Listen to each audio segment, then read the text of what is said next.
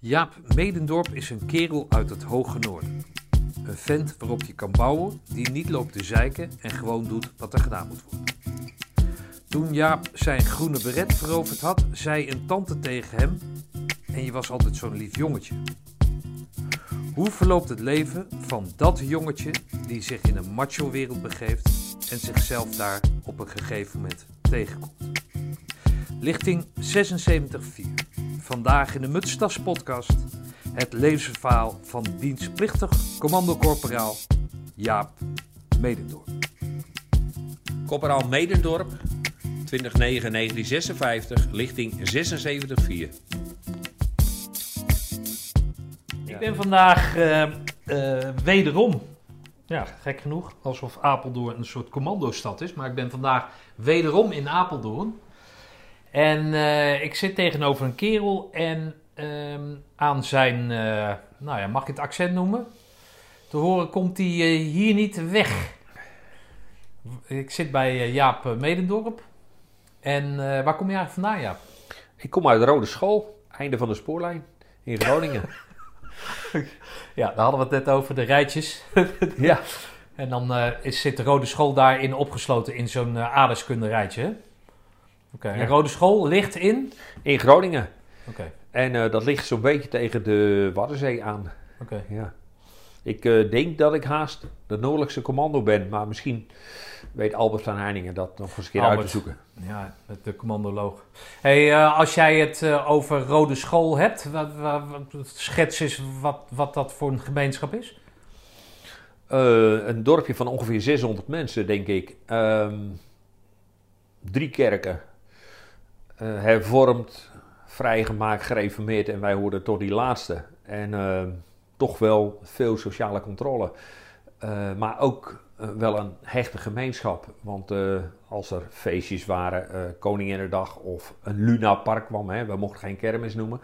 eh, of ehm, ja, een bevrijdingsfeest of er was een optocht, dan deed iedereen altijd mee. En ook op de voetbal, er was een, een hechte gemeenschap. En waren heel veel ehm, ja, leuke ehm, ja, dingen met elkaar. Een toneelvereniging, een zangvereniging, een muziekkapel en noem maar op. Dus dat was... Maar eh, die zuilen naast elkaar, die drie zuilen naast elkaar, maakt dat verhinderde niet om met elkaar die 600 mensen op hoogtijdagen bij nou, elkaar te komen.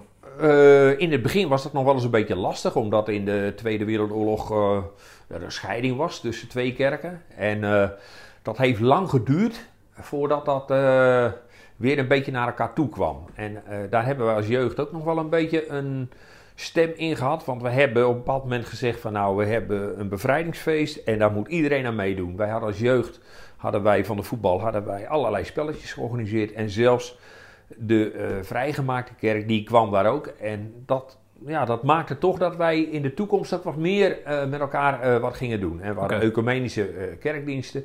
En natuurlijk waren er ook mensen die niet naar de kerk gingen, maar die deden overal aan mee. En dat Maar had je dan drie voetbalclubs of had je één voetbalclub? Eén voetbalclub. Oh, één voetbalclub. Ja, dus als je van, voetbal, van voetballen hield, maakte niet uit welke kerk je was dat maakte niet aangesloten uit. was, Nee. dan vormde je samen een team. Ja, het vervelende was wel dat, dat als je de ene groep ging naar die kant op, naar de kerk, en de andere groep ging de andere kant op. Op zondag zei je elkaar niks. Dat was wel een beetje vreemd. Maar goed, eh, dat als Je, jeugd... kwam- je kruiste elkaar en er zei niks. Nee, op jeugd, als jeugd vond je dat heel raar. En toen je wat ouder werd, dan dacht je van, nou, daar moeten wij iets aan doen. Oké. Ja. Hey, wat voor een gezin eh, kwam jij? eh, Ik had een vader en Uit. een moeder met, met zeven kinderen uiteindelijk. Ehm, ik was de oudste in een gezin. Mijn vader was timmerman. We hadden het niet erg breed. Ja, in die tijd werd timmerman nog niet echt goed betaald, denk ik. Eh, we hadden wel een eigen huis. Eh, daar moest veel aan, aan verbouwd worden. Dat deed mijn vader allemaal zelf. Eh, dus ja, het was altijd wel een, een drukke bedoeling bij ons in huis. Ja. En aan de andere kant was het ook wel, hadden we ook wel een warm gezin. Maar dat was ook nog in de tijd dat wij geen televisie hadden. Dus we zaten s'avonds radio te luisteren of een spelletje te doen. Of je moest jezelf vermaken. Ehm, ja, het was allemaal toch wel een beetje zo gezinsmatig met elkaar omgaan.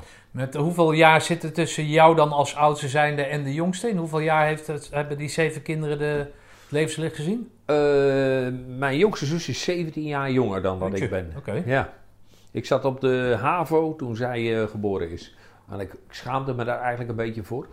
Dat ik daar nog moest gaan vertellen dat ik nog een zusje kreeg. Ja, dat is raar natuurlijk, maar dan, dan zit je een beetje in zo'n puberteitfase. en uh, dan denk je van, goh, moet dat nou nog in deze tijd? Uh... Maar waren jullie het enige grote gezin daar dan, of niet? Nee, er waren, oh. mensen, er waren ook nog een gezin die hadden twaalf kinderen. Okay. Uh, dus ja. Dus het, het, was niet een unicum of... Nee, maar bij mij op school was het wel zo dat wij wel zo'n beetje het grootste gezin hadden. Oh, ja. Oké. En wat was jouw rol als oudste in zo'n in zo'n druk gezin dan?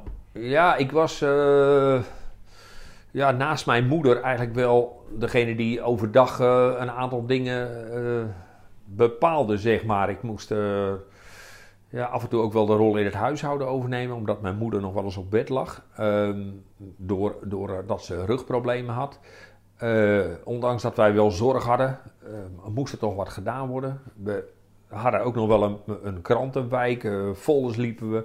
Ja, dat hadden we toch nodig, denk ik, bij ons in het gezin. En ja, omdat ik de oudste was, kreeg ik toch wel een een taak toebedeeld die, uh, ja, die daarin, waarin ik mee moest helpen, zeg maar. Oké, dus dat geld wat jij verdiende, dat ging rechtstreeks de familiepot in, om het zo maar te zeggen? Het merendeel wel. We hadden wel een hele mooie spaarpot, denk ik, en daar kwam ook nog wel wat in. En ieder jaar mochten we even naar de spaarbank en dan kwam er ook nog wel wat op ons boekje te staan. Zo was het ook wel natuurlijk, maar een gedeelte ging wel de pot in. Dat is, uh, denk ik, redelijk logisch. Maar goed, jij was als eerste in staat om geld te verdienen, dus jij bent eigenlijk altijd, zeg maar, nou de kost winnen niet, maar jij was nodig, jouw geld was nodig. Nou, dat geld was wel, wel nodig, ja. Ook later, eh, want ik ben op mijn elfde in een garage gaan werken in de vakanties.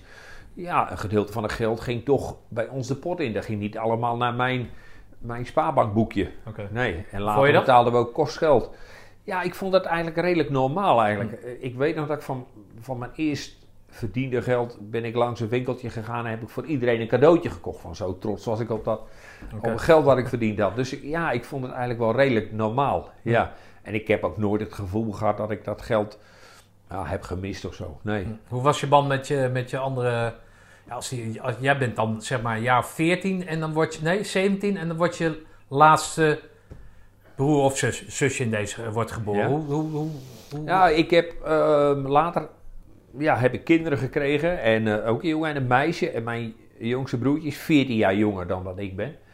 En uh, toen had ik het gevoel dat ik dat al een keer beleefd had. Toen ik mijn eigen kinderen had. Ja. Uh, in die leeftijd van uh, 3, 4, 5 enzovoort. Dat ik, ik ging met mijn kinderen dingen doen die ik ook vroeger met mijn jongste broer en zusje deed. Ja, maar dus, moest je dat doen van je, van je ouders? Of, nee, of kwam dat, dat uit jezelf? Ja, dat kwam uit mezelf. Dat vond ik zelf eigenlijk heel erg leuk om te doen. En okay. ja, ik, ik hoor daar nu nog altijd hele leuke reacties op. Uh, van, ah, weet je nog dat we dat gingen doen en dat? En, van je broer en je zus? Ja, en dan gingen, ja, en dan gingen we met de auto ergens naartoe. Of ik mocht even bij je voor op de tank uh, van de motor. Brak je me op de motor naar school. En uh, nou ja, zulke dingetjes. Dat, nou, ja. dat, is, dat is wel leuk om te horen dan, Dat is heel leuk om te horen, ja. Okay. Maar voel je het als een verplichting dan, zeg maar? Ja, je voelde het natuurlijk als verplichting. Als je geld moet bijdragen... Nou, ja, ik, ik, ik, vond nog wel eens dat ik, um, en dat is zeker vooral, vooral achteraf, uh, en toen merk je dat ook wel, ik, kwam niet zoveel aan spelen toe. Ik, um, later is mij wel eens gezegd van, goh, heb jij vroeger, of gevraagd, heb jij vroeger wel eens gespeeld? En dan moest ik toch wel bekennen dat ik niet zoveel gespeeld heb. Ja, op momenten dat, dat wij thuis waren en uh, s'avonds dat ik met een autootje op de tafel ging spelen of, of op de grond, maar maar niet dat ik na schooltijd nou lekker even kon gaan voetballen met de jongens of zo. Ja. Nee. Heb je dat gemist? Achteraf gezien wel. Toen misschien niet, omdat je... Uh, weet je, je zit in een systeem dat je denkt dat het zo hoort. Hm. En uh, dat is een heleboel dingen zo. En dat is wel wat Rode School ook een beetje met zich meebracht. En ik ben natuurlijk vanuit, van huis uit gereformeerd, opgevoed. Uh, Calvinistisch noemt men dat, hè, zo mooi. Maar ja, een heleboel dingen waren, uh, moest je dan denken van het hoort zo. Uh, en wat denkt een ander ervan? En dus je, je liep gewoon in de pas. En die sociale controle was best wel groot. Dus je moest eigenlijk ook geen uitspattingen doen. Want als je dat deed, dan, dan vul je als familie op, maar dan vul je ook als, als persoon ja, ja, Maar kende jij dan vriendjes van jouw eigen leeftijd die in zo'nzelfde situatie zaten bij hun thuis. Die ook verantwoordelijk waren voor kleinere broertjes en zusjes. Ook moesten werken om mee te doen. Nee, nee, nee. Ja, en ik, ik zat ook maar met zes, zeven jongelui in de klas. Hè. We hadden een klas van zes, zeven. Oh ja, ja. Ja, Ja. dus, Nee, eh, ja, tuurlijk. maar eh, mijn leeftijdsgenootjes waren, kwamen allemaal uit kleinere gezinnen.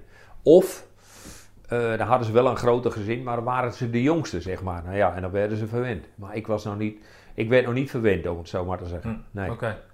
Dan eh, ga je dus eerst naar de MAVO, dan ga je naar de HAVO. Ja. En dan? Wat, wat, wat gebeurt er dan? Want je Nou, wordt steeds ben- ouder natuurlijk. Ja, ik ben eh, van de MAVO. Ik, ik mocht niet direct naar de HAVO, want dat was in de, in de stad Groningen. Dan moest je met de trein heen en weer. En ik was een jonge leerling, was 11. Dus toen mocht ik daar niet naartoe. Toen ben ik naar de MAVO gegaan. Nou, dat ging eh, prima. En toen ben ik naar de HAVO gegaan. En die HAVO die was een HAVO met een pedagogische academie. Dus alleen het vierde en het vijfde jaar HAVO. Want ik voelde er eigenlijk wel wat voor om docent te worden. Dus leraar. En ik had een hele leuke leraar op de lagere school. Daar kon ik ook goed mee overweg. En af en toe zei hij tegen mij en tegen mijn moeder... Kom eens even, eh Jaap moet even helpen vanmiddag, want het duifhok moet geverfd worden. Of eh, dan moet dit even, of dat even. En had ik, soms had ik zo, zo'n uitje en dan kon ik daar altijd terecht. Dat vond ik heel leuk van hem, meester Klapwijk. En eh, dus het leek me ook wel wat om leraar te worden. Dus ik ben naar die HAVO gegaan. En het vierde jaar, eh, daar begon ik in dan. Eh, toen werd al gelijk gezegd na een paar weken van... Jij, jij, jij zit op de, hebben op dezelfde MAVO gezeten, want jullie niveau is niet echt best. Nou, dat was een aardige opsteker. Aan het eind van het jaar bleek ook dat wij allemaal bleven zitten. Het jaar erop had ik dat makkelijk kunnen doen. Nou, makkelijk, dat is overdreven, maar had ik het wel kunnen halen. Waar het niet dat ik in die garage waar ik al vanaf mijn elfde in de vakanties werkte, eigenlijk ehm, gevraagd werd of ik dan in de vrije tijd af en toe eens even het magazijn mee wilde doen. Daar was ik heel goed op de hoogte, maar de magazijnchef werd ongeneeslijk ziek. Dus ze zaten met een probleem en ik dacht, nou, als jullie met een probleem zitten, kan ik dat wel oplossen met mijn 16, 17 jaar. Ehm, dus dat, dat lukt wel. Dus ik ging daar na schooltijd aan het werk. Nou ja, dan kun je wel raden dat er van school niet veel terecht kwam. Dus ik mocht horen. We waren op excursie in Zeeland. Mocht ik horen dat ik was blijven zitten. En ik zeg: blijven zitten? Ja, ben je niet gebeld dan gisteren? Ik zeg: nee, ik ben niet gebeld. Maar we hadden jou moeten bellen. Want ik had al een aantal leerlingen gemist. En eh, die leerlingen die waren blijven zitten, die gingen niet mee op excursie. Maar die hadden daar geen zin meer in. Maar ik was wel mee, dat vonden ze super. Dus ze zeiden van, ben je niet gebeld dan gisteren? Nee, ik ben niet ge- gebeld. Maar je bent blijven zitten. Oh. Nou ja, ik vond prima, want ik heb een hele leuke excursie gehad in Zeeland. Eh, maar eh, ja, twee keer blijven zitten betekent toch van school af. Ja. Toen ben ik gaan werken bij diezelfde garage. Totdat ik in militaire dienst moest. En dat was in 76. Oké. En dan moet je je voorkeur opgeven, toch? Bij een keuring? Ja, ik had mijn voorkeur opgegeven. En eh, ik heb alles aangekruist wat maar aangekruist kon worden. Maakt niet uit wat. Maakt me niet uit wat. alles aan. Ja, ik, ik, ik vond het prima. Ik, eh, en dat had ook te maken met dat ik, ja, dat ik toch wel wat wilde betekenen voor, eh, voor ons land, om het zo maar te zeggen. En ehm, ja, toen, toen wist ik niet waar ik terecht zou komen. Toen moest ik eh, opkomen in Isabelle-kazerne in Vught. Oké. En eh, daar eh, hadden we nog niks gehoord en we kregen ons plunjebal, et cetera. En toen op eh, donderdagmiddag kregen we te horen dat we op vrijdag een test hadden voor de commando's. En ik had van de Iedereen? Nee, een, een Oh. gedeelte daarvan. Ah, oké. Ja. Want dat was de infanterie waar we opkwamen. En een gedeelte daarvan, ja, ik denk een man of tachtig of zo, die kreeg daar een test. Dus wij gingen daar de uh, eh, doen. We kregen een medische keuring. ehm, en voor de rest eh, kregen we een psychologische keuring. Dat was eh, een aantal formulieren invullen, et cetera. En we hadden een gesprekje. En aan het eind van de dag kreeg ik te horen dat ik eh, die week erop naar Roosendaal mocht. En eh, Met De- nog hoeveel anderen? ik denk dat we met een veertigtal mensen die kant Oké. op gingen. 40, 50 misschien. Ja. En ehm, dus de volgende week, eh, die, die maandag, werden we opgehaald met een drietonner. En eh, werden we richting Roosendaal gebracht. Oké. En ik had Maar natuurlijk al... 40, dat is een hoop. Maar oh, dat, dat Vught is zeg maar voor Oostelijk Nederland dan, of zo, de Nee, ja, opkomstplaats. ik, of, ik eh, heb geen idee. Ah, oké. nee, nee, ook niet voor Oostelijk Nederland. Want er zaten ook mensen bij van, uit Den Haag enzovoort. Ah, Dus die, nee, die kwamen uit het hele land. Er waren mensen Oké. bij de zachte G. Dus nee, dus die kwamen uit het hele land. En, en ehm, in Roosdaal waren er nog een aantal mensen kwamen erbij. En waar die vandaan kwamen, dat weet ik niet. En er kwamen een aantal mensen bij die uh, uh, dienstplichtig kader uh, was, zeg maar. En er kwamen een paar beroeps bij. Oké. En we werden gelegen daar zo in zo'n ja, basisopleiding gebouw. En ja, ik denk dat we een kamer of vijf hadden. Nou, ik denk dat we totaal 60 jongelui waren. Oké. Ja. Hoe viel je daar uh, in de groep? Of hoe, wat, wat, wat, ja, dat was lastig, uh, uh, vond ik. ik, ik ja, het, is, het is al heel lastig als je in militaire dienst komt. In, in, je weet niet wat je te wachten staat. Ik had wel een filmpje een keer gezien van de commando's, dus ik had wel een idee. Ik had ook het idee dat ik op maandag, dat die commando's kwamen, dat er gelijk allerlei geschreeuw was en dat het hard tekeer ging enzovoort.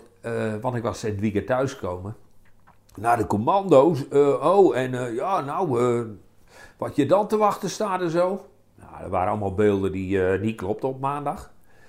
En, Wel of niet klopte? Niet klopte. Oh, niet klopte. Nee, want oh, we okay. kwamen daar en we werden hartstikke netjes begroet. En we kwamen oh. op de appelplaats. en ja, en nou jongens, een aantal groene bretten, die vertelden ons dat en zo. En ik denk, nou, we moeten gelijk de beuk erin en zo. Maar dat viel allemaal mee. We werden daar gelegerd en ze vertelden ons netjes hoe dat allemaal moest. En uh, nou, we kregen een kast. Nou, we hadden al geleerd om het in te pakken. Dus uh, dat was ook geen punt.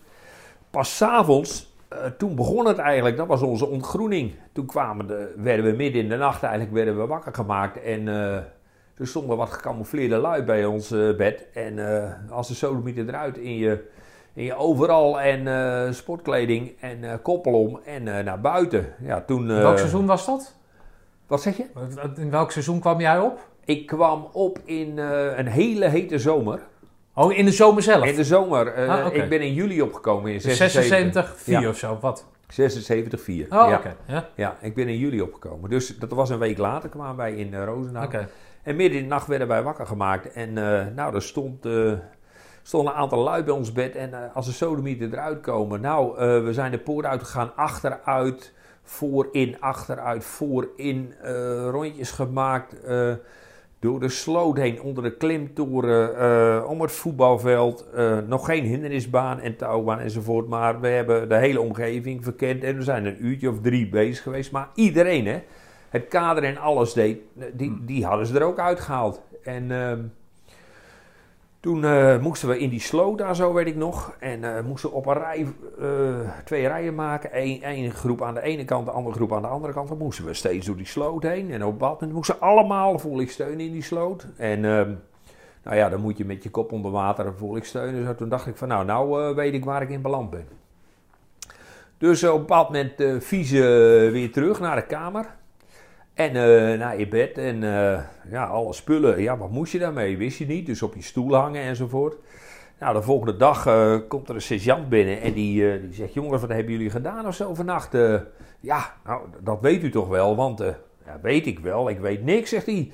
Jullie hebben je laten belazeren, man. Nou ja, dat was de ontgroening van een oude peloton. Oh, is dat zo? Ja, oh. dus ehm, op dat moment, ja, ik, ja, daar word ik heel boos om, zegt hij. Ja, Ach, ik heb dat in mijn, uh, mijn, mijn, boek geschreven. Uh, natuurlijk was dat uh, gewoon op dat moment even boos. Ja. En hij zegt, ik zal eh, wel met die jongens even, ik zal eens even goed die jongens even vertellen hoe ik erover denk. Dat is zo gebeurd, denk ik, met een borreltje. En hij, hij, wist precies wat er ging gebeuren natuurlijk. En die jongens die hadden strepen op en sterren, dus was allemaal gepland. Maar goed, het was wel leuk ja, die vooropleiding was verder prima. Um, was jij fit? Was dat fitte, fitte ja, jongeman? Ik, ik, ik, was, ah, okay. was goed fit. Ik voetbalde en uh, ik deed aan hardlopen. Uh, dat vond ik fijn om te doen. Er was geen atletiekvereniging bij ons in de buurt. Vind ik jammer, als had ik op atletiek gezeten in, in uh, Rode School.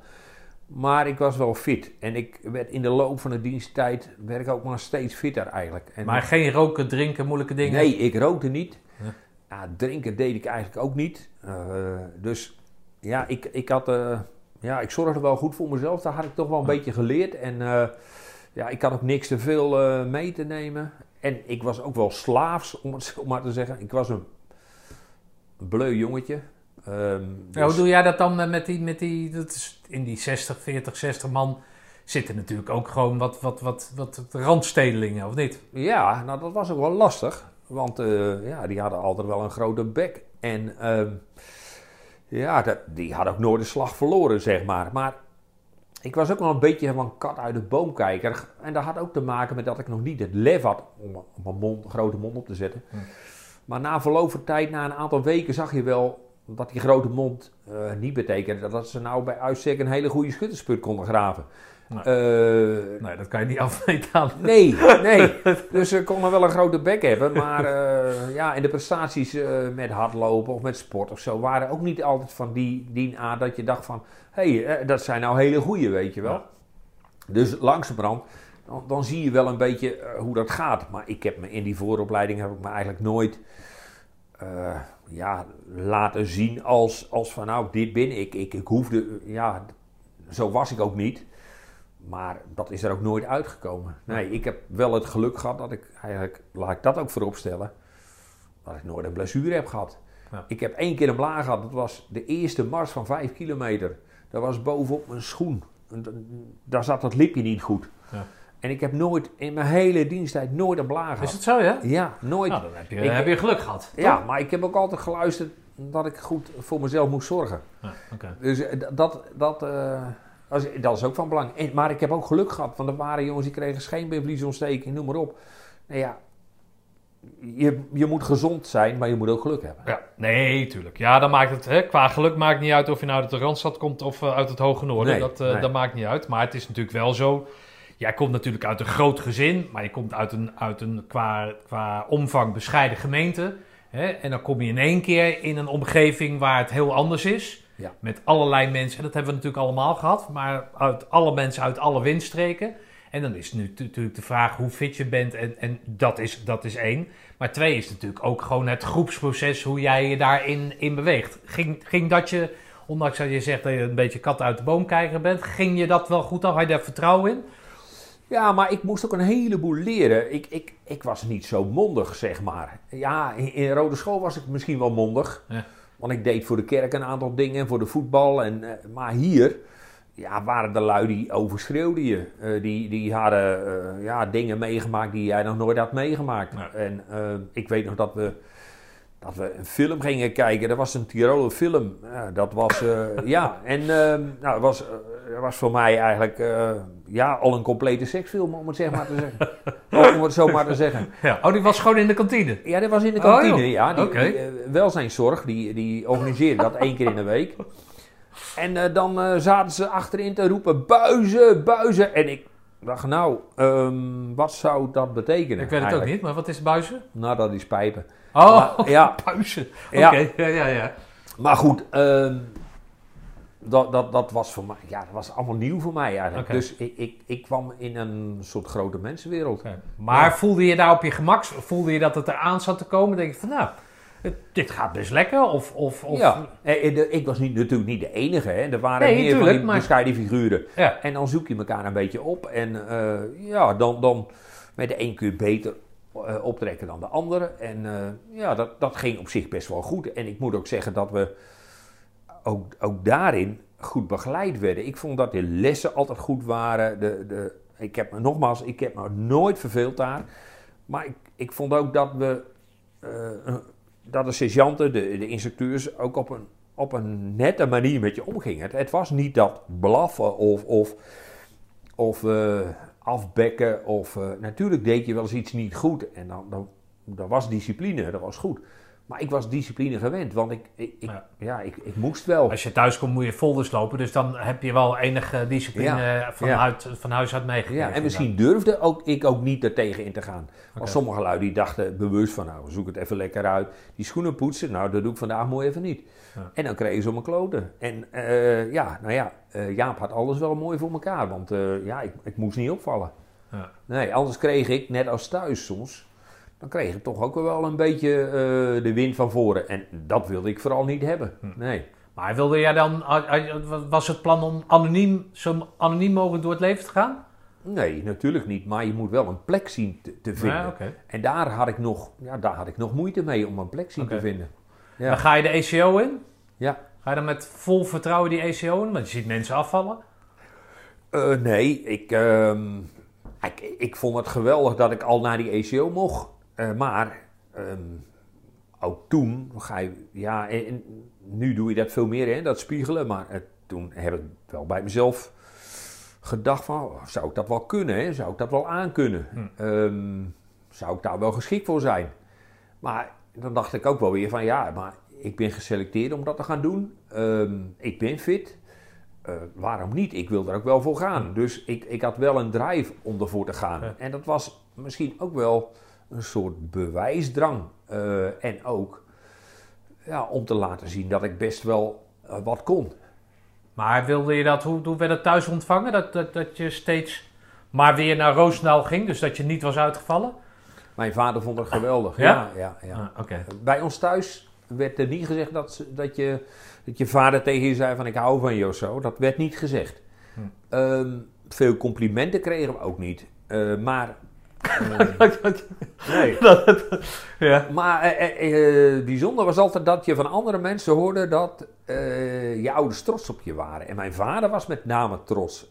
dat hij, ja, niet dat hij het van het daken schreeuwde, maar... Maar je hoorde van anderen van dat anderen hij had ik dat gezegd hij had van... verteld, nou ja, die zit in Roosendaal en... ah, nou, mooi. Ja, dat, Ja. dat is mooi. ja, Dus dat, dat, dat vervulde je wel met, met, nou ja, met trots dan, ja. toch? Dat je dat van andere mensen mocht horen. ik, een mooi voorbeeld. Ik, ik heb ook gevoetbald. En eh, dat was later. Dat zat ik in, zat ik in het eerste. Stond, stond ik te keeper.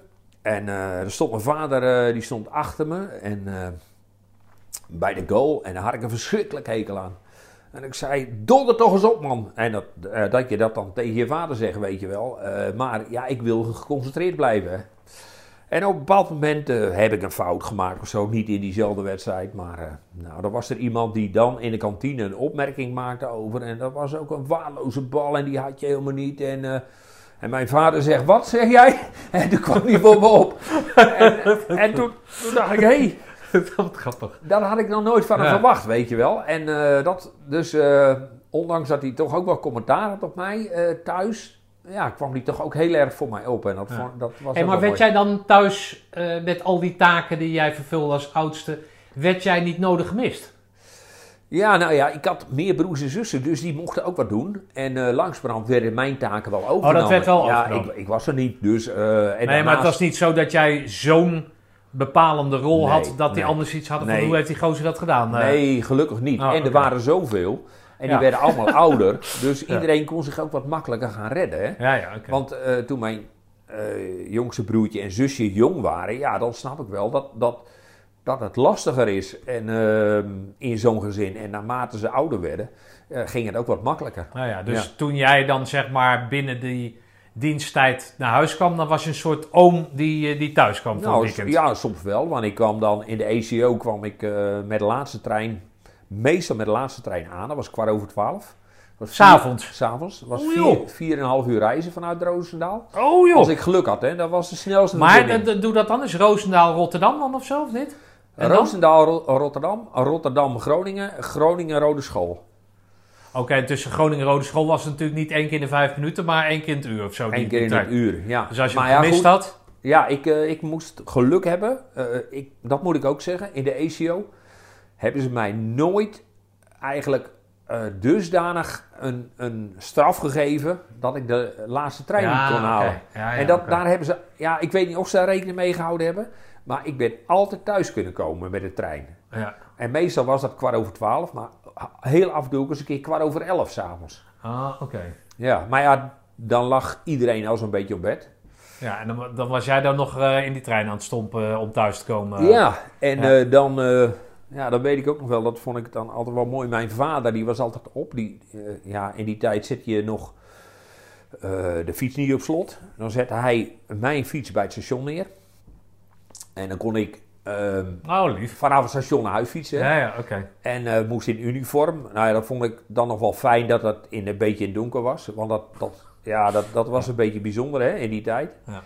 En eh, dan kwam ik thuis en dan eh, was er onder mijn bed lag vaak nog een, eh, onder de deken lag in krantenpapier gewikkeld een tupperware bak met warm eten nog. Oh. Dus eh, dat was altijd nog wel goed te doen. Dus voordat ik thui- eh, naar bed ging, ging ik eerst nog even eten. En, en dan... Dus ze waren zich wel bewust van het feit wat je aan het doen was. ja, ja, ja, Oké. ja.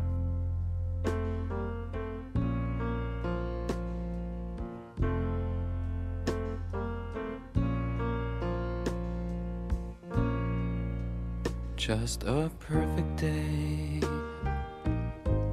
Drink sangria in the park. And then later, when it gets dark, we go home.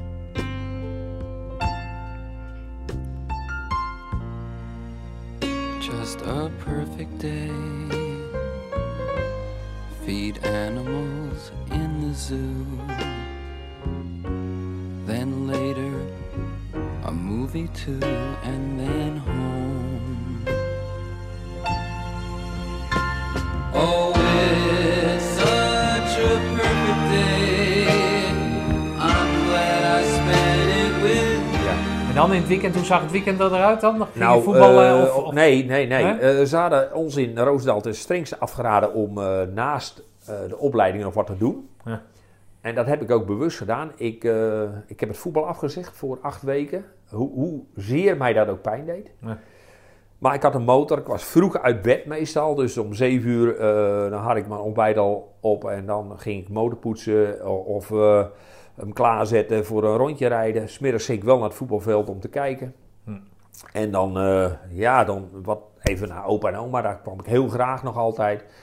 En dan, ja, s'avonds dan zat ik eh, lekker eh, in de stoel. Ik ging ook niet uit. En dan zondags, s ochtends naar de kerk. En smiddags een rondje motor nog. En dan al voorbereiden. Want Ja. ik moest meestal kwart over zes, kwart over vijf, kwart over zes moest ik alweer naar, eh, met de trein. Maar ik moest voor twaalf uur op de kazerne ja, zijn. ja, ja, ja. Ja. Oh joh. Maar goed, en dan, eh, dus je bent, gaat met 60 man die, voor, of die, die ECO in. ja. En dan het, het sneuvelt het met bosjes? Of eh, hoe, hoe gaat het? Nou, met bosjes ook niet. Maar ja, er sneuvelden Ja, gaat helemaal goed. Er sneuvelden wel eh, hier en daar wat mensen. Ja. Ik weet ook dat er van het, dienstplichtige kader een aantal mensen naar huis werd gestuurd. Ja, naar een andere opleiding gestuurd. Ehm, Vanwege een blessure of omdat nee, gewoon omdat de Ah, capaciteiten niet voldoende waren. Eh, er zaten ook een aantal mariniers bij ons in. ehm, waarbij een aantal mariniers ja, de basis niet hadden om, om echt door te gaan. Dat bleek na een paar weken al. Nou, daar vielen ook een paar af met een blessure. En verder waren er wat mensen die echt de pijp aan maten gaven.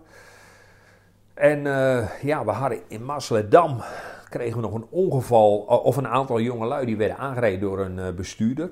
Een dronken bestuurder. Eh daar vielen er ook nog drie uit. Oh ja. Eh, die, eh, één daarvan heeft later nog wel zijn groene bret gehaald, geloof ik. Maar misschien ook wel twee, maar in ieder geval één. Eh, maar ja, dat, het, dat kost het nog wel wat. Ik, ik, ik kan wel even nakijken hoeveel er eh Maar goed, die werden aangereden en, en konden dus niet verder. Nee, konden niet Ah, verder. Nee, nee, nee. Oh, dat is ook wat. Ja, ja. En dronken dan ook nog, die, eh, die ja, die bestuurder? bestuurder was dronken, ja. Ja, Ja, ja. oké. Ja. Maar ja, goed, eh, er was ook al eens eerder een ongeval geweest. Hè? Dat, dat in, in de Oké. korpsanalen staat dat. Daar zijn doden bijgevallen. Dus dit is dan nog goed afgelopen. Maar voor die jongens was het natuurlijk heel spijtig om, om Ja. eh, direct afscheid te nemen. Ja. En met hoeveel ga je dan eh, richting, eh, richting de kazerne voor, de, voor, de, voor die commandantenmars? Ik denk eh, 36 mensen of zo. eh. Zo schat ik in. Tussen de 36 en de 40 mensen. Ja. Hey, en jouw jouw jouw eh, jouw rol binnen dat, eh, binnen dat eh, peloton? Hoe, hoe, hoe- was je nog die kat uit de boom? Had je die kat al uit de boom gekeken? Of, of- Nee, nee, nee. Ik, ik, ik, had, ehm, ik had de gave, denk ik, om eh, best wel ehm, nou ja, sterk te zijn. Eh taai. Dat betekent dat ik ook wel deze en gene kon helpen. Ook met eh speedmarsen en met gewone marsen. Ehm, ja, met graven stond ik mijn mannetje wel. Eh, dat deed ik vroeger ook wel. Dus dat was niet zo bunt. Goed, met handenarbeid, eh, om Ja. het zo maar even te zeggen. Ik had vroeger ook wel eens bij een boer gewerkt en zo. Dus ik, ik wist wel een beetje hoe je met zo'n schop om moest gaan. Ja. Maar ergens kreeg ik wel een bepaalde rol in, in het peloton. Eh, niet dat ik nou eh, iemand was die, eh, ja, die overdreven opviel. Maar ja, ik, ik, ik, denk toch dat mensen mij er wel graag bij hadden. Dat, dat merkte ik ook wel. als er een oefening was of zo, dan, ja, dan, dan ging dat wel goed. Ja. Maar dan heb, heb, heb je Jaap nodig, want die weet van aanpakken. Is dat dat dan? Nou ja, die weet wel van aanpakken. Ja, Ja, ja, ja, oké. Ja. En dan voor de rest, qua, maar qua, qua maten, heb je maten daar? Of, of, of... Ja, we hebben wel maten, maar dat, dat is wel, ook wel weer bijzonder. Hè? Het, het schept er wel een band voor het leven. En als, wij zien elkaar eigenlijk alleen maar op reunies. Eh, Ja. Toen wij in 76 de baret kregen, toen hebben wij... eh 77 zijn we afgezwaaid. Hebben nog wel eens hier en daar een keer een, een eh, baretuitreiking eh, meegemaakt. Want dat vonden we Oké, dan leuk ja. als, als peloton. En niet iedereen kwam. Maar later ging dat eraf, want dan mocht je niet meer komen.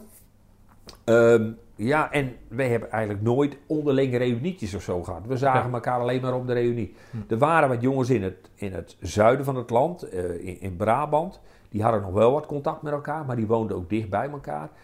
En ja, ik had dat niet. Nee, ik had eigenlijk... Maar heb je dat nooit? Of, of... nou, nee, ik had dat niet echt. Ik heb met, met eh, Frans Bakker, dat was een dienstplichtig vaandrig bij ons. Daar had ik nog wel wat contact mee. Die zat hier toevallig op de politieacademie in Apeldoorn. En daar heb ik nog wel lang contact mee gehad. Want Oké. dan, ja, ik zat ook in Apeldoorn. Ben ik, als, ik ben later naar politie gegaan, dus Ja. ben ik daar geplaatst. En dan hadden we nog wat contact. Maar verder hadden we alleen contact op de, op de reunies. En ja, dat was eh, nog weer net zo als dat je eigenlijk eh, afscheid nam van elkaar. Dat was zoals... eh, Je gaat door waar je gebleven bent. Ja, je gaat door waar je gebleven bent. En eh, je bent dezelfde Jan, de, Piet, de Klaas, de Jaap. En eh, ja, Maar dan heeft, heeft de grote bek van toen, die heeft nog steeds een grote bek. ja, maar je weet wel in welke, eh, welke nuances daarin aan Ja, ja, oké. Maar jij, jij hebt nog steeds diezelfde rol.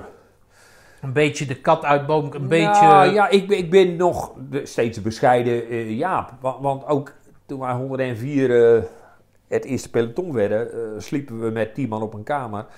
En ja, de jongens die gingen uit. En Jaap die, ja, die bleef, ging ook wel eens mee, maar niet altijd. Hm. Een nachtpermissie vroeg ik zelf nooit. Ik, ik ging ook niet... eh, ja, ik dronk ook niet veel. Daar had ik ook helemaal niet zoveel behoefte aan. En eh, als er een keer een extra wapen schoongemaakt moest worden, nou, dan deed ik dat wel even. Of eh, ja, na op donderdag dat we de boel schoon moesten maken. Nou, ik wilde nog wel een wapen extra schoonmaken. Dat maakte me niet zoveel uit. Hm.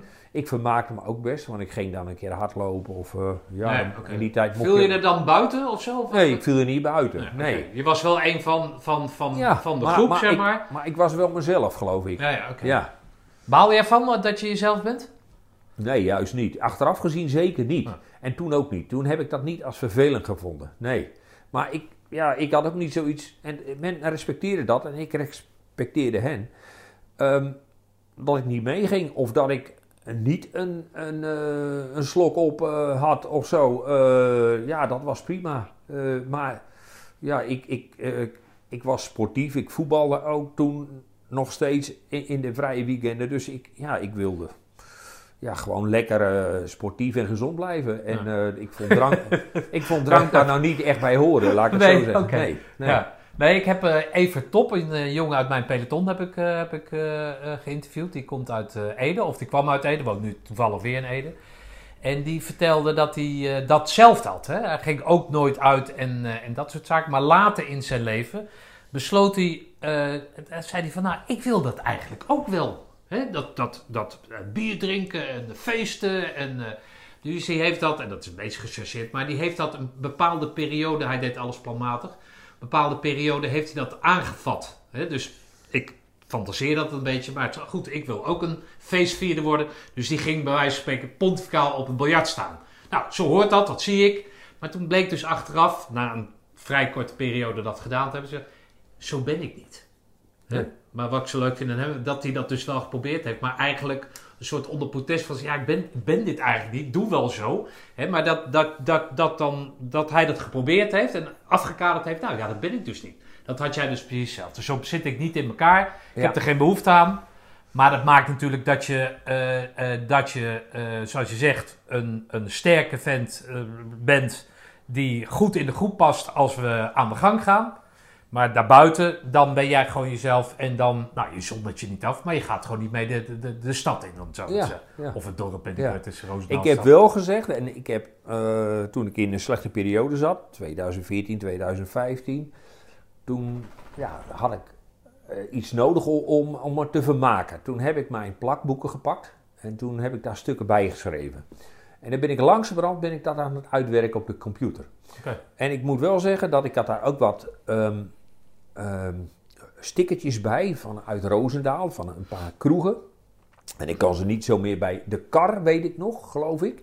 Maar ik kan ze niet meer zo bij naam eh, noemen. En eh, die stickertjes die heb ik ook in dat plakboek staan. En ik heb erbij geschreven, misschien was het toch wel goed geweest, achteraf. Om af en toe eens toch even de spanning uit je lijf te laten. Door eens een keer even lekker los te gaan. Hm. En dat heb ik er wel bij gezet. Maar dat zeg je pas als je eh, jaren later komt. Want wat die jongens deden was toch even eh, vanuit die discipline even lekker losgaan. En ehm, ik bleef een beetje in die discipline. Van zondagsavonds tot vrijdagsmiddags zat ik in diezelfde discipline. En pas thuis eh, ja, kwam ik ook in een bepaalde discipline. Maar zat, zat ik weer in een bepaald keurslijf, zeg maar. Ja, ja, ja, ja, ja. Ja. Ja, je bent natuurlijk plichtsgetrouw. Nou, zo, zo, dat is Toch? precies het juiste woord. Ja. Ja. En daar is dan in een bepaalde plicht, als een bepaalde plicht is, dan is daar natuurlijk weinig ruimte voor frivoliteiten. Is er misschien wel, maar jij ziet dat dus niet zo dan. Nee, nee. En dat is in dit jaar. Maar ik kan me wel voorstellen, dat, ben je dan nooit getriggerd geweest? Nou jongens, ik ga wel mee. Oh, ja, ben- ga je mee? Ik ben ook wel eens mee geweest. Ik weet ook nog dat we bijvoorbeeld, ehm, dat vond ik heel bijzonder, dat we een kerstdiner hadden. Dat het, het kader, dat eh, hebben jullie misschien ook wel gehad, maar dat het kader eh, het diner verzorgde. Ja, ja, ja. ja. En dan zaten we in de eetzaal en dan kwamen ze het eten langsbrengen, begonnen met de soep, et cetera. Nou, prima.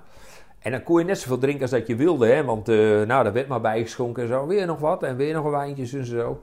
Nou, dan weet ik dat ik op mijn kamer kwam en dacht van nou, ik zie de hele wereld voor een doedelzak aan. Eh, dus ik heb wel van die momenten gehad dat het even, even anders ging. Maar ik ben nooit de stad, uit de stad gekomen met een, eh, ja, een snee in mijn neus, om het zo maar te zeggen. Nee, nee, nee.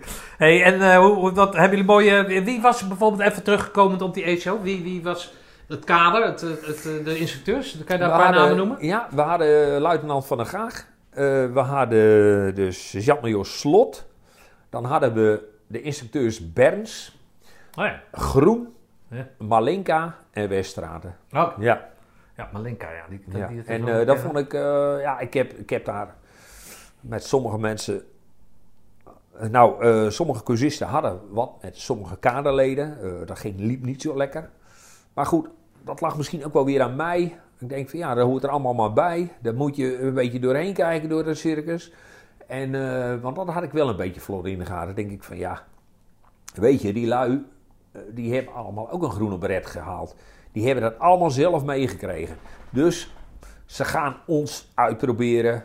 Eh, ze gaan kijken hoe ver we kunnen gaan. Maar zij weten ook wel dat er een grens ergens is. En ze proberen die grens op te zoeken. Nou, daar, eh, ik vond het niet erg om daaraan mee te werken, om te experimenteren, zeg maar. Hm. Maar goed, Maar wil jij zeggen, zoals al meer mensen zeggen, dat je door had dat het een spel was? Nou, een spel, ik, het is heel functioneel. Eh, eh, om, om iemand ehm zo ver te krijgen dat hij over zijn grenzen heen gaat. En ik heb dat later als instructeur zelf ook gebruikt. Ehm, maar wat ik heel bijzonder vond is, en daar zal ik zo een voorbeeld over geven, over luitenant Van der Gaag. Maar ehm, zij wisten precies waar ze mee bezig waren. En de een, die kon dat makkelijker handelen dan de ander. En ik kon dat redelijk makkelijk handelen, want ik denk, ja, luister, eh, aan het eind van de week is het vrijdagmiddag, dan mag ik naar alle waarschijnlijk naar huis en dan is het weer voorbij. En ik zal je zeggen dat ehm, toen de commandoopleiding begon, heb ik mijn moeder een baret laten tekenen. Die heb ik in acht stukjes verdeeld. Oh ja, dat was leuk. En eh, ja, elke week als ik thuis kwam, scheurkalender. ja, maar dan maakte ik een vakje groen. en eh langzamerhand werd hij steeds groener. En ik heb ook in dat album geschreven, ja kijk, weet je, soms telden wij de uren af. En dan was het eh, woensdag, want we hadden nog wel een horloge, dat was ook belangrijk voor de oefening enzovoort. En dan keek je op je horloge, oh, het is de vierde, ik noem maar wat. Dus het is woensdag, Eh, nou, dat is nog zoveel uurtjes tot. Nou ja, en dan, eh, als je dan in een put zat, dan viel het mee. Want dan had je wel wat te doen, want je sliep zelden of nooit. Maar dan was het relatief rustig. Ja. En dan dacht je, nou, de volgende ochtend moest die put nog een keer weer dicht. En dat moest ook wel op tempo enzovoort. Maar goed, je wist dan, daar heb ik toch wel weer twee uur voor nodig. En dan, dan moet ik daar zijn. Dan zijn er alweer zoveel uur over. Dus je hield jezelf ook wel op de been. Ja, oké. Maar nog even naar Van der Gaag toe. En dat was met meer instructeurs zo. We hadden de slotenmars. En dat vond ik, en dat heb ik voor mezelf altijd aangehouden. Zo moet het. Ehm, van der Gaag die loopt voorop. Instructeurs erbij. Nou, wij lopen, lopen, lopen. Nou, komen er allerlei weilanden onder prikkeldraad, over draden heen, weet ik veel wat. Het was mistig, het was een beetje zo'n, ja, zo, zo, zo'n avond, nacht. Dat je denkt, nou, eh, wat kom ik tegen? Hier en daar liep een verdwaalde koe, die schrok van ons en wij van die koe. En ehm, we komen bij een vaart, een brede vaart. En eh, nou, wij hadden van oude pelotons al gehoord, nou in die, die week zitten slotenmars. Ehm, dus eh, toen hadden we daar al een beetje rekening mee gehouden. Eh, en we komen daar zo bij die vaart. We denken, nou, nou gaat het gebeuren, weet je wel. Dus Van der Gaag die laat de boel halt houden. En die zegt tegen een van de instructeurs, ik ga eh, even proberen. Dus die loopt erin. En in één keer zie je alleen maar een beretje meer drijven. En eh, natuurlijk, ehm, ja, je gaat daar niet lachen, hè. Dat mag niet. Inwendig natuurlijk heel hard. Maar hij kwam eruit, heel stoïcijns, pakte zijn bret op, zette op. Hij zegt, we lopen nog een stukje verder. En ehm, nou, we lopen een stuk verder en dan gaat hij het nog een keer weer proberen. En daar is het prima en wij gaan allemaal die vaart in. Maar dat eerste, dat is me altijd bijgebleven. Ik denk, weet je, hij gaat erin, hij doet het voor. En wie zijn wij dan om die mee te gaan, weet je wel? Eh, dus eh, dat dwingt respect af. Eh, want daar doe je het dan ook voor. En ik heb later altijd bij oefeningen enzovoort.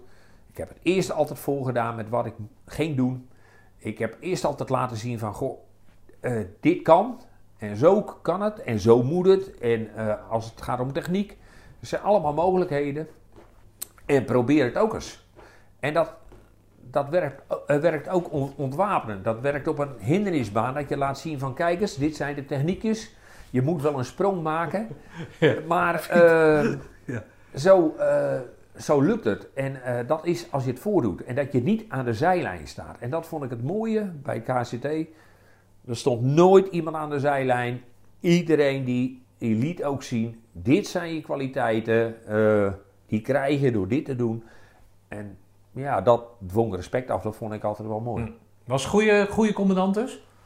Ja, ik, ja hij, hij, hij was... Hij had zo'n dikke snor, weet je wel. En hij kon zo kijken. Echt, ja, ik, ik vond hem er heel goed bij passen, zeg maar. eh, als als, als eh, ECO-commandant. Ja, Ik heb hem later nooit weer meegemaakt, maar ik vond hem als ECO. Ja, hij voldeed aan het, aan het Ja, beeld. dit- wat mij betreft wel. Dat Ja. is, is prima zo. Ja. Als, als ik een film zou moeten maken, dan zou ik zo, dan Zou je helemaal- man al- als, als, als, eh, ja, als commandant uh, Tentenkamp eh, wel willen zien. Eh, de manier waarop hij keek en de manier waarop hij praatte. En eh, hij kon ook nog zo, ja, zo, eh, ja, een beetje zo fijntjes, maar ook wel geniepig bijna kijken. En dan ook van die opmerkingen maken. Theo Alsemgeest en ik werden wel eens eh, door elkaar gehaald. Wij hadden een beetje dezelfde bouw. En, en ook, denk ik, toen we het haar een beetje kort hadden, een beetje dezelfde uitstraling. Alleen van voren niet, maar van achteren wel. Hm. En een paar keer gebeurde dat ik, dat ik ergens eh, hobbelde daar zo eh, op het kazerneterrein. En dan met zo'n scherpe stem, Alsemgeest! En dan, ja, dan, ik was Alsemgeest niet. En de eerste keer eh, bleef ik staan en ik draaide me om en... eh doorlopen! En toen later als hem geest, toen dacht ik, nou ik blijf gewoon doorlopen. En dan bleef die schreeuw, weet je wel. En eh, ja. En stop! En eh, ik daar naartoe, hè. En eh, de cursist mee in het dorp meldt zich. Ja, jij bent Alsemgeest niet. Ik zeg nee, en daarom dacht ik, ik loop maar door. nou, neem dan gelijk maar twee rondjes voetbalveld, weet je wel. Ja, nou goed, oké. ja. Nou, dus op een of andere manier kreeg ik ook, werd ik ook wel een beetje mondig, laat ik het zo zeggen. ja. Maar ik, ik, ik mocht die man wel, ja. ja. Oké, nou, Ik mocht ze allemaal wel, dus ik, eh, dat is prima. Ja. dan ga je dus richting die eh, eh, Tranenpoort. Ja. Is er dan sprake van, van door de nodige afvallers, weet ik wat, nou zelfs in Marseledam, de week van tevoren nog mensen uitgevallen. Eh, heb je dan een, een, een band met elkaar? Voel je die band, Ja. die is er en... ja? Ja, die heb je zeker. Ja, ja die heb je zeker. Ik, ik moet wel zeggen dat ik ehm, het groene gedeelte, en dan noem ik even de groene baretten eh, van de Engelbrecht van Nassau kazerne natuurlijk, eh, scheidt zich al heel snel af van het blauw gedeelte. En daar bedoel ik de mariniers mee. Eh, Met sommige mariniers hadden we later ook nog wel weer wat contact, ook op reunies. Maar ja, sommige mariniers waren ook heel snel eigenlijk eh, uit het oog. We hebben, later hebben, zijn ze, we ze wel weer tegengekomen in Bietenwald met de, de bergtraining, maar met skitraining. Maar nee, verder eigenlijk niet zoveel. Maar met, wij hadden wel een band en we, waren, we bleven ook maar met een klein peloton over en een paar Met Iemand- zoveel waren jullie dan uit- uiteindelijk? Na, na het eh, aftrek Ja, met, van met de... eh, al als eh, tien eh, commando's bleven er over. Oh en, en dan hadden we nog een paar commando's bij de staf-staf, zeg maar. Een kok, chauffeur, een verbindelaar. maar, maar dat waren niet veel. En dan hadden we nog, even kijken, vier dienstplichtig kader en vier beroepskader. Dus eh, op zich bleven er eh, twee, Ah, 23... eh, Oké, klein peloton dus. Ja, het waren een heel klein peloton. Ja. Hey, als jij naar die, door die tranenpoort heen loopt, wie, wie staan daar voor, voor die tranenpoort helemaal uit, uit het hoge noorden op jou te wachten? Wie verwelkomen jou daar? Het hele gezin? Met z'n negenen? Z'n acht? Hè? Nee, niemand. Nee, Oh, nee. Ja, mijn, mijn broertjes en zusjes waren nog jong. Ja. Mijn vader en moeder moesten uit, uit de Rode School komen. Ja. Eh, die hadden ervoor gekozen om eh, in Apeldoorn te overnachten, eh, want er wonen oom en tante van mij. En ja, die konden niet om acht uur in Roosendaal zijn, ehm, met de trein niet. Dus die hadden geen auto. Dus eh er was waarschijnlijk ook geen geld om, om daar een hotelletje te pikken of zo. Ja. Dus op mij stond niemand te wachten. Ik heb dat ook niet als een gemis gezien. En pas later kwam ik tot de conclusie ja, dat ze er niet waren. Maar ja, aan de andere kant, in de euforie Hoezo van... later? Later op de appelplaats of zo? Ja, nou, later- ja, later over, eh, in, de, in de loop van de dag hoorde ik dat ze pas later waren aangekomen. Dus ik wist niet, ik had ze niet Ah, gezien. Ja, ja, dus ik, ik heb ook, ook in de euforie van onder die poort door, wat ik een geweldig moment vond. Ja. eh, ja, eh, heb ik daar ook eigenlijk nooit zo aan gedacht. Hm. Nee. Wat, hoe beschrijft dat moment is, dat vraag ik aan iedereen. Maar, en voor iedereen is dat ongeveer hetzelfde. Maar wat, Ja, wat, wat opstellen, bij de, er opstellen bij de bospomp en dan eh, lekker strak in een gelid. En daar hield ik wel van. Ik, ik, ik, ik vond het wel, ja, ik, ik hield wel van lekker strak daar, daar lopen. Eh, en eh, met een rug recht, want nou die acht weken die had je maar mooi eh, eh, gehaald. En dan onder die poort door en dan stond het helemaal vol met personeel. En ja, van, ja, van fourier, kok eh, tot eh, weet ik veel wat.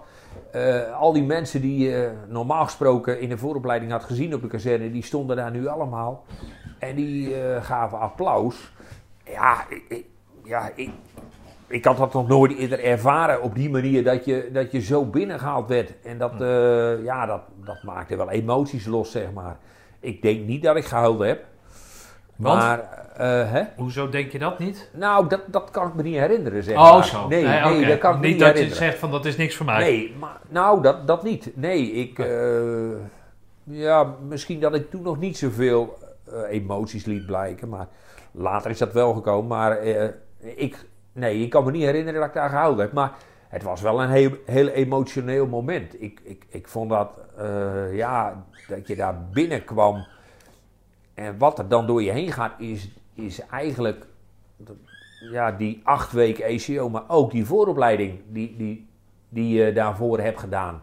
En dat je dan straks die groene beret op mag zetten. En, eh, ja, weinige uitverkoren. Ehm, en dan komt er toch een bepaalde trots. Terwijl dat normaal gesproken ben ik redelijk bescheiden opgevoed. Was daar ook nog altijd wel een bescheiden jochie. Ja, in één keer ja, blijkt dat je iets gehaald hebt wat, wat niet iedereen gehaald heeft. Nee. Nee. Dus? Ja, heel veel trots. Ja. Ja, ja. En dan zet je die groene beret op. En dan, wat, wat, wat heb je dan voor plan? Want ja, tuurlijk weet je dat je de onder Nou, vier gaat. Maar ik, ik, had nog, ik had nog helemaal geen plan. Ik, ik heb die dag beleefd al. Ja, ik heb die dag heel erg beleefd. Ik, ik, ik weet nog een, een heleboel dingen exact. Dat we na de 104 marcheerden. En toen hadden we net een nieuwe eh 104 bar. Was zo'n Nissenhut Ja. achter 104. En eh, wij hebben daar nog voor gezorgd in de vooropleiding dat daar een pakket kwam. Eh, dat moesten we ergens anders nog weghalen, weet ik nog wel. En dat lag er toen in. En dan kregen we chocolademelk met koffiebroodjes. En, we, en het was jij en jou. En eh, ja, en het was. ja, de, de, stonden met jou te kletsen. Net alsof. Ja, en in één keer was het een heel andere dag. Ja, oké. Ja. En eh, dat vond ik al geweldig. En dan, kregen we een kamer. Nou, we mochten met z'n tien op één kamer. En eh, nou, zoek een plek uit, jongens. En eh, nou, de boel hoeft nog niet allemaal schoon hoor. Nou ja, wat je kwijt kan, breng maar naar de fourier. Je wapen gewoon bij de fourier inleveren. Niet schoonmaken of niks. Wel zorgen dat je straks net gepoetste schoenen hebt. En anders haal je maar nieuwe. En, maar ik was nogal zuinig op mijn schoenen. Want iedereen die had van die nieuwe kistjes. Maar ik had nog van die oude met van die... Die leren dingen. Van die leren. Ja. En daar was ik wel blij. Ik had twee paar en daar was ik heel blij mee, zeg maar. Maar hoe Dus, kom eh, je aan die leren dan? Ja, ik, ik zat nog net... Ja, dat werd uitgedeeld toen. Ik, Oh, jij zat net in die oude, oude voorraad nog of zo. ja, waarschijnlijk. Of Ja. dat ik net een maat had die... eh, Ja, die- ja. maar die andere... De meeste, die hadden van die... eh, Die van rubberdingen. wat lagere kistjes, zeg maar. En ik had nog van die hoge, van die Oh, oude, ouderwetse. Ja, ja, oké. Dus eh, nou, ik vond het prima kistjes. En eh, die heb ik ook mijn hele diensttijd gehouden. Want eh, sommige die hadden ze ook, maar die wisten ze om voor die andere. Maar deze vond ik veel fijner, want Ja. die had ik lekker ingelopen. Dus ik zorgde dat ze mooi gepoetst waren. Van der Gaag zei nog... Ik moet ook zeggen tegen jou, jij was de enige die zijn schoenen altijd zo geweldig goed gepoetst had. Nou, ik moest thuis altijd rijden schoenen poetsen op zaterdagochtend, dus ik wist wel hoe dat moest. En ik had een oude nylonkous van mijn moeder. Ja, ja, ja. En eh, dat vertelde ik ook aan anderen. En dan kun je daar nog zo over wrijven, weet je wel. En dan, eh, Willy zegt wel eens tegen mij... Nou, wat je vroeger eh, gepoetst had, dat poets je nou niet meer. Want die poets nu tegenwoordig mijn schoenen. Maar goed, ja. Maar dat, ja, dat was een hele bijzondere dag. En dan pak je je VT aan en dan met je mutsdas op. En dan ben je lekker schoon en douchen. Douchen, man. Eh, ja, ik, ik weet niet of jij dat nog weet, maar wij hadden zo'n badruimte daar op de kazerne. En dan mocht je daar vrijdagmiddag bij de gratie van, mocht je daar in een kwartier lang. En dan zat je helemaal onder de Norrit, dat moest eraf. En dan eh, was je daar al ongeveer 10 minuten mee bezig. En dan moest je nog twee minuten onder die douche, mocht je nog even. En eh, dan moest de boel ook nog schoon en dan moest je er weer uit. En dus nu mocht je daar staan en dat maakte allemaal niks uit. En ja, dat was prima. En dan sta je daar op die appelplaats en staan er allerlei mensen en er is muziek. En ja, dat, ja dat, dat is geweldig. En dan krijg je zo'n toespraak. En eh, ja, op het moment dat die groene beret op mag, ja, mutsdassen, mutsdassen af. En dan barretten, barretten op. En dan noem ik oud, noem kwam. Ja, dat vond ik wel eh, ja, een van de mooiste momenten in mijn leven, laat ik het zo zeggen. Oh, wat mooi. Ja, als ik er nu over nadenk, dan kan ik nog wel een beetje emotioneel worden. Ja. Oké. En wat raakt jou dan precies? Eh, dat is heel lastig te omschrijven. Maar wel eh, dat je daar staat en dat je bij dat korps hoort. En dat, dat korpsgevoel, dat vind ik wel. En dat is misschien ook wel omdat ik er nu ook weer mee bezig ben. Maar het heeft me nooit losgelaten. Ik heb wel altijd ja, die groene beret altijd heel hoog gehouden. Ik heb altijd alles gevolgd. Ik, eh, ja, ik, ik ben ook wel heel trots op dat, eh, op die, die, dat korps commandotroepen. Daar ben ik heel trots op. En dat ik daar deel van mocht uitmaken. En ik snap wel dat al die andere mensen na mij, met uitzending enzovoort, eh, veel meer en veel geavanceerder en, en, en ja, veel meer voor de kiezer hebben gekregen. Eh, ook veel meer aan inhoud moesten hebben. Want laten we wel wezen, onze opleiding was maar beperkt. Ook maar als dienstplichtige. Maar aan de andere kant betekent het toch dat wij, doordat we dit gedaan hebben, het in stand hebben gehouden. En waarschijnlijk met z'n allen ervoor gezorgd hebben dat we uiteindelijk een, een perfect korps hebben. En laten we wel wezen, ook heb ik dat later gemerkt. Als we in het buitenland kwamen, dan waren we wel het visitekaartje van de Nederlandse defensie. Want eh, ja, ze konden altijd een beroep op ons doen. Maar we waren vaak zelfs dat ze wel eens dachten van... hé, hey, die lui die sjoemelen. Maar we waren vaak de beste patrouilles eh, als het ging in internationale oefeningen. En dat, eh, dat betekent toch dat wij wel, wel goede mensen waren. ja, ja. ja, is toch mooi? ja. ja. Hey, mooi man.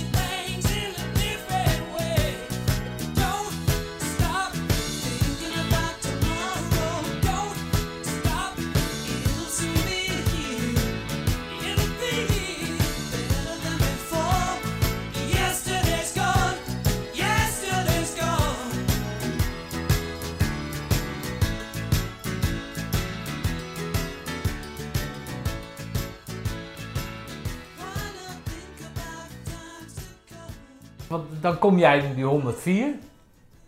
En wat, wat, wat is dan, niet zozeer jouw plan, dat vroeg ik ernaar, heb, heb je dan een plan, maar wat was het, wat, hoe werd dat neergelegd? Waar gingen jullie naartoe? Wa- Wat, wat moesten jullie gaan doen? Het zal niet zoveel verschillen van een paar jaar later, maar Nee. Ja, wij begonnen al redelijk snel weer. Ja, we hadden één week vakantie, hè. En daar waren uren op maken, denk ik, zo'n beetje. En ehm, ik moet zeggen dat ik me stierlijk verveeld heb thuis. Eh, ja, eh, ik denk van... zou je mocht niks doen? Of kon je gewoon meteen je oude taken weer oppikken? Ja, maar goed, ik, nee, ik hoefde Oh, thuis niet veel te oh, doen. ik nee, nee, nee, maar een beetje motorrijden en zo. Maar ja, goed, was in november en eh 12 november hebben we de groene beret gehaald. Maar ehm, ik, ik, ik wilde heel graag al direct weer terug. Hè. En eh, nou, we kwamen terug en de eerste dinsdagavond hadden we gelijk een avondoefening. Dus toen stonden we gelijk weer met beide benen op de grond. Hè. Dus dat was prima. Eh, toen gingen we de voorbereidingen treffen voor eh parachutespringen. Toen kregen we de grondopleiding in Woensdrecht. Want we zouden eh, in januari eh 77 zouden we naar Po gaan. En ja, wij kregen al wat oefeningetjes.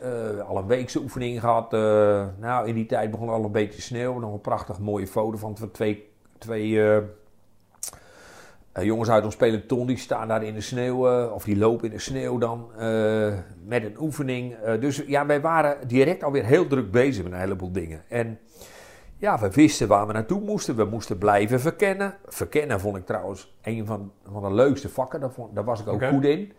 Ehm, moet ik even heel goed nadenken. Hoe heet die meneer? Mol heette die. Major Mol. Van de eh, verkenning, of Ja. eh, herkenning. Herkenning. Ja. Dat herkenning. En ehm nou vond ik geweldig om daar... eh, ja, die helikopters, die tanks, eh, PT-76, T-5455. Hij om- weet het allemaal die- nog. Om die te herkennen. ja. In het lokaal bedoel je, met die, met ja, die in het, in het verrekijkers. lokaal, ja. En dan eh, met die foto's, stukjes foto, de hin, de hop, de weet ik veel wat. En eh, ja, dat vond ik, daar was ik goed in, dat vond ik ook mooi. Eh, ja, ik, ik, ik was ook wel een detailman, om het zo maar te zeggen. Een stukje autisme misschien. en ehm, ja, dat, dat, dat vond ik ook wel mooi. Maar ook zijn en opnemen vond ik mooi. Dat, eh, ja, ik, Was je daar goed in? Nou, gemiddeld zeg maar. Maar, ik, maar je vond het wel leuk. ja, wa- wat ik geweldig vond is dat die van de Putten, die vond ik in de vooropleiding al geweldig. In de ACO moest hij natuurlijk een rol aannemen, maar daar was altijd nog wel... Oh, Suzanne van de Putten, Ja, Suzanne ja, van de Putten, ja. Ja. En, eh, en na de... Ja, na de ACO, dan, wa- dan was er altijd lachen met Van de Putten. En die had hij zo'n lach, en zo'n kenmerkende lach. En, Ja. ja, ik, ik, ik heb daar genoten van die man altijd. En eh, ik ging daar met plezier naartoe. Maar ook de sport en zo. En als je dan s'avonds dacht van, ja, ik heb niks te doen. Jongens, zullen we even nog de hindernisbaan nemen? Of eh, even, naar de, sp- even naar de sporthal? Of eh, ja, even lekker voetballen? Of eh, ja, we gingen ook wel eens boksen. Of, of een beetje een circuitje neerzetten. En ja, daar is ook wel... Ik ging hardlopen. daar, daar is ook wel de basis gelegd op om, om ja, conditioneel nog beter te worden eigenlijk. Ik vond dat ook geweldig, die hindernisbaan, touwbaan, tokkelen, eh, maar ook dode ritjes maken, die klemtoren, dat, dat, dat, was wel mijn terrein, zeg maar. Dat vond ik wel mooi, Ja. ja. Oké. Maar eh, verder had ik geen, had ik geen, eh, geen plan. Nou, we zijn naar Po gegaan en eh, dat was in januari. Helaas hebben we maar acht sprongen gemaakt, want de laatste sprong was in zo'n laag sneeuw. Oké. Het was een geweldig mooie sprong, moet ik zeggen. Dat, ehm, dat was, ik geloof dat we al drie nachtsprongen hadden gemaakt. En ook met, eh, met bepakking natuurlijk. En de laatste sprong, ja, die moest wel doorgaan. Want anders konden we geen, beret, of geen eh, Wing. wing. halen. En eh, ja, die was in sneeuw. Ik kreeg eerst nog een botsing met een vliegtuig. Ehm, ik stond als eerste. Hoezo een botsing met een vliegtuig? Nou, ik stond als eerste man, Ja. maar er waren er al een paar shifts uit. En ik stond daar en het was gigantisch nat. Het sneeuwde naar binnen. En op een bepaald moment, heel onverwachts, want ook de, de instructeur zat niet in de gaten, eh, ging het licht op groen. Dus ik moest eruit. Dus ze gaven mij een duw. Maar ja, eigenlijk stond ik nog niet eens klaar. En toen knalde ik met de zijkant tegen, tegen Oh, het vliegtuig aan. Ja, nou, niks aan de hand. Eh, je ja. ja, nou ja, je springt en eh, je komt beneden neer en ja, je hoefde eigenlijk ook niet te rollen, want het was zo'n laag Ah, ja, sneeuw. En dat was een, ik moet zeggen, dat was een, een geweldig mooie sprong. Ja, goed, later blijkt dat, dat mijn hele been blauw is, maar goed, dat, dat, dat, eh, Ja, dat zou ja, je dat is pas op dat moment eh, niet Nee, eh, maar dat interesseerde hebben. toch ook helemaal niks. en, en als je dan keek hoe die Fransen eruit sprongen, eh, die sprongen bij elkaar op de chute en zo, die hadden nog zo'n vliegtuig, daar ging de achterkant de schotel vanaf en dan redden ze eruit. Oh, Ja, Oké. en dat was zo'n vliegtuig met een dubbele staart achter. En dan renden ze uit. Ehm, nou ja, bij ons ging Uitrennen en dan gewoon met zo'n stepping line. Ja, eh, met zo'n settinglijn, oké. ja. En ehm, ja, wij, wij gingen er heel gedisciplineerd uit. Ik vond dat ook ja, heel gedisciplineerd bij ons gaan. Ja. Ik moet wel zeggen dat ik de eerste drie sprongen maar, gingen vanzelf. Want je zat nog een beetje in die rol hè, van eh, staan en, en gaan. Green on go. Ja. En eh, de vierde sprong, ja, was wat. En terwijl ik de tweede sprong ook bij de, als eerste had gestaan. Maar bij de vierde sprong, dan kreeg ik het een beetje zo van, ja, nou gaat het nou wel goed, weet je wel. Nou ja, ga je beseffen misschien waar je aan het doen bent. Ja, maar dat was ook een nachtsprong. Ja. Dat was de eerste nachtsprong. Maar dominee Baas, die zei nog... Jongens, ja, die was niet mee hoor, maar die had ons van tevoren nog eens een keer gezegd... Jongens, ja, zegt hij, ik moest ook voor de eerste keer gaan springen. Zegt hij, toen zat er iemand naast mij die zegt... Zeg dominee, ben je zenuwachtig? Ja, wel een beetje, zei de dominee. Hij zegt, voelen ze aan je beide benen, zegt hij dan. Ja, hoezo, zegt, zegt, de- dominee, voelen ze aan mijn beide benen? Ja, voelen ze gewoon aan je beide benen, ja. Nou, zegt de dominee, ik voel een beetje zo aan die benen, ja. Nou ja, ik, ik voel eigenlijk niks, zegt hij. Nog alles in orde, zegt die jongen. Ja, alles in orde. Nou, zegt hij, zo voelt het als het nog allemaal goed is. Hij zegt dus, dat moet je zo houden. En, nou, Goeie les. Wijze les. Wijze tip.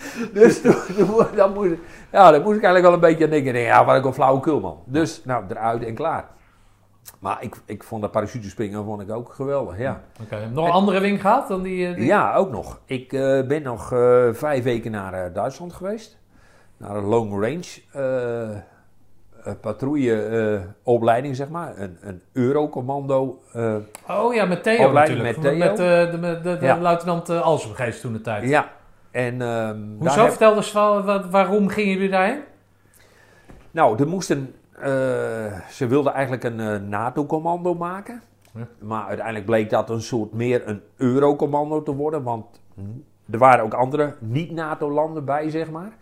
Maar ze wilden eigenlijk een, een opleiding maken die ja, voor alle verkenners, zeg maar, lange afstandpatrouilles, hetzelfde was. Dus er zaten Amerikanen bij, er zaten Denen bij, eh, er zaten Nooren bij, er zaten Grieken bij, er zaten Spanjaarden bij, veel Engelsen, eh, Duitsers, wij als Nederlanders zaten erbij.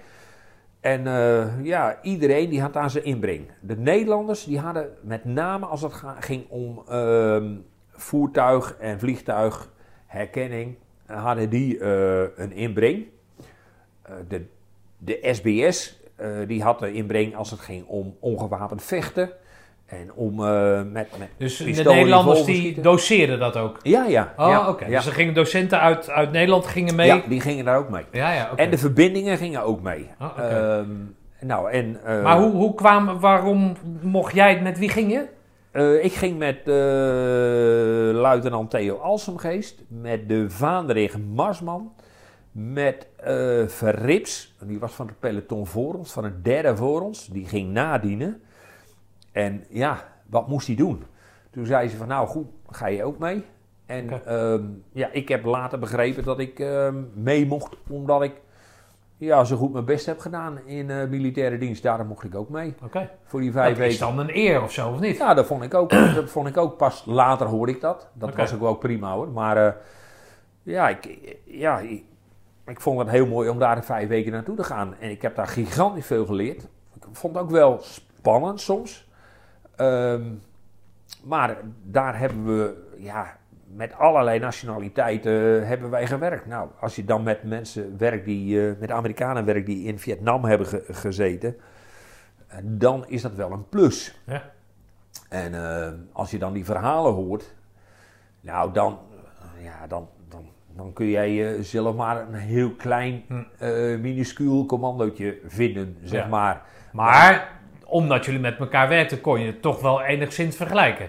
Ja, maar dat kon ook, want ze En? konden ook wat van ons leren. Ja, nee, dat snap ik. Maar, maar wat, hoe, hoe eh, jij kwam natuurlijk... Ja, oh, Vietnam, moeilijke dingen allemaal. En dan kom jij Ja. met de, de Koude Oorlog in de benen, om het zo maar te zeggen. Ja, Maar, hoe, hoe was dat niveau? Was, was er een verschil? Of, of kon je goed meekomen? Nou, of wat? eh, ik, ik, had, ik had wel het idee dat die Amerikanen dit meer als een soort ja, vakantietripje zagen, Nee. zeg maar. Ze konden hier redelijk relaxed zijn.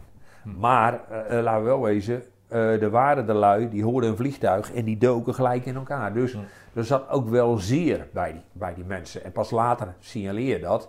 Maar eh, achteraf gezien, dan zie je wel wat van die dingen die, waarvan je denkt, hé, hey, eh, dat klopt niet altijd. Of als het er niet zo op aankwam, dan waren ze ook niet tot in de finesses scherp, zeg maar. En wij waren, wij waren best wel scherp. Wij, waren, wij wilden heel veel leren. Wij waren gretig. Ja, jullie waren gebrand. Ja, wij waren gebrand. En, wij, wij, eh, en eh, ja, er waren ook Grieken.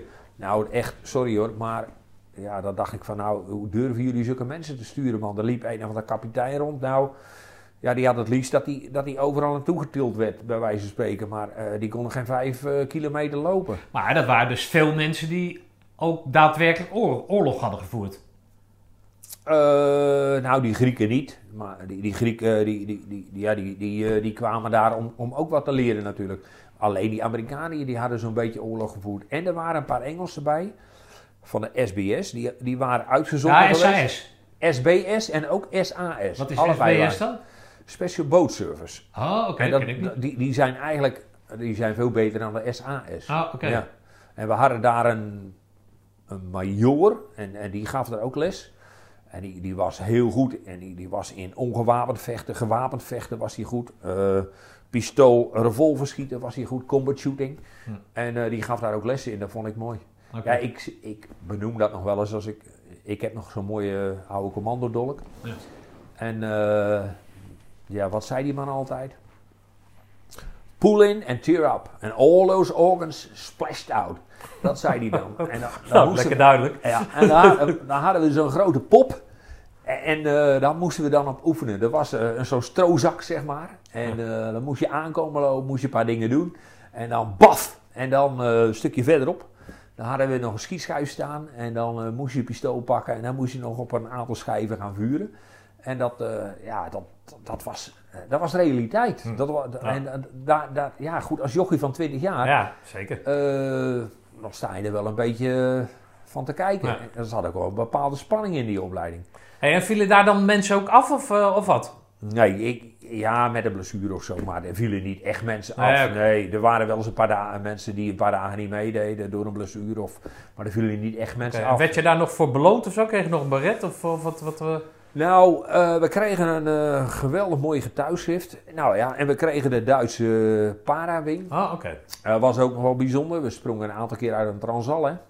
Dat is een Een- helikopter of zo? Nee, een Transal is een, eh, een transportvliegtuig. Ah, oké. Die hadden ze daar eh, in het, eh, ik dacht een C-130, nou ja, als ik het goed heb, ik weet niet meer precies. Ja. En die hebben ze, hadden ze daar eh, bij de luchtmacht en het leger eh, in, eh, in Duitsland. Maar we hadden nog te weinig sprongen gemaakt en toen moesten we toch voor die wingen op, want dat hadden ze ons beloofd. Dus toen kwam er een helikopter en eh, Oh, lekker. nou, er stond een, er stonden een paar vrachtwagens vol met eh shoots. eh shoot omhangen, met vier man in een helikopter op 400 meter, hup, op je kont zitten eruit. En Nou, shoot inleveren, hoeft Nieuwe niet shoot. opgevouwen te worden. ja, nieuwe oké. shoot halen, ring. Nou, maar er was wel een belevenis op zich. Ja. Dat uit zo'n helikopter springen. En we hadden veel meer leuke dingen. Want in de eerste week kregen we een opdracht dat we moesten een stukje verkenning doen. Maar dat was niet zomaar lopen. Nee, dat was in een helikopter. En dan werd je met twee man werd je in een helikopter geplaatst. En dan zat hier de piloot. En jij zat eerst achterin of al direct voorin. En je had een kaart. En je moest die piloot moest je aansturen. Daar en daar naartoe. Daar gaan we. En dan gingen we En wie was jouw maat dan? Was dat een Nederlander of was dat een, een andere? Ja, dat was eh, Theo was dat volgens oh, mij. Ja. Maar het, was, Ja. het werd niet gemengd of zo? eh? Nee, nee, nee. Ah. Eh, dat, ja, het, de voertaal was Engels. Maar er waren... Ja, die Engelsen, die Amerikanen, die hadden het allemaal prima in orde. En wij ook wel. Ik heb ook nog allerlei eh, eh, epistels, stencils, zeg maar. Allemaal in het Engels. Maar Nooren, Denen, eh, Grieken, eh, Spanjaarden... Nou, die, eh, die begrepen er niet zoveel van. En, dus dus soms ging het gewoon bij hun langs hoor. Ja. Hey, maar dan kom je terug en dan, dan zijn zij dus vijf weken verder. En dan kom je echt wel als het, als het baasje kom je terug dan, of niet? Nee, niet als baasje. Zij waren ondertussen naar eh Mietenwald geweest. Twee weken Mietenwald gehad. En ja, ik kwam terug na vijf weken van dit. En eh, ja, we gingen elkaar uitleggen wat we gedaan hadden. En eh ja, nee. geen mensen die jaloers waren van, eh hey, Ah, mede ja, maar ja, ze, ik, ik, ik had wel het idee dat ze me dat allemaal gunden. Ah. En het mooie ervan was dat ik op een bepaald moment nog een parawing extra had. En dan moest er iemand wachten, commandant spelen of wachtlopen. En, en ja, ik, ik werd ook nog bevorderd tot corporaal. Ehm, toen ik terugkwam. Dus eh, nou, iemand anders die corporaal was, die, eh, die zei van... Goh, mag ik jouw jasje even lenen, weet je wel? Want die had dan twee wings en dan moest ze op de foto. ja, dat vond ik helemaal niet erg. Maar ja, ja, volgens, later heb ik geleerd bij de politie dat, ehm, dat je niet eh, van zulke dingen zomaar ongestraft mag voeren. Hè? Net zo min als Oh, dat je... Ja, ja, ja. Je mag niet... kijk, als je nu een Willemsorde gaat voeren terwijl je die helemaal niet gekregen hebt, dan ben je strafbaar. Dus eh, Ja, nou, dat geldt ook voor een wing. Maar eh, dus, dus dat, dat staat in het wetboek van strafrecht. Maar goed, dat geeft niet.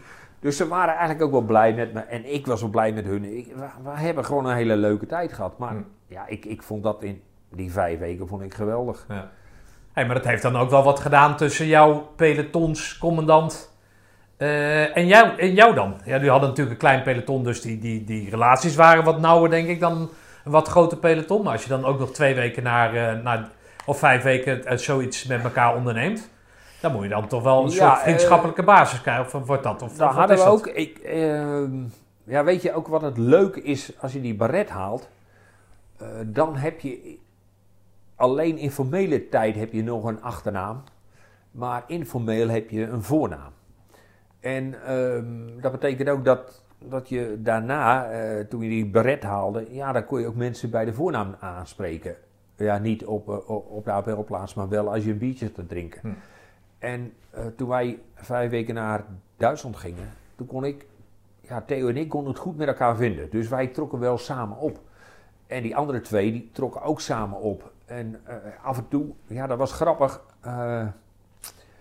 We, leer- eh, we leerden daar Dirk, heette die kennen, een Duitse eh fanspeler. Eh, dus ook een waarnemingsverkenner. verkenner. En die, ehm, die had een vriendin, die woonde in Neuhausen op Eck, daar was het toen. En ehm, dat meisje, die, die vond het wel leuk om af en toe uit te gaan. Dus die ging samen met Dick uit. En dan zei Dick, jongens, gaan jullie mee? En dan gingen wij, Theo en ik, ook mee. Hm. En dan gingen we naar Toedelingen, zo heet het, het plaatsje in de buurt. En gingen we daar naar de discotheek. En dan gingen we daar even een, biertje drinken en, eh en samen weer terug. Of we gingen ook wel eens naar Neuhaus op Eck. Eh, ja, dat was een heel oud café. En eh er was nog boven een dansvloer. En er waren alle schonen uit Neuhaus op Eck. Er waren er maar vijf of zo. Maar die, die kwamen daar dan samen. En, maar ja, daar kwamen wel meer militairen, want we zaten op een militaire basis. En dan gingen we daar eh, een biertje drinken. En dat was, was gewoon heel gezellig. Maar we trokken ook wel veel met haar op. Ik heb later, heb ik ook met, met haar nog wat contact gehouden. En ik ben daar later nog eens een keer op vakantie geweest in de buurt. En haar vader reed motor en ik was daar met een motor. En toen hebben we samen nog een paar keer een, eh, een ronde gereden daar in de buurt. We hebben nog meegedaan aan bergwedstrijden. Bergrennen heette dat. Dat is zo snel mogelijk een berg op. Ja. Ook met een motor. En ehm, vijf of zes jaar geleden, nee, al langer geleden, acht jaar geleden denk ik, zijn we naar de Bodensee geweest. En eh, Willy en ik. En toen heb ik haar ouders nog een keer opgezocht. Zij Oh. woonde inmiddels in de buurt van München, maar En zij was nog steeds met Dirk. nee, nee, nee, Oh. nee, nee. Maar ehm, heb ik haar ouders nog een keer opgezocht. Wat grappig. En eh, die vonden dat geweldig. Echt, we hebben een hele rondleiding door het bedrijf eh, gekregen. Hij maakte chirurgische eh, instrumenten. En eh, dat bedrijf van hem. Ja. En eh, dat, ja, dat, heel, hij was dokter anders ook. En zo'n hele slimme man. Maar die, ja, die, wij kwamen er aan. Eh, Ze, zei, ze noemde mij altijd Jaffe. Omdat ik dat zelf had gezegd. Want, nou, Jaap... Maar dan op zijn Duits, hè. Affe, met een J ervoor. Jaffe. Hoe heet je? Ik zei Jaffe, dat zei ik zo. Maar dat was meer uit de gein. Maar Jaffe, zegt hij. En eh, nou, dat was heel mooi. We moesten binnenkomen en mee eten. En eh, nou, dat was heel erg leuk. Hij is twee jaar geleden overleden. Maar, Wat eh, grappig helaas- dat je dat ja. daar aan overhoudt inderdaad. Ja, ja, leuk. Dat je dat onderhoudt, is toch grappig? Nou, ja, niet altijd natuurlijk. Maar, je- je- als je er bent, dan ga je er langs. ja, ja. Die met kerst, voel je. Met kerst sturen we wel eens een keer een kaartje en Ja. zo. En, ja, ja, dat was wel grappig. Ja. Hey, dus daar, daar ontstaat een soort vriendschap tussen jou en Theo. Maar hij blijft natuurlijk gewoon de pelotonscommandant. ja, En dat. Peloton is klein, dus dan zijn die banden wat nauwer, wat ik, eh, wat ik net al zei. ja. Op een gegeven moment ga jij richting Poort, hè, of eh, richting burgermaatschappij. Heb je ooit eh, de, de, de, de, de, wilde je beroeps worden? Of, of wat- hoe, hoe, was, hoe zat dat bij jou? Nou, dat wilde ik eigenlijk wel, maar ik ben eigenlijk er een beetje ingerold. Ik, ehm, bij mijn oude werk was ik... ehm, bij de garage. Bij de garage was ik receptionist. Ik deed de- het magazijn, ik nam het werk aan, ik kon auto's verkopen. Het was een kleine garage met een man of tien aan het werk. En eigenlijk alles wat inkwam, dat nam ik aan. En eh, ja, daar kon ik eigenlijk een plek geven. Want ik, ik was al vanaf mijn elfde was ik in die garage verzeild geraakt. Maar er kwam voor mij iemand nieuws en ik kon daar wel weer terugkomen werken als vertegenwoordiger. Maar ja, daar vond ik niks. Elke dag overhemdje met een stropdasje om, mooi pak aan. eh, op zaterdag niet kunnen voetballen, want dan moeten er auto's verkocht worden. Dus ik denk, dat is niks voor mij. Eh, dus ik weet niet wat ik moet doen. Toen kwamen ze in militaire dienst, kwam de Rijkspolitie langs. En eh, toen dacht ik, dat is misschien wel wat voor mij. Dus ik heb gesolliciteerd, bon ingevuld, om het zo maar te zeggen. En ja, ik kreeg een uitnodiging en van het een kwam het ander. En ik weet nog heel goed, ik kwam terug van de oefening eugenie. En eh, ik belde op naar huis. Nou, ik kom morgen thuis. Zaterdag kwamen we terug. We waren op Soesterberg aangekomen met vliegtuig. En ehm, naar Roosendaal. En op zondag dan even naar Rode School. Nou, zegt mijn moeder, dan moet je gelijk maar even vragen of je maandag weg kan blijven. Want maandag moet je naar Utrecht. Daar heb je een sporttest en een, ehm, en een gesprek met een sollicitatiecommissie. Ik zeg, oh, ja. Nou, je moet gedegen voorbereid zijn, zegt ze. Je moet eh, iets eh, weten over de maatschappij, kranten lezen. En eh, nou ja, ik denk, oeh, nou ja. Ik denk, dan moet ik in, in, de, in de trein maar een hoop kranten lezen. Zo. Dus ik gelijk gevraagd, ja, dat kon wel. Dan moet ik dinsdag maar komen. Of op maandagavond vanuit Utrecht. Ik zei, ja, dat is goed, ik kom maandagavond wel. Dus ik naar huis, nog een beetje in de kranten doorgesnuffeld. Maar ja, bijna drie weken eugenie gehad. Ik kom daar op, eh, op maandag, eerst een sporttest. Nou, ik, erg me al een beetje aan die sportinstructeur. We moesten in de houding gaan staan, maar op een heel andere houding dan dat ik in dienst gewend was. Ik denk, wat een surrogaat.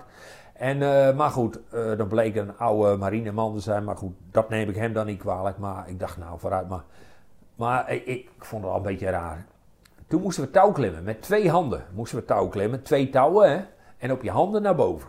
Ik was al bovenin geweest en beneden zegt... Nou, eh, gaat het nog eh, wat worden met je? Zo, hè, tegen mij. Ik denk, potverdorie, wat... eh. Dus ik nog een keer naar boven. Ik zeg, zo goed of niet? Of moet ik nog een keer? En eh, dus dat kon ik heel makkelijk. Hè. Ik werd een beetje brutaal eigenlijk. Moest een Cooper-test doen. Nou, eh, ik liep iedereen eruit daar. Dus ik denk, nou, dit eh, zal niet het probleem zijn. Maar ja, nou, dat gesprek, hè. Dus ik kwam eh, bij dat gesprek. Hij maakt het spannend. Ja, nou ja, omdat ik niet zoveel wist van de Nee. actuele, actualiteit Ja. toen. En eh, En dan zegt ja, ik zeg, ja, ik moet wel eerst even iets zeggen. Wat dan? Ja, ik zeg, ik, ik ben net bijna drie weken in Frankrijk geweest. Ik zeg, met een oefening. En eh, ik zeg, ja, ik weet niet zoveel van de krant. Ik zeg, ik heb ze een beetje bijgehouden, maar ik weet niet alles. Nou ja, goed, wat heb je daar gedaan en eh, waar zit je dan bij? En eh, ja, nou ja, ik zit bij de commando's en eh, oh, oh, en hoe ging dat dan? Nou, ik zeg, voor het eerst hebben we gesprongen, ik zeg, met een eh bagagesuit. Bagagesuit, hoe ging dat dan? En uh, parachute springen en zo, ja. En, eh, oh, en hoe gaat dat dan, de parachute springen? Nou, ik vertelde over die bagagesuit en uh, parachute springen. Ik zeg, nou, ik zeg, ik zal het even voordoen. Dus ik ging daar bij een deur staan en ik zei, eh, red on, stand at the door, green on, go. En eh, nou, dus ik stond daar zo en die lui allemaal, oh ja, vertel verder. Oh ja, wij, we hebben nog één eh, vraag. Ja, nou, mooi verhaal. We hebben nog één vraag. Ik zat helemaal op een praatstoel. Eh, wie is eh, op dit moment president van eh, Frankrijk? Ik zeg, oh, Valéry Giscard d'Estaing. Dat is het enige actuele wat ik moest weten. En eh dat is prima. Eh je bent naar de volgende ronde hoor. Ja, normaal zeggen we dat niet, maar dit is voor, goed voor elkaar. Nou, oké, prachtig. Dus ja, dat werd Rijkspolitie. Dus daar heb ik mij op voorbereid. Maar waarom niet? Je was corporaal. Ja, Ja, je had twee, twee commandoopleidingen gedaan, om het zo maar te zeggen. ja. Je viel goed in de groep. Je, waarom dan niet in Roosendaal gebleven? Eh, dat- dat kon sowieso niet. Ik heb, dat Oh. wel, ik heb daar wel naar geïnformeerd. Dus eh, daar kon je nadienen, dat kon. Nadienen betekent? Eh, ja, dan kon je nog je klein verlof uitdienen. Dat kon. Dat was een bepaalde periode. Oh, oké. En dat deed Van Rip zo. Ja? Maar dat is hoeveel, hoe lang is dat? Ja, dat weet ik niet precies hoor. Dan, eh, is geen jaar. Nee, nee, nee. Oh. En nou ja, dan krijg je een functie nou ja, waar ze je even kunnen gebruiken. Dan ga je een keer met een patrouille mee of zo. En, dus dat heb ik niet gedaan. Eh, wat je ook kon, was eh, kort verbrand vrijwilliger worden. Ja. Nou, dat, dat leek mij ook niks. Eh, dus dan was de enige mogelijkheid naar de KMS. En ik dacht van ja, jongens, dan begin ik daar weer vooraf aan. En dan is er maar weer afwachten, waar kom ik dan straks weer terecht, weet je wel. Ik wil hier wel blijven, maar niet... nee.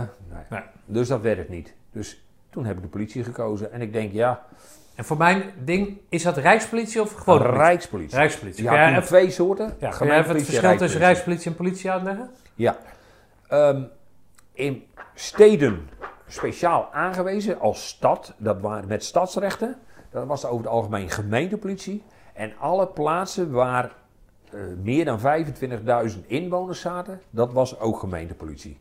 Dus in, over het algemeen betekent dat dat als je een grote agglomeratie zat van, van, eh, van dorpen, steden, waar meer dan 25.000 inwoners waren, dan eh, zat daar gemeentepolitie. Maar een plaatsje zoals nou, in Zutphen, daar zaten, woonden geen 25.000 mensen, maar die had van oudsher stadsrechten. Eh, Daar zat gemeentepolitie. Nou waren er Ja, nog wel een paar kleine steden, zeg Maar maar. bijvoorbeeld waar jij vandaan komt, dat was Rijkspolitie. Dat was Rijkspolitie, dat Ja. was boerenpolitie noemen ze dat toen de tijd, Ja, de bopo's. Ja, Ah ja, oké. ja. En jij ging naar de Rijkspolitie. Rijkspolitie. Ja. En word jij dan, had jij een plan van, nou dan wil ik daar gelegerd worden, of in ieder geval gestationeerd worden, of had je daar geen invloed op? Nou, op dat moment nog niet. Ehm, dan moet je eerst een jaar een politieschool doen.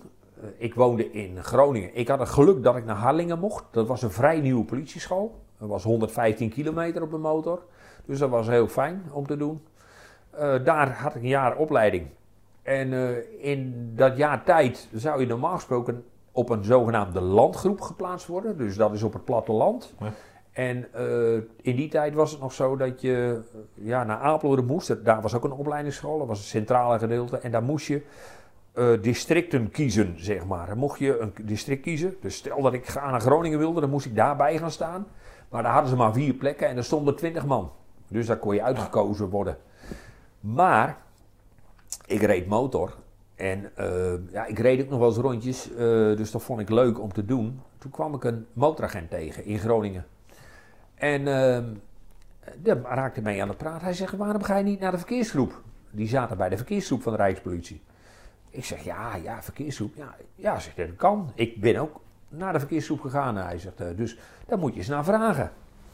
Ik vragen, moest je een verzoek indienen, werd afgewezen. Want nee, dat deden ze niet. Direct van de, van de school naar de, of van de academie naar de, naar de verkeersgroep. Een maand later kwam er een brief van de algemene inspecteur waarin stond dat personeelstekort bij de verkeersgroepen, er moesten mensen naar een verkeersgroep. Nou, wie hadden daar interesse in? Nou, ik had wel interesse. Nou, dan kreeg je een rijtest in Hallingen. Er kwam iemand van de verkeersschool uit Beeldhoven, die kwam daar met een, een eigenlijk snelle Ford. En dan moest je allerlei eh, dingen uithalen daar zo in zo'n Ford. En eh, laten zien Wat wat, is je kon. dingen uithalen? Slippen Ah, ja, zo, nee, nee, nee, niet slippen, maar eh, je moest inhalen, Ja, oké. een beetje snel inhalen, zeg maar. Dus iets sneller rijden dan normaal. Ja, snel keren. nou, dan zei hij van, oh, ga eens achter die auto aan. dus kijken of je die te pakken kon krijgen. krijgen. Nou, er zaten twee auto's tussen, moest je gaan inhalen. Dubbele bediening, dus hij kon altijd ingrijpen. Eh, dus ik kreeg een rijtest en eh, nou, daar, was ik voor geslaagd eigenlijk voor die rijtest. En eh, nou, toen kreeg ik het verzoek of ik wilde solliciteren op een verkeersgroep. Nou, Groningen had een plek vrij. Ik denk, ga naar Groningen. Dus gesolliciteerd op Groningen, aangenomen, prima. Maar daarna, ik, werd, ik zwaaide af zeg maar, of zwaaide af, ik kreeg mijn diploma in december in, moet even goed nadenken hoor, eh 78. En ehm, daarna moest je naar de verkeersschool nog 18 weken. En die zat in Beeldhoven. Nou, eh is prima. Dus, eh, maar ik moest me eerst melden bij de verkeersgroep in Groningen. Het was net in 79, die sneeuwachtige winter was dat. Ik eh, met de trein naar Groningen toe. Want eh, ja, ik reed motor, maar ik had geen auto. Dus eh, mijn broer die zou me brengen, maar we konden niet door de sneeuw. Dus met de trein. Kom ik daar bij de verkeersgroep. Ja, er is toch wel iets fout gegaan. Want ja, jij hoort hier eigenlijk niet. Je, ja, ja eh, wij hebben geen vacature. eh, dus eh, nou, eh, meld je eerst maar bij de verkeersschool in Beeldhoven. Nou, ik naar de verkeersschool in Beeldhoven. Daar moest ik toch zijn. Ehm, kom ik daar en eh, ja, ik, ik ben daar welkom natuurlijk. Dus 18 weken lang eh, daar die opleiding gevolgd. Maar na twee of drie weken hoorde ik al van ja, eh, Groningen, daar wordt het echt niet. Dus je kunt kiezen uit een aantal districten. Dat was Amsterdam, dat was Middelburg en dat was Maastricht. En er was ook plek in Apeldoorn. Ik denk, hé, hey, oom en tante van mij die wonen in Apeldoorn. Ga ik naar Apeldoorn, is er toch nog iets bekends, hè? Dus eh, dat gedaan en ik, ja, ik werd geplaatst in Apeldoorn. Dus na 18 weken, toen kwam ik bij de Rijkspolitie verkeersgroep. Hier zo in Apeldoorn. Maar Rijkspolitie is er ook de snelweg, toch? Toen de tijd? Dat was toen de tijd ook de snelweg. Dat is later KLPD geworden. Ja, En dat was toen de tijd de AVD, de Algemene Verkeersdienst. ja, en daar zaten motoren bij. Er zaten die Ja. beruchte, of beruchte, maar de beroemde eh Porsches zaten erbij, toch? Ja. En het, het- het- dat is dus anders dan die verkeersgroep. Die avond. Nee, wij kregen allemaal dezelfde opleiding. Alleen die jongens die daar naar de AVD gingen, Ja. die kregen nog een aparte Porsche-opleiding. Die kregen ze daar intern in Driebergen. Oh, oké. En wij waren opgeleid voor de surveillance auto. En ehm, als je dan een beetje ervaring had op een surveillance auto, kreeg je ook nog een speciale eh, motorsurveillance opleiding. Oh, oké. Ja. En wat voor types kwamen dan op die Porsche? Wat, wat was dat de, de, de, de, de, kroonprins of zo? Die- Nee, nee, nee, Oh, nee, nee Oh. daar kon je voor kiezen. Oh. Ja, ik, ik moet eerlijk zeggen dat ik dat nooit zo leuk vond. Ehm, ja, je gaat je daarin verdiepen. Ja, die jongens die rijden alleen maar snelweg. En eh, wij reden. eh, wij hadden een heel groot gebied. Apeldoorn was onze standplaats. We hadden de hele polder, Flevoland. eh, Noord, eh, Noordoostpolder net niet, maar de Flevoland wel. De Veluwe, de Achterhoek, tot aan Aalten aan toe. Tot aan Eibergen. Dus we hadden een heel groot gebied. En heb, je dan, heb je dan je, je, je eigen planning of zo? Of wordt er gezegd Nee, van... ja, er, er is een verkeersgroep, die, dus die plant dat. De ene keer ga je naar de Achterhoek, de andere keer ga je en naar dan de Veluwe. rij je daar gewoon... Dan surveilleer je daar. Maar Ja, ja. we hadden ook wel gerichte surveillances. Dat betekent dat je bepaalde wegen... Daar eh, reed je tussen eh, s ochtends 7 en 9, omdat dat hele drukke wegen waren. Allemaal binnendoorwegen, hè? dus geen, geen autoweg, autosnelweg erbij. En dan reed je daar om eh, ongevallen te voorkomen, maar ook om excessen aan te pakken, zeg maar. Ja, ja, en door onze aanwezigheid... En Gewoon ook de- aanwezig zijn en laten Ja. zien dat je er en bent. manier van surveilleren, Ja. eh, dachten ze soms, we waren er soms maar met twee motoren, maar dachten ze dat er wel zes reden. Ja, ja, ja. ja, En ja. eh, we hadden vaak inhalende surveillance. En Ja. dat was een heel boeiend vak. En je was eigenlijk, eh, je, vaak was je met z'n tweeën, maar het kwam ook wel voor dat er iemand zei, ja, ik heb nog veel schriftelijk werk. Wil je alleen gaan? Ja, ga je alleen. Het was eigenlijk, eigenlijk eigen baas. Eigen baas, ja. En je moest eh, wat inleveren en eh, nou, dat was het. Ja. Ja. Hé, maar luister wat, wat vind je dan hetgeen wat je in Roosendaal gedaan hebt? Wat je, wat je aantrekkelijk werk vond, toch? Vind je dat terug in die, in die politie? Of, eh, Nou, er was. Ja, er kijk, verkeer was nogal specialistisch. En dat vond ik wel mooi, want ik had, een, wel, ik had geen technische opleiding, maar ik had wel vanuit de garage had ik wel die Ah. techniek. ah ja. Had ik bijgeschaafd in die 18 weken, krijg je ook veel. Maar het was nog niet het summum, zeg maar. Zo'n landgroep was nog niet echt wat voor mij, eh, toen niet. Eh, want dat was, ja, dat boerenpolitie, er was een beetje rondrijden, surveilleren. Niks te nadelen, maar ik kon hier veel meer mijn ei kwijt, had ik het gevoel. Maar ik kwam al snel eh, vacature voor de ME. Dus toen dacht ik, ja, ik moet er ook iets bij doen, jongens. Eh, dus, ik, dus ik gaf mij op als ME, eh, als ME'er. Omdat ik bij het verkeer zat. Wat, wat, is- ja, tuurlijk, we zien het de hele dag helemaal op de, op de televisie natuurlijk, wat ME... Maar vertel jij eens eh, eh, vanuit met de politieachtergrond wat ME is? Eh, de mobiele eenheid wordt ingezet bij grootschalig optreden. Met name bij rellen. En ehm, de oorsprong ja, vindt zich eigenlijk terug in een ruilverkaveling nou, al, al in de jaren 60, zeg maar. En ehm, ja, toen bleek dat individuele politiemensen eigenlijk eh, ja, niet zoveel konden uitrichten. Toen dacht men, wij moeten meer in groepen gaan werken. Toen is de mobiele eenheid ontstaan. Dat betekent dat ze een aantal mensen bij elkaar roepen die eh, ja, toch een groepsdiscipline hebben. Dat je wat op linie kan werken enzovoort. En dat je vanuit die linie eh, wat kan bereiken. Dus wat mensen naar voren, naar achteren, wat, wat beweging erin kan krijgen in groepen. Ja, dat begon, was, begon eigenlijk met een, een, een- ja, een paar lazen aan en, en, en, en, een- en een schild en een kleine wapenstok. Lang, later kwam er een lange eh, wapenstok en een beter schild, kregen ze een helm.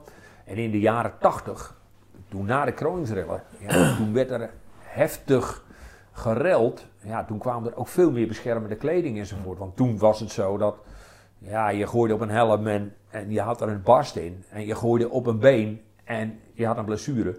Dus eh, toen kwamen er van die ehm ijshockey-uitrustingen kwamen er. En dat zie je nog wel eens op die oude beelden. Ja. En eh, ja, de discipline van eh, met een bus, maar met een heel peloton. En een peloton bestond uit bijna 50 mensen. Die kwam er langzamerhand in. En dat betekent ook dat, dat je wat georganiseerder kan optreden. In samenwerking met paarden, Maar met wie, honden. wie, wie, hoe gaat dat dan, eh, organisatorisch gezien? Zijn dat mensen die dan... er zijn natuurlijk eh, aangekondigde demonstraties die worden ingeschat van dat zou eens uit de hand kunnen lopen. Dus we gaan jullie daar alvast in op de reservebank zetten. Maar zijn er dan ook dingen die uit de hand lopen? Worden mensen opgepiept dan? Ja, of hoe, ge- ja, hoe ging ja. dat dan? Nou ja, in die tijd, eh, eh, je had het over piepen. Ja. Toen kreeg je later, eerst had je telefoon. Zat je gewoon naast, je had was vrij, maar nou, dan zat je naast de telefoon. Ja, je moest altijd oproepbaar zijn. Maar je had je plunjebaal. En bij ons was de ME vrijwillig, bij de oh, oké. Dat betekent dat dat, een, dat was een baantje erbij. Dus je Ah, zat bij een oké. verkeersgroep, je zat op een landgroep, maar je hoorde ook bij een ME-peloton. Ja, ja. Dan werd je gebeld over je had dienst. En dan ging over de mobielefoon, dan kwam daar een oproep Ja. eh, dat je moest melden. Ja. En dan ging je melden. Ja. En eh, op dat moment, Ja. Nee, praat maar door. ja, op, op dat moment eh, verzamel je bij het is de beste bureau. En dan eh, ging je met sneltreinvaart ging je, eh, naar de brandhaard, zeg maar. En die brandhaard die, eh, was in de jaren 80 was dat heel vaak Amsterdam. Oké.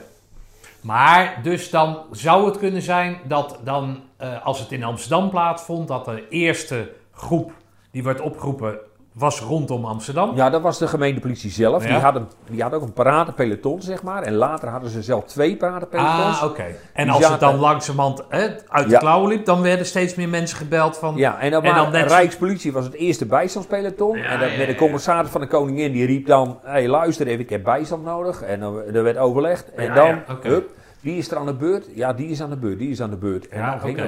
Dus dat betekende als jij paraat was, je was op een verjaardag, dan moest je en bij de telefoon zitten en je kon geen drankje nemen. Nee, nou ja, daar had ik niet zoveel moeite mee. Nee, oké, Dus- maar... dus- zo, was het, zo zat het wel in elkaar. Ja, oké. Ja, dat, dat waren heftige jaren, de jaren 80, Ja. zeg maar. Ja, er waren die kakersrellen Ja, en... en, en, eh, nou, en- Dodewaard, eh ja. kernenergiedemonstraties.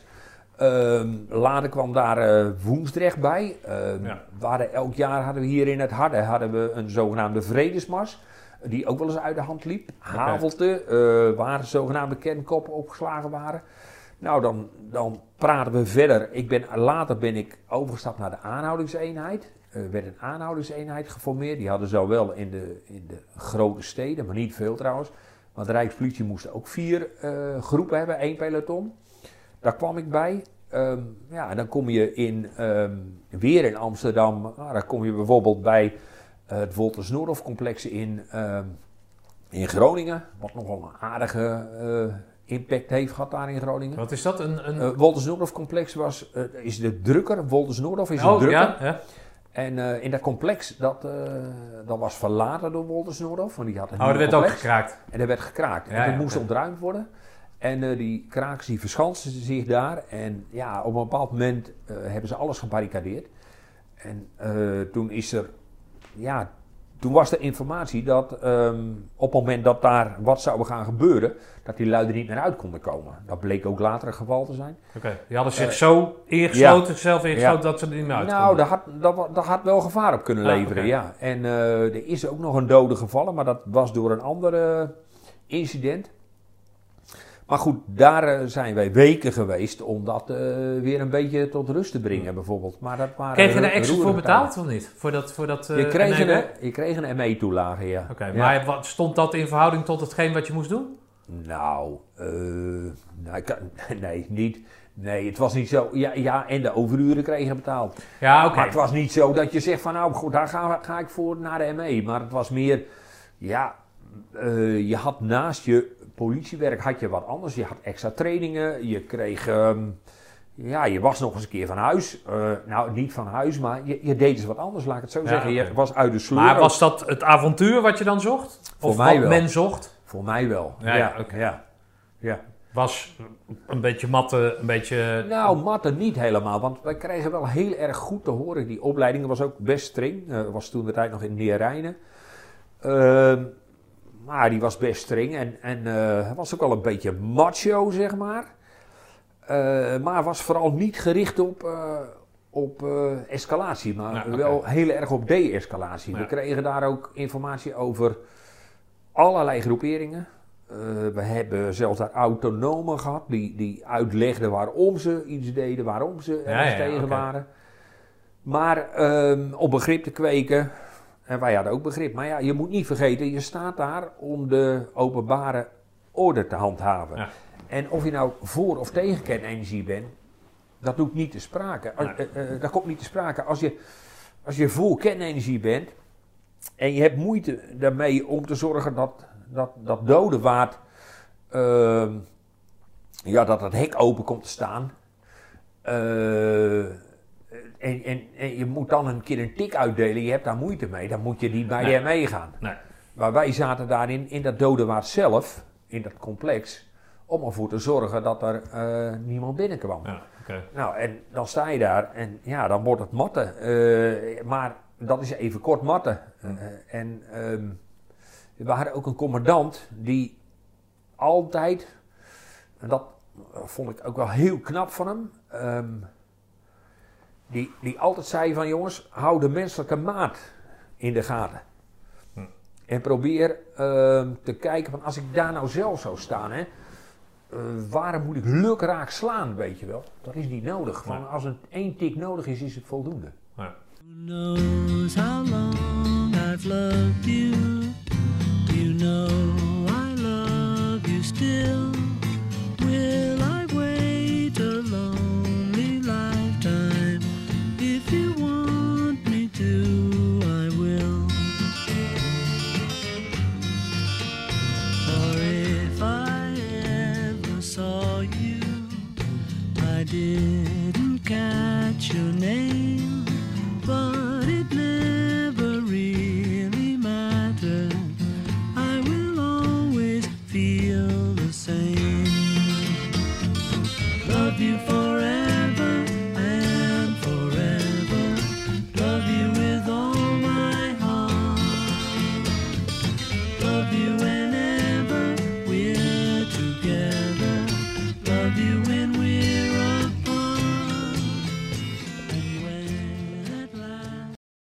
Oké Jaap, even een telefoontje opgeladen, een sigaretje gedaan, kopje koffie.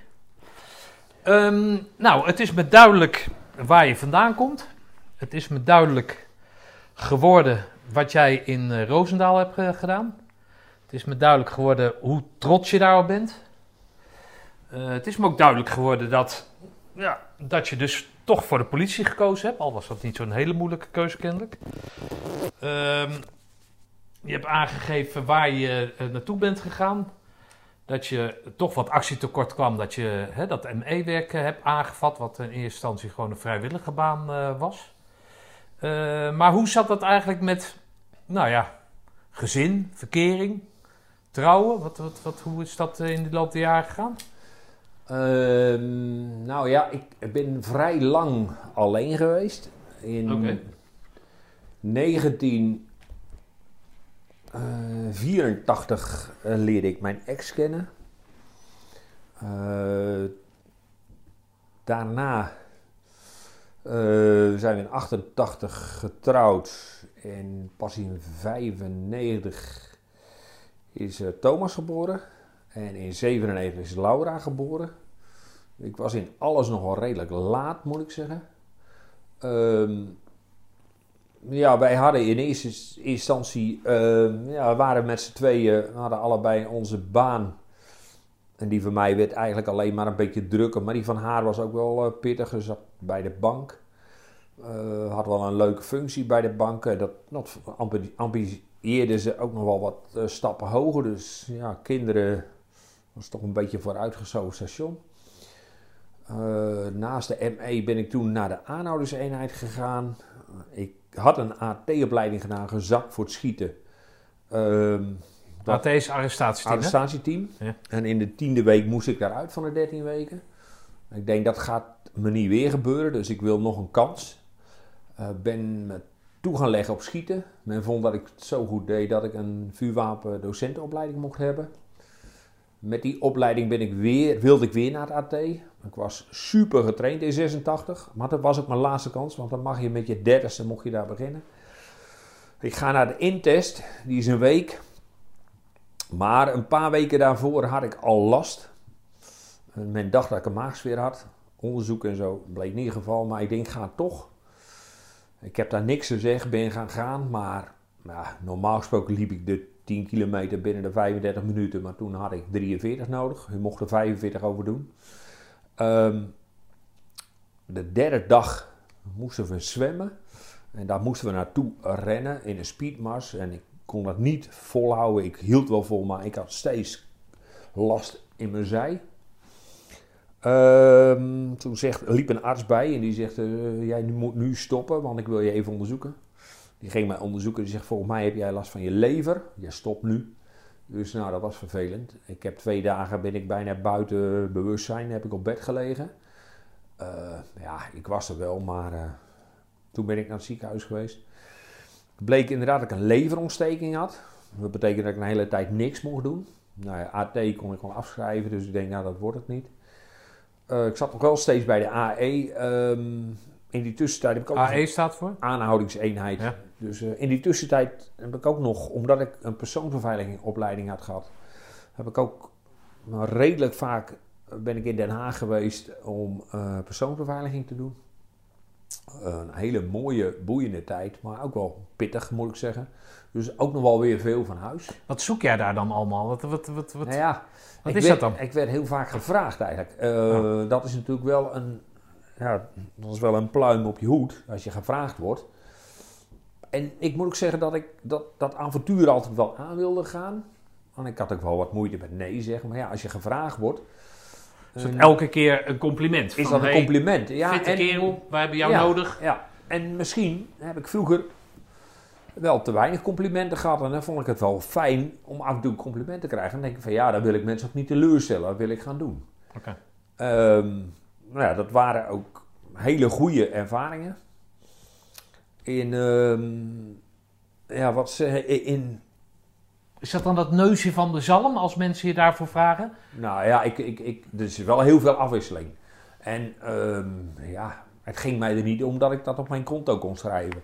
Maar ik, ik vind het wel fijn als mensen vertrouwen in je hebben en zeggen van joh, kom, kom maar, wij hebben je nodig. het is wel een Ja. eenheid die er toch bijgeroepen wordt als waar de Ja. anderen stoppen, Ja, daar nou beginnen jullie dan, zeg maar. Vanuit de, AT werd toen de tijd nog de persoonsbeveiliging georganiseerd. En eh, dus, eh, ja, ik, ik liep eigenlijk gewoon met een AT mee, met, met uitzonderingen van de klussen. Maar deed, oké. ik, deed ik alles. Ik, in, in Den Haag Maar goed, als jij een eh 10 kilometer in een half uur doet, 35 minuten, dan, dan ben je fit. Ah, ik was topfit. Ja. Als je die foto's ziet van mij in die tijd, dan, eh, ja, dan zeg je van nou, is niet afgetraind. Dat is, eh, ja, misschien een hongerlijdend figuur of zo. Maar eh, zo erg. Eh, dat, dat is natuurlijk niet goed. Eh, maar goed, Maar hoe kom je aan zo'n leverontsteking dan? Wat, wat is die? Je ja, ik niet? heb, een, ik heb eh naar alle waarschijnlijkheid een virus opgelopen. Oh. Omdat ik dusdanig getraind was, eh, had ik weinig weerstand. Dus eh, net, ja, op een of andere manier loop je dat op. En eh, ja, dat pakt die lever op volgens eh, het ziekenhuis tenminste. Ja. Dus dan lig je daar voor Pampus twee dagen. Dan is dat AT, dat schrijf je eh, op ja, je buik. vanaf dat hè, moment dat- heb ik gezegd, nou oké, afgelopen. Oké. Dan, eh, ja, dus, dan blink je uit in schieten. Je wordt schietsinstructeur. Ja, dus dan ga je daarmee verder. Ja, en ik zat nog steeds bij het verkeer. Want dat was ook een part-time klus, was dat. Want Ja. één, één dag in de week stond je op de schietbaan voor jouw team, maar ook voor wat andere teams. Toen kwam de omscholing van de karabijn naar de Heckler en Koch MP5. Dat is het wapen wat de... Dat wat nu de ME ook gebruikt, maar dat Ja. werd ook op Schiphol gebruikt. Ah, oké. Oh, dat Eh, zijn die, eh, die machine dingen. Ja, die machinepistolen, ja. En eh, dus die omscholing moesten alle ME'ers hebben, maar ook andere mensen die naar Schiphol gingen. En er werd gevraagd of ik dat wilde doen. Tegelijkertijd was er voor de BOA's een omscholing naar de Walter, handboeien, wapenstok. Ehm, ja, ik paste in dat team. Ik werd daar ook weer voor gevraagd. Ehm, in dat team waren we heel ver met beroepsvaardigheidstraining. We vroeger was het gewoon handboeien, wapenstok, schieten en wat aanhoudingstechniekjes. En wij hadden daar al dagen van gemaakt. IBT-dagen. Dus wij pro- proberen een aantal zaken te integreren. Je begint eigenlijk bij de basis. En de basis is het gesprek. De volgende stap is misschien wel je wapenstok. De volgende stap is misschien een aanhouding. Eh, En de volgende stap is je vuurwapen. Later is er nog wat tussen gekomen. Hè? Want dan kreeg je je, pepperspray en zo ertussen. Maar in het begin- IBT staat voor? integrale beroepsvaardigheidstraining. Ah. Dus integraal wil zeggen eigenlijk dat we alle zaken integreren. Dus, dus eh, het benaderingstechniek combineren we met schieten. Eh handboeien wapenstok combineren we met schieten. Een aanhoudingstechniek combineren we met eh, een autoprocedure. Dus dat, dat alles een beetje zo loopt van je bent op straat bezig. Je hebt een gesprek, loopt uit de hand en je moet opschalen. Ah, ja. En hoe doe je dat dan? En hoe breng je dan iemand naar het bureau? En hoe zet je dan iemand in de cel? Hoe geef je iemand over? Ja. Met fouilleren, et cetera. Theorie erbij en noem maar op. Dat deden we allemaal geïntegreerd. En daar waren wij in Apeldoorn best heel, heel vlot mee. En ook wel voortvarend, want later hebben, eh, hebben ze landelijk dat overgenomen. Dus dat was op zich wel mooi. Dus ik heb ook een beetje aan de wieg gestaan van... Ik moet mijn collega's de meeste credits geven, want ik kwam er later bij. Maar we hebben dat heel erg ontwikkeld. Ook op de schietbaan. Niet simpel roosjes melken, maar gewoon veel meer ervan maken dan dat het eigenlijk in het verleden was. Maar altijd met het bewustzijn van jongens, kun je ook nog een stap terug maken. Of wacht even, eh, leg een drempel op voordat ik naar de volgende stap ga in geweld. Hm. Dus die spiraal eh, proberen zo laag mogelijk te houden. Maar dat vergt best wel veel van mensen. En daar proberen we wat mee te doen. Hm. Eh, nou, ik rolde daarin. Maar was jij gefrustreerd dat je dat AT... Nee, totaal niet. Ik ben niet gefrustreerd geweest. Ik had heel graag die blauwe beret ook nog gehaald. Ik, maar ik ben nooit gefrustreerd geweest. Ik, ik, ik heb vanaf het eerste moment... Ik heb, ben bij de beretuitreiking geweest. Ehm, met die jongens later had ik ook nog wel een goede band. Ja, je hoort er niet echt bij eh, natuurlijk, want je bent geen AT'er. Maar eh, met die eh, collega's, ook die, die docenten, instructeurs, had ik later ook nog een band met, met persoonsbeveiliging. Ze hadden elk jaar hadden ze ergens in Europa, nou, hadden ze een wedstrijd. Nou, ik ben een paar keer gevraagd om jurylid te zijn, omdat ik ja, en IBT-docent was, maar ook omdat ik die, die club kende. Dus ik, ja, ik, ze hadden ook nooit zoiets van, nou, daar heb je hem weer, weet je wel, die... eh, Nee, dat niet. Ik, en ik heb ook nooit die frustratie gehad. Het enige vervelende was, op vrijdags kreeg ik te horen, ja, dat was ook nog bijzonder. Want ik had het idee dat ik geweldig geschoten had. Je moest 175 van de 250 punten halen. Maar ik haalde dat in de opleiding ook moeilijk. We schakelden over van de FN naar de Walter. En dat kostte mij moeite. Want we hadden, ik had nog geen Walter gehad. En dat kostte mij moeite. En ze deden er alles aan. Want ik was verder waarschijnlijk een best een goede kerel. Dus ik had ochtends het idee, ik was ook euforisch. Ik denk, ik heb het gehaald, weet je wel. Maar dat bleek niet het geval, want smiddags was op de huiskamp, moesten we nog een keer. Nou, toen was ik, had ik zoveel spanning, dat dan lukte het, het was nog erger dan, dan s ochtends. Dus ik had beide keren niet gehaald. Dus ze zei tegen mij, Jaap, kom eens even. Ja, toen wist ik het al wel. Ik heb met opgeheven hoofd afscheid genomen. Maar bij ons in het dorp was Luna Park. Dus op zaterdagavond, ik naar eh Luna Park. Hè, eh, de Park is kermis, hè, zoals eh, jullie het noemen. ja. Ja, zullen we foto's schieten? Nou, ik dacht, ja, ik ga foto's schieten. Nou, ik schoot de ene foto naar de andere. Dus dat, dat vond ik, dat, dat, dat was geweldig. Ja, ja. Toen zei die man op een bepaald moment, nou, eh, meneer... U bent er ja, klaar zo, want Ja, hebben we geen foto ja, meer ja. over Ja, inderdaad. meneer. Ja. Dus dat, dat was wel, ja, dat was een beetje frustrerend eigenlijk, ja. Ja. Hé, maar luister eens, dus je, je, je hebt verkering en dan? Nee, die, toen had ik nog geen verkering. Oh, toen Dus had je nog geen nee, toen, nog- toen nog niet. Dus in, in 84 kreeg ik verkering. Die woonde in Limburg. Ehm, ja, ze kwam oorspronkelijk uit Apeldoorn, maar ze woonde in Limburg. Nou ja, die werkte daar in Heerlen. Dus we hadden zo zo'n heen en weer reizen contact. 87 zijn we gaan samenwonen. 88 gaan trouwen. Nou, dat liep allemaal wel een beetje zo. Ehm, ik heb mijn ding gedaan. Ik zat bij, bij het IBT. Tot aan de reorganisatie. Dat kwam in 93. Ja, toen werd met terugwerkende kracht werd ik vast aangesteld. En ik was wachtmeester eerste klas nog bij de Rijkspolitie. Werd ik in één keer inspecteur met terugwerkende kracht. Nou, ik was een van de jongste inspecteurs in Nederland, denk ik, of zo toen. Maar dat was op zich, eh, maakte niet zoveel uit, want dat interesseerde mij niet. Maar ja, het was toch ook weer de waardering van. Ja. Ehm, op dat moment eh, werd mijn eh, ex-schoonvader ziek. Die, ja, die kreeg een lang ziekteproces, kanker. Bijgestaan. Ik kreeg daar de ruimte voor. Dat was ook weer een waardering, zeg maar. Toen zijn we gaan verhuizen in 93 naar een ander huis. Kinderen gekregen. Ik ben mijn ding blijven doen bij de IBT. En daar heb ik 15 jaar gezeten bij de IBT. En ik heb allerlei collega's opgeleid. Ik heb aanhouderseenheden opgeleid. ME'ers opgeleid. Ik heb oefenweken eh, gedaan. Ik bleef zelf nog actief bij de AE. eh, bij de VAG. Vaardigheden aanhouden groepsverband. Dat is net een stapje onder het AT. Ja, en je wil niet weten wat ik eh, niet gedaan heb. Op een bepaald moment was ik zelfs nog plaatsvervangend teamchef. Ja, niet met die naam, maar er was geen teamchef. Ehm, ja, ik zat vergaderingen bij. En toen kwam er een vacature. Deed ik daaraan mee. En eh, ja, toen werd het iemand van buitenaf. Want ze wilden niet iemand vanuit de organisatie.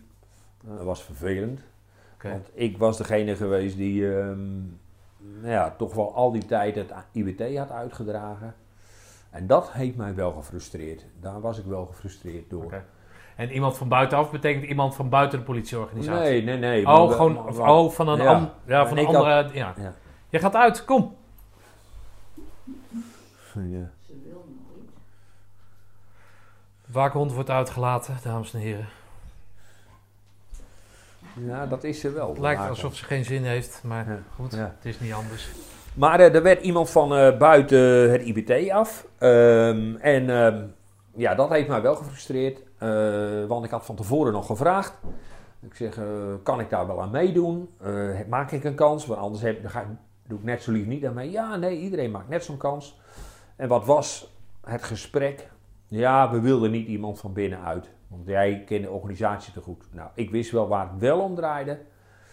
Ik had in het verleden, en dat kon ik natuurlijk ook van mijn docentschap uit, kon ik wel aangeven wat ik heel graag zou willen naar collega's toe in het, in het district, in de regio. Maar ik had natuurlijk, ik was een beetje te voortvarend voor een aantal mensen. En ehm, ja, ze vonden mij daarin te lastig. Dus op het moment dat ik daar chef was geworden, was ik een hele lastig geweest. Niet voor de collega's die, die, waar Maar ik chef van moest zijn, Ja, maar wel voor de organisatie. Ja. En dat is mij later pas duidelijk geworden. Ik, en ik kon ook niet zo goed met hoofd P&O. eh, en ehm, ja, ik, ik viel dan toch onder hoofd, P, onder hoofd P&O. Dus ja, dat was eh 1 en 1 is 2 dan. dan. En maar in welke mate manifesteert die, die, die frustratie zich dan? Nou, die heeft zich niet zo gefrustreerd in het IBT zijn. Want daar heb Ja. ik, ik, ik ben wel iemand die altijd 100% geeft. Dat is ook wel mijn makke, zeg maar. Want dat betekent dat het veel energie kost. Dat als ik ergens voor ga, dan ga ik er ook voor. Dus ik laat zoiets niet in de steek. Ik ga niet denken van nou, eh, laat maar zitten of zo. Maar dat maakte wel dat ik dacht van, goh, is er nog iets anders? Hm. Toen werd ik gevraagd als groepschef op een team. Dat heeft mijn hoofd P&O toen ook nog tegengehouden. Die vond mij daar eh, niet geschikt voor. Nou, daar heb ik een hele eh, ja, een aardige briefwisseling over, eh, aan overgehouden. En eh, ik denk, als ik gevraagd word, dan ben ik daar geschikt voor. Dus daar ga jij niet over. Ja, maar hij wilde mij niet kwijt. Dan dacht ik, nou, dan is die waardering... had je ook wel kunnen geven door te zeggen, ik word chef, we- weet je wel. Hm. Nou ja, dat was geen leuke 1-2 natuurlijk. Ook, ik heb een gesprek aangevraagd. Dat gesprek was helder. Maar toen heb ik ook gezegd, nou is prima jongens, ik ga voor wat anders. Dus ik wil zoek, zoeken binnen het korps en dan wil ik groepschef worden. Eh, ik had mijn rang mee. Maar ja, goed, dan kom je van IBT uit en dan zitten ze te kijken van ja, ja dan komt iemand van IBT. Maar goed, Jaap kenden ze overal in de, in de regio. Dus eh, nou, Zutphen. Teamchef ging weg. Was één groepschef te weinig. Kom maar bij ons, dan kun je het hier leren. Prima. Nou, wat gebeurt er? Eigenlijk draai ik als volwaardig groepschef mee. Nou, hartstikke mooi. Komt er vacature? Ik wil meedoen. Do- Mag ook meedoen. Ja, doet er ook een vrouw mee. We kiezen toch voor een vrouw. Die vrouw, met alle respect, eh, had binnen de politie nog niet veel betekend. Ja, bla bla bla. Collega's die vonden het waardeloos. Maar ik mocht daar niet komen. Dus, nou jammer. Dus eh, toen werd ik gevraagd om ergens anders in Bronkhorst.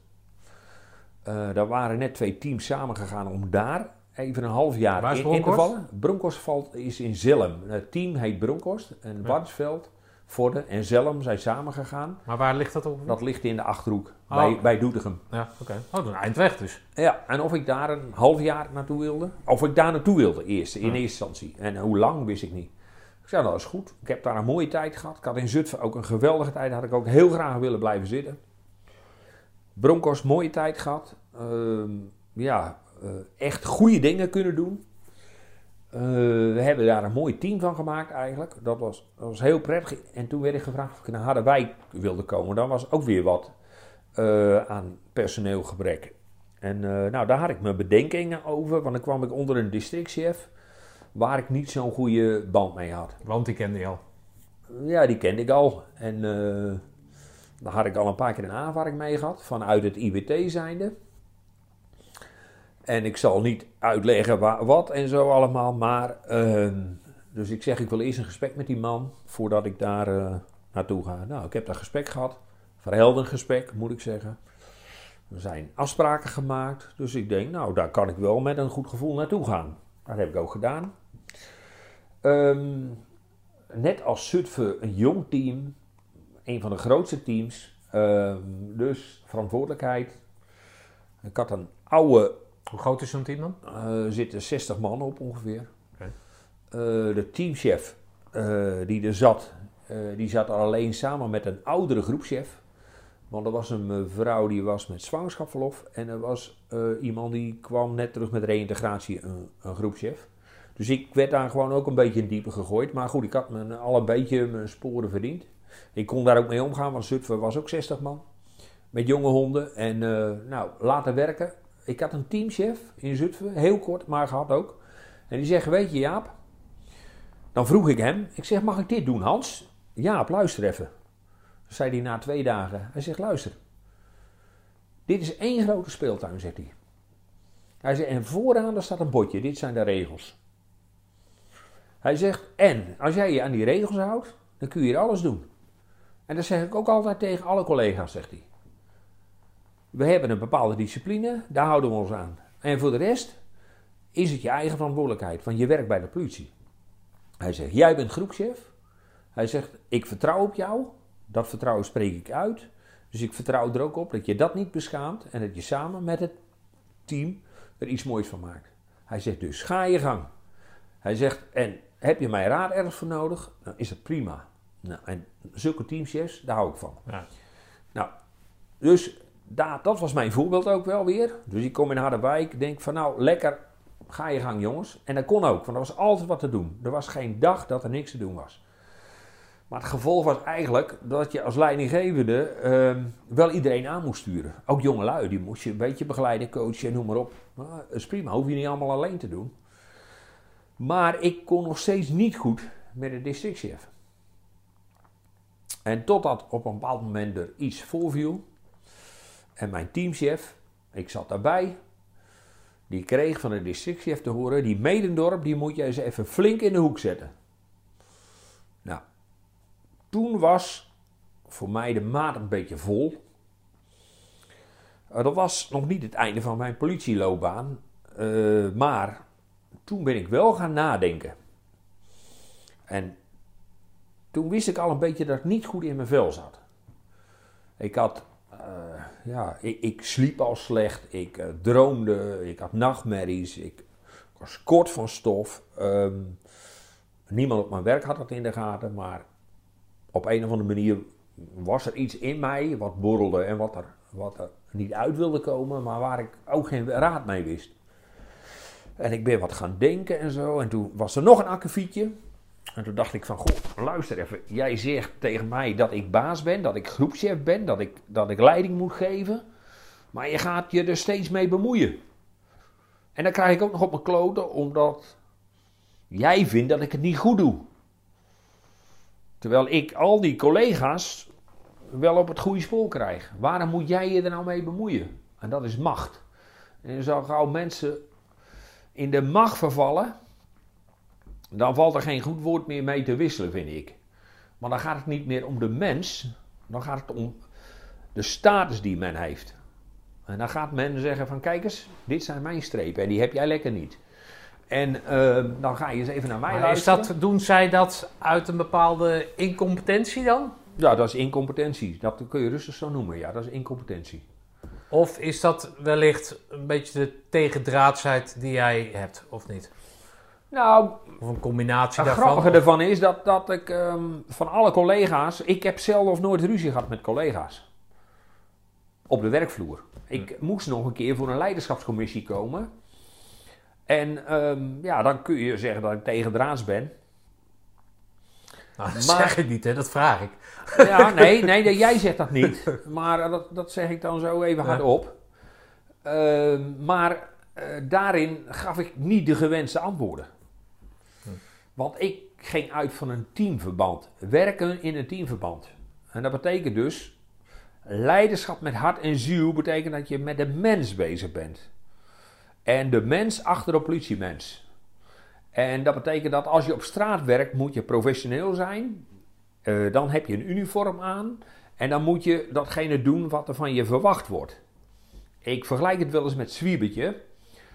Eh, en dat is heel vervelend. Ehm zwiebertje, eh, je hebt het zwiebertje effect. Zwiebertje, die Joop Doderen speelde zwiebertje. En die werden altijd maar voor zwiebertje aangekeken. Als je bij de politie werkt, dan word je op een bepaald moment ben je politie en dan word je altijd voor politie aangekeken. Dus eh, je kunt niet meer terug in je, in, in je eigen doen en laten. Je gaat een, een houding aannemen. En ik, ik vind dat heel vervelend. Maar je moet ook jezelf kunnen blijven. Je moet ook iets Binnen de organisatie of, Binnen- of naar buiten toe? Nee, naar buiten toe moet je de politie zijn, maar Ja. je mag wel, eh, je moet één mening verkondigen, maar je mag wel eh, kritisch zijn op Ja. elkaar. Ja. En zo gauw dat niet meer kan, dan eh, is de discussie eindig, dan, dan houdt het op, dan, dan, dan is het ook niet meer leuk werken.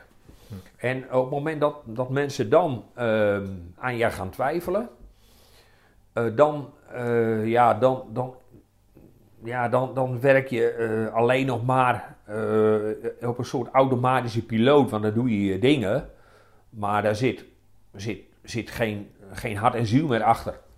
En als je, als je dan vanuit de macht geregeerd wordt eh, en vanuit het beleid geregeerd wordt, eh, dan, dan kan dat niet. Kijk, ik snap heel goed dat ze bij de politie ook op effectiviteit, op efficiëntie werken. Maar je kunt niet de politie managen als een bedrijf. Er kan geen winst gemaakt worden. Want op het moment dat er nu een treinontsporing is, en we staan hier toevallig een verkeerscontrole te houden, dan moeten we daar met z'n allen naartoe. En als je voorschrijft dat je 3000 bonnen per jaar moet maken voor een team, is best te halen trouwens hoor. Maar dan moet je niet zeggen, we moeten zoveel van een helm en zoveel daarvan en zoveel daarvan. Dat is flauwekul, dat is beleid van niks. Dat is, ook nergens op gestaafd.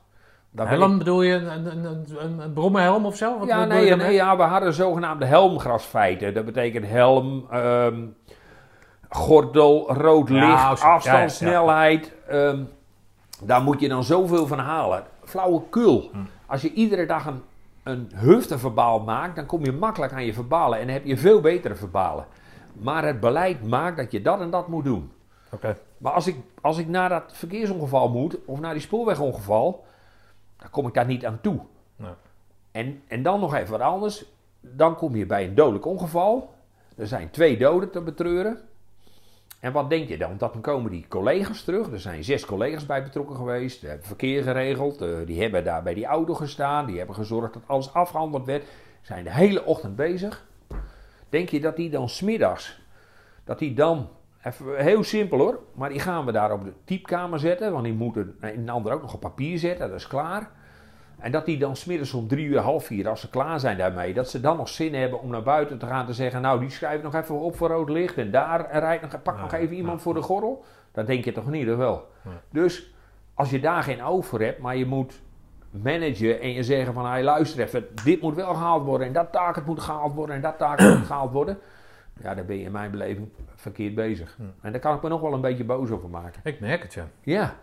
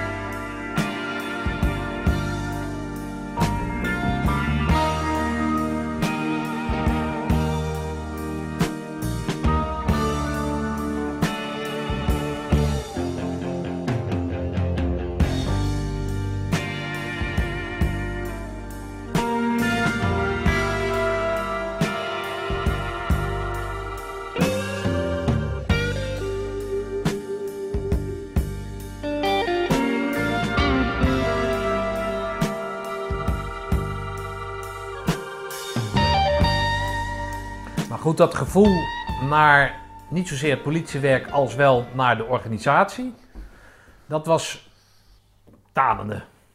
Ja, dat, nou, niet naar het politiewerk, maar wel naar de organisatie. Ja, dat dat was tanende. Klopt, ja. En, en dat, dat, nou, dat vind ik heel spijtig. Nou, ik, doordat ik eigenlijk ja, klachten kreeg, lichamelijke klachten, eh, slecht sliep. ehm, ja, echt soms, ik sliep soms maar twee uur. Eh, ben ik naar de dokter geweest. De dokter zegt, ga jij eens naar de psycholoog. Eh, ik heb wel een goede voor je. En slaap je niet goed, krijg je een pilletje van mij. Nou, pilletje gekregen. Naar de psycholoog. Nou, dat hielp wel een beetje. En dat praten, moest praten, praten, praten, praten, praten. Ja, hij zegt, ik kom er wel een beetje achter waar het zit. Eh, hij zegt, ja, je bent zo betrokken bij een heleboel dingen. Hij zegt, eh, ja, je kan geen afstand nemen. Hij zegt, en daarnaast heb je veel te veel meegemaakt. Hij zegt, eh, dat, ja, dat is heel vervelend. Maar dat pilletje had ik nog steeds niet genomen.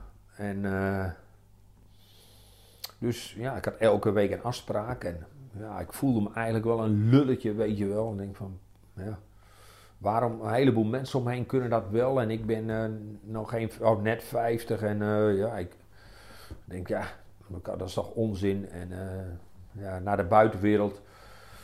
Ja, ik, ik, ik, ze vonden mij altijd wel een mens. Dat heb ik ook gehoord. Dat heb ik in mijn afscheid gehoord. En weet ik veel wat. Maar ehm, ik was niet zo macho. en eh, bij het IBT ben je al gauw macho. En dan loop je in zo'n ME-pak met een wapen en een pepperspray en, en, en een wapenstok. En ja, dat lijkt er allemaal zo stoer, weet je wel. En dan geef je bevelen, want dit moet zus en dit moet zo. Sta je op de judo-mat en dan moet dit en dat. En dan denken ze allemaal van, ja, die kan het en die is goed en weet ik veel wat. Ja, is misschien ook wel zo. Maar daar zit ook een mens achter. Ehm, nou, ik, ik eh, neem op een moment na vier, vijf keer psycholoog eh, gehad hebben en nog steeds slecht slapende, want ik kreeg niet, werd niet kwijt. Ik neem toch eens een keer een pilletje. Ik had geluk dat Thomas bij me was. Eh, die sliep bij mij van vrijdag op zaterdag. Thomas is je zoon, hè? Ja, en dat was, was nog jong, hè, want dat is nu eh, ongeveer. eh, nou, eh, wat- 26? ja, is nu 26, dus dat is eh 16 jaar geleden of zo ongeveer. Nou ja, zo, zo 16 jaar geleden. Maar toen was je al 15 jaar. gescheiden. Toen was ik al gescheiden, ja. Ik ben in ehm, 2002 gescheiden. dat Ehm, had er ook mee te maken? Had alles... Nee, ik denk... ja, kijk, eh, je ja. Ik had het gevoel, eh, persoonlijk, eh, ik...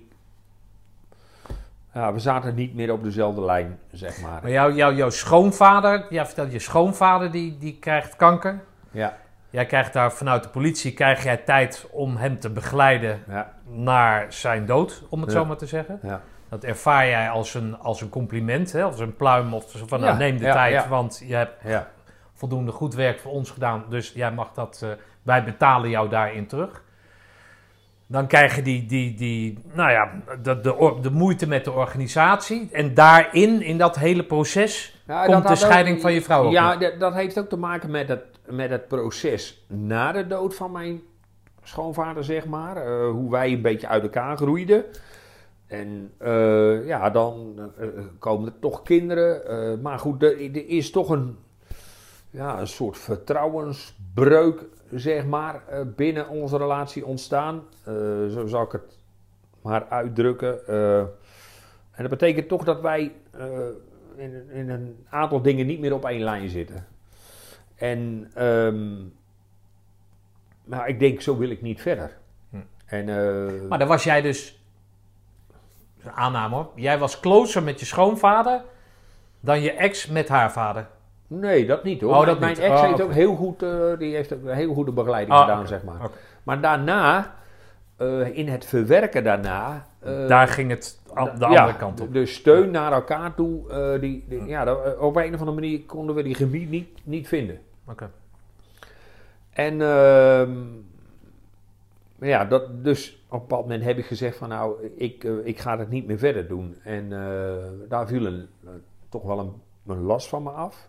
Maar ik was ook heel erg op zoek naar mezelf, om het zo maar te zeggen. En dat had ik niet in de gaten. Maar dat was ik wel. En ehm, ja, dat, dan kan er iemand zijn die je pad wijst. En er kan ook iemand zijn die, die je net de verkeerde kant op wijst. En dat ga ik niet mijn ex voor de voeten werpen. Absoluut niet. Maar, maar het liep Maar gewoon niet. Het liep dan gewoon niet. Ja. Ehm, Plus dat jij met jezelf, zeg, geef je aan, ja, hè, in ieder geval toegaf aan, aan Ja. nou ja, laat ik eens naar de dokter gaan. ja. Nou, toen eh, heb ik dat pilletje genomen en eh, na een uur werd ik wakker. En ik was helemaal de weg kwijt. En ik, ik, ja, ik wist niet meer wat ik moest. Ik was radeloos. Hm.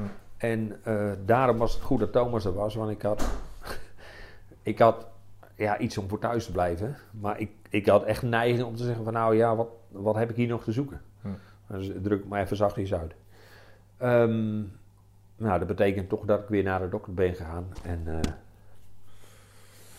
ja, die zegt eh, niet meer een pilletje, maar eh, dus wat frequenter naar die psycholoog. Eh, vervolgens eh, heb ik de keuze gemaakt om een weekend naar Schiermonnikoog te gaan. Ik ben op Schiermonnikoog geweest. Ehm, daar ben ik mezelf tegengekomen. Ik heb Maar, daar... waar, mag ik even onderbreken? Waarom Schiermonnikoog? nou, ik Waarom niet eh te Schelling? nou, ik ken de Schiermonnikoog van heel vroeger. Oh. Eh, daar kwam ik al met mijn neefjes. Eh, die, die voerden op de boot naar Schiermonnikoog. En Ah, daar mochten wij af en toe mee. Omdat ik logeerde in Zoutkamp. Toen ging de boot nog van Zoutkamp naar Lauwersoog. Of naar uh, Schiermonnikoog. En ehm, ik denk, daar ga ik naartoe. En ik ben daar naartoe gegaan. En daar heb ik mezelf eh, ontmoet. Om het zo maar te zeggen. Ik heb in de spiegel gekeken. En toen dacht ik, zo moet ik niet verder. Hm. En Ik had al een paar keer een aanbieding gekregen van die school. Waar ik vanaf 93 door de politie neer was gezet om, eh, om eh, een vooropleiding politie te doen, zeg maar. En of ik daar wilde komen werken. Toen dacht ik, ja, wil ik uit al die sores, wil ik een heleboel sores ook achter me laten, dan moet ik dat misschien wel doen. Dan kom ik in een Dus rustige de politie, vaarwater. de organisatie, gaf jou een nieuw perspectief. En dat Ja. nieuwe perspectief was een... Nee, nee, nee. Dat, in 93 Ja. was ik daar al neergezet. Oh, je was daar. Oh, was ik al neergezet. Dus ik deed dat erbij. Vanuit de politie. Ah, oké. En later heb ik, toen ik gescheiden was, had ik Ja. wat meer geld nodig. Want ik moest ook alimentatie betalen. Ja.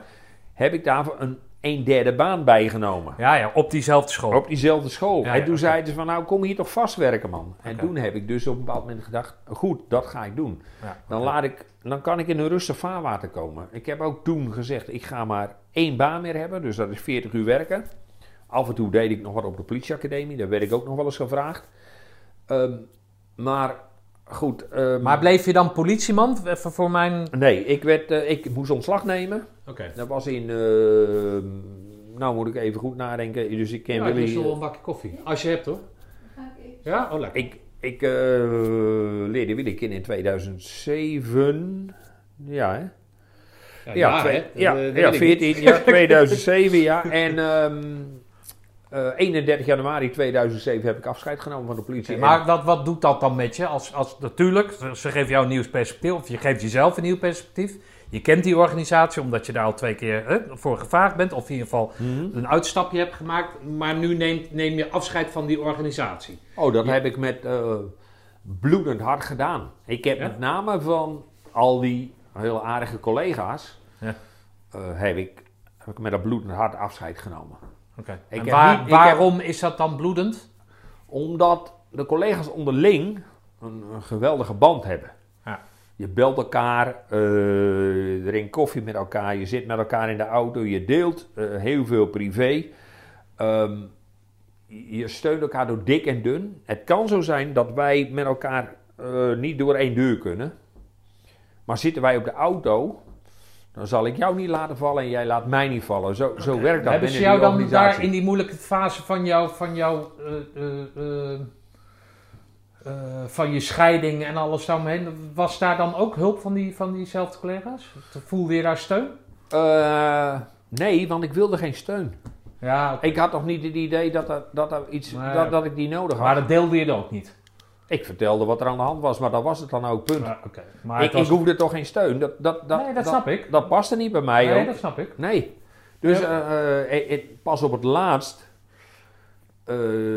in Harderwijk, dan moet ik ook zeggen dat ik met de andere groepschef had ik, ja, had ik hele goede gesprekken. Maar toen had ik mijn besluit al genomen, maar die snapte wel waarom ik wegging. En die vond het ook jammer, maar ehm, ja, ik had wel eerder aan de bel kunnen trekken. Maar, dan ga jij naar die weg. school, maar is die school, hè, je neemt afscheid met een bloedend hart. Je weet dat die school jou rust gaat brengen, hè, of in Mhm. ieder geval qua, qua werkzaamheden. Maar neem je dan toch een beetje afscheid met, met een verslagen gevoel? Of, of dat je je taak niet hebt afgemaakt? Of Nee, dat je, nee, nee, nee. Ik Nee? heb eh, tot aan de laatste dag heb ik mijn uiterste best gedaan voor de organisatie. Ehm, ik heb ehm, alleen wel het gevoel dat ik, eh, dat, dat ik collega's in de steek heb gelaten. Ik heb niet de organisatie in de steek gelaten. Hm. Ik heb collega's in de steek gelaten. En de organisatie die heeft zichzelf in de steek gelaten. Oké. En eh, misschien heeft hij mij ook wel in de steek gelaten. En dat eh, heeft meer te maken met het feit dat, ja, wat ik net al zei, over beleid, over macht, over, o- over eh, niet ehm, transparant zijn, ehm, ja, toch een beetje op de verkeerde, eh, in de verkeerde richting gaan. eh, daar, daar, daar heb ik wel moeite mee. Daar had ik wel moeite mee. Dus door dat achter te laten, wordt jou een nieuwe kans of bied jij je- jezelf een nieuwe kans om iets anders aan te vatten, wat wel gelinkt is aan het politie zijn. Ja. Want jij gaat nieuwe politiemensen scouten, opleiden, de weg wijzen naar. Eh, vind je dat dan niet moeilijk als je dan op die manier bent weggegaan om diezelfde politie dan te dienen in die, in die rol? Nou, het gaat. Het, kijk, weet je, de organisatie, de hele politie, punt politie. Ja. ehm, is een geweldige werkgever om te werken. Als je daar werkt, dan kun je een geweldige baan hebben. En ehm, ik vond dat ik nieuwe collega's wel die kant op kon eh, brengen. Ik was ook altijd enthousiast. Ik ben nog enthousiast voor die baan. Maar misschien ben ik de politie wel een beetje ontstegen. Want uiteindelijk, ehm, doordat je misschien over heel veel dingen na gaat denken. En ook wat slimmer gaat worden in de loop der jaren, is het niet meer, ehm, nou, we doen zoals het geschreven staat, maar je wordt mondiger. En misschien was ik wel op een bepaald moment te mondig. Dan denk ik van ja, maar het kan ook anders, het kan ook zus, het kan ook zo. Eh, probeer een beetje de menselijke kant van het verhaal eh, aan te pakken. Ik zal nog een voorbeeld geven. De, ik deed de cursus, dat was nog wel mooi. Ik, zat, ik kon naar die school en er zat al op die cursus. Leiding geven met hart en ziel. Ik zeg, zou het heel fijn vinden om die cursus af te maken. Ik zeg, zou het kunnen? Al moet ik hem ook zelf betalen? Nee, maar die krijg je nog van ons, dat is prima en zo. Nou, dat is goed. Na die tijd was een etentje met uitreiking van certificaten. Dus ik kreeg ook mooie certificaat nog. Ik was niet meer bij de politie, maar ik kreeg wel een certificaat. Was van een ander bureau, Kraan en André heette dat bureau. Maar toen zit ik met een districtchef te praten. Hij zegt, ehm, en vertel mij nou eens even, hoe gaat dat dan op die school? Dus ik vertel een beetje en zo. Hij zegt, heb jij nog tips voor mij, zegt hij zelf. Hij zegt, waar ik nog wat mee kan. Maar jij hebt nou deze cursus gehad en heb je nog wat tips? Ik zeg, jawel. Ik zeg, weet je wat je moet doen? Je moet elke week je eens even onder de- het volk begeven, zeg ik tegen hem. Hij zegt, onder het volk begeven, zegt hij tegen mij. Wat bedoel je daarmee? Ik zeg, nou, zo, gewoon zoals ik het zeg. Ik zeg, je gaat toch, eh, s ochtends als ze om negen uur eh, een briefing hebben, dan ga je erbij zitten. En dan ga je eens een keer een, vraag stellen, een domme vraag stellen. Ik zeg, je gaat koffie met ze drinken. En dan gaan ze naar het koffieautomaat. Ik zeg, dan ga je koffie meedrinken. En dan praat je eens even met die collega's. Ik zeg, de ene keer doe je dat bij team A. En de volgende keer doe je dat bij team B. En elke week ga je zo'n team af. Ik zeg, ehm, en dat blijf je maar volhouden. Ik zeg, daar ga je een dag voor plannen gewoon. Ja, zegt hij, maar dacht je dat ik verder niks te doen had? Ik zeg, aan wie geef jij leiding dan? Zeg ik tegen hem. Ik zeg toch aan dat hele district. Ik zeg aan al die teams Over niet. hoeveel mensen gaat dat dan? Waar, waar heb je het dan Nou, over? Zo'n kerel? Dan gaat het wel over 250 mensen. Hè? Ja. Over vier teams, zeg maar. Hè? Misschien Met de recherche erbij nog wel vijf of zes teams. Ik zeg dus, ik zeg, als je dat nou een beetje door de maand verspreidt, ik zeg, dan kom je elke vijf weken op, een ander, eh, op, op, op, eh, op hetzelfde team. Hè? Dus eh, ik zeg, dat li- lijkt me een goede tip voor je. Ja, zegt hij, maar wat moet ik met die mensen? Ik zeg, die geef jij toch leiding of niet? Ik zeg, wat wil je? Je wilt toch weten hoe het werkt op de werkvloer of niet? Ik zeg, je vraagt toch om een tip? Nou, begreep je man niks van. Hm. Nou, dat is dan een, ooit mijn leidinggevende geweest. Hm. Dan denk ik van ja, jammer. Maar ja, dan snap je het zelf niet. Hm. Hoe, hoe- en als je dan groepschefs en teamchefs hebt die het wel snappen, hoe krijgen die dan faciliteiten? Hoe, hoe, hoe moeten die dan eh, die vertaalslag maken van leiding naar Ja. de werkvloer? Ja.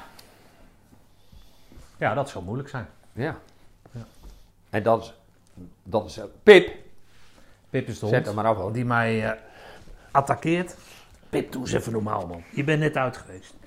Hé, hey, maar eh ja, luister eens. Dus ga jij naar die school. Maar jij zit in een ongoing progress. Of proces, om het zo maar te zeggen. Want je bent met jezelf aan het werk. Mhm. Jij gaat naar eh, Schiermonnikoog, omdat je daar eh, vaak met je neven bent geweest. Of je kent dat eiland. Je bent in je eentje, begrijp ik. En jij gaat daar om een beslissing te nemen. Ja. Jij bent daar om een beslissing te nemen. Het is niet van eh, even het strand op een biertje drinken Nou, en weer terug. Je, Totaal je, niet, nee. je wilde daar het eiland afkomen met een beslissing. Ja. En wat was die beslissing? De beslissing was om naar de school te gaan. Maar Kan je wat hield, dat, dat wat hield dat in? Dat betekent dat ik eh, ontslag nam bij de politie. En dat, ik, Dat heb je daar besloten. dat heb ik daar besloten. Dus jij bent vanaf je 19e, 20ste tot, hoe oud ben je dan? Als je op Schiermonnikoog bent, hoe oud ben je? Eh, nou ja, eh, 2007 ben ik eh, 51. eh. 51. Dus dan ben je ruim 30 jaar in dienst. Ja. En dan na 31 of na 30 jaar Na besluit je 30 op- jaar besluit ik om weg te gaan. om weg te gaan. Ja. Dan ga je naar die school, Ja. maar er gebeurt nog meer in jouw leven. Ja, drie dagen later kom ik Willy tegen. En ehm, ja, de tweede dag al hadden wij intensief contact. Ik vertel haar mijn hele verhaal. Haar vader werkte ook bij de politie, dus die herkende wel een aantal zaken. Eh voelt ook heel vertrouwd. Ik heb ook eigenlijk nooit iemand gehad waar ik eigenlijk zo vertrouwd mee eh, kon, eh, kon praten eigenlijk. Het gaat over jou. Over Ja. mij. Ja. En, eh, maar dat betekent ook dat ik leeg liep. Eh, vanaf dat moment, Hoe lang was je toen alleen? Ja, ik was vanaf eh, 2002 alleen, eh, zeg maar, dus Ja. een jaar of vijf. Maar goed, ik had af en toe een, een, een vriendin. Eh, ik heb een latte relatie gehad, maar goed, dat terzijde. Maar dat was niet, eh, ja, Maar dat was het niet. dat, nee. Eh, dus, eh, maar ik kreeg, ik kreeg contact met iemand die mij begreep. Hm. Eh, ik ben daar leeggelopen. Ik, ik had wel aandelen tempo team kunnen nemen, zo ongeveer. Ehm, ik, Tempo heb, team dat slaat op de, op de Zakdoekjes. zakdoekjes. ik heb daar heel wat afgehuild, zeg maar. Er was ook het moment dat ik... Nee, dankjewel. Geen bokkenpootjes. Ja, ik ben Nee, helemaal geen zoete dankjewel. kou, maar ik heb Nee. hier al een gebakje Nee, en een bokkenpootje op. Dus eh, het is, eh, Oh. voor mij is het ook al... eh, niet vanwege de lijn hoor, maar... eh, Ja. Nee, dat hoeft ook niet, denk ik. Ehm, het betekent ook dat alles er wel een beetje in een soort stroomversnelling kwam. Want ehm, ik had niet het gevoel dat ik nog bij die psycholoog eh, echt eh, verder kwam. Dus ik heb gevraagd of ik naar een andere psycholoog kon. Maar waar vecht jij dan tegen? Of wat, wat, Nou, weet je al waar je tegen vecht? Of, wat, of- Nee, of waar, waar je eh, tegen aanloopt? Of Nou, ik, ik, je bent vooral gewoon... Je weet het gewoon niet. Is dat het? Nee, ik weet het wel. Ik, ik kom heel veel dingen van. Ik, ik, ik had een hele. Ik was heel gespannen altijd. Ik, ik, ik, ik, eh, op mijn werk merkte men daar niet zoveel van. Eh, mijn leerlingen ook niet. Maar thuis, ik kon niet naar ehm, agressieve films kijken. Eh, als er iets voor het journaal was wat een beetje heftig was, dat vond ik erg. Ik, ik droomde, ik had nachtmerries. Ik, ja, ik, ik werd. Om controle te houden, probeerde ik alles. En om, om mezelf vooral onder controle te houden, probeerde ik ook mijn omgeving onder controle te houden. Eh, ik werd heel autistisch, zeg maar. Eh, dit moest zo liggen, dat moest zo liggen, want anders had ik de controle niet. Ehm, ik was heel gestructureerd ook. Ehm, Maar zat dat altijd al in je? Of, ja, of- voor een deel natuurlijk wel zit dat in je. En dat, dat, dat, dat heb ik ook verteld in de brief. Op een of andere manier. Thuis moest dat al. eh, in dienst was alles gestructureerd. eh, dan kom je eh, bij de politie is alles ge- gestructureerd. Maar dat, dat vind jij fijn? Nou, dat vind ik ook wel prettig. Ik, Ja, hou, vind je ik, prettig. ik hou er wel van. ja, want En, anders was je daar nooit gaan werken. Nee, maar dat kan ook niet anders, want je komt ergens en je moet een, een soort structuur maken. Je Ja. moet een overzicht hebben enzovoort. Maar als je de boel niet meer onder controle hebt, en dat gevoel had ik, dan moet je, Dan ga je het nog meer dan structureren. ga je nog meer structureren. Ja. En dat maakte me in mijn hoofd ook eh, heel warrig. Oké. En dat had lichamelijke, eh, ja, eh, Dus je zoekt tegen beter weten in. Zoek jij, zoek jij dingen om je aan vast te houden. ja. Kaders om in, in te bewegen. En Dat. ik wist niet wat het was. Nou ja, ik, ehm, wij gingen, dat vond ik leuk, om met Willy naar Oudenbos te gaan. Daar zit de basiliek, hè? Dat ken je waarschijnlijk wel. Ja, ja, Marcel van Hooijdonk heb ik laatst. eh, en die woont in het mooie Nou, oude bos, inderdaad. wij naar Oudenbos. Ik zeg tegen Willy, daar ben ik al een paar keer geweest, maar dat moet ik jou ook laten zien. Nou, ehm, Willy die vindt dat op hoogte niet zo leuk, maar ik denk ik ga naar boven. Nou, ehm, als dat de rand is van het balkon, ben ik niet verder gekomen dan zo. Ik stond te trillen als een rietje. Ik werd daar, ja, ik, ik, kreeg, ik werd helemaal wit, trok wit weg. Twee, drie meter Ja. van de rand bleef jij staan, want Ja. verder kon je niet. Nee. Dus ik kreeg ook allemaal lichamelijke ongemakken. En mijn hardlopen, wat ik heel graag deed nog, dat, dat was altijd geforceerd. Ik liep in het bos en ah, ik had overal pijn. Maar ik liep maar door, ik liep maar door, want ik denk, nou, ik ga, ik ga, ik ga. Maar op een bepaald moment dacht ik, van, ja, maar dit is het niet meer, jongens. Ik, waarom loop ik nou nog? Hm. Maar ik doe me alleen maar zelf pijn, om niks. Hm.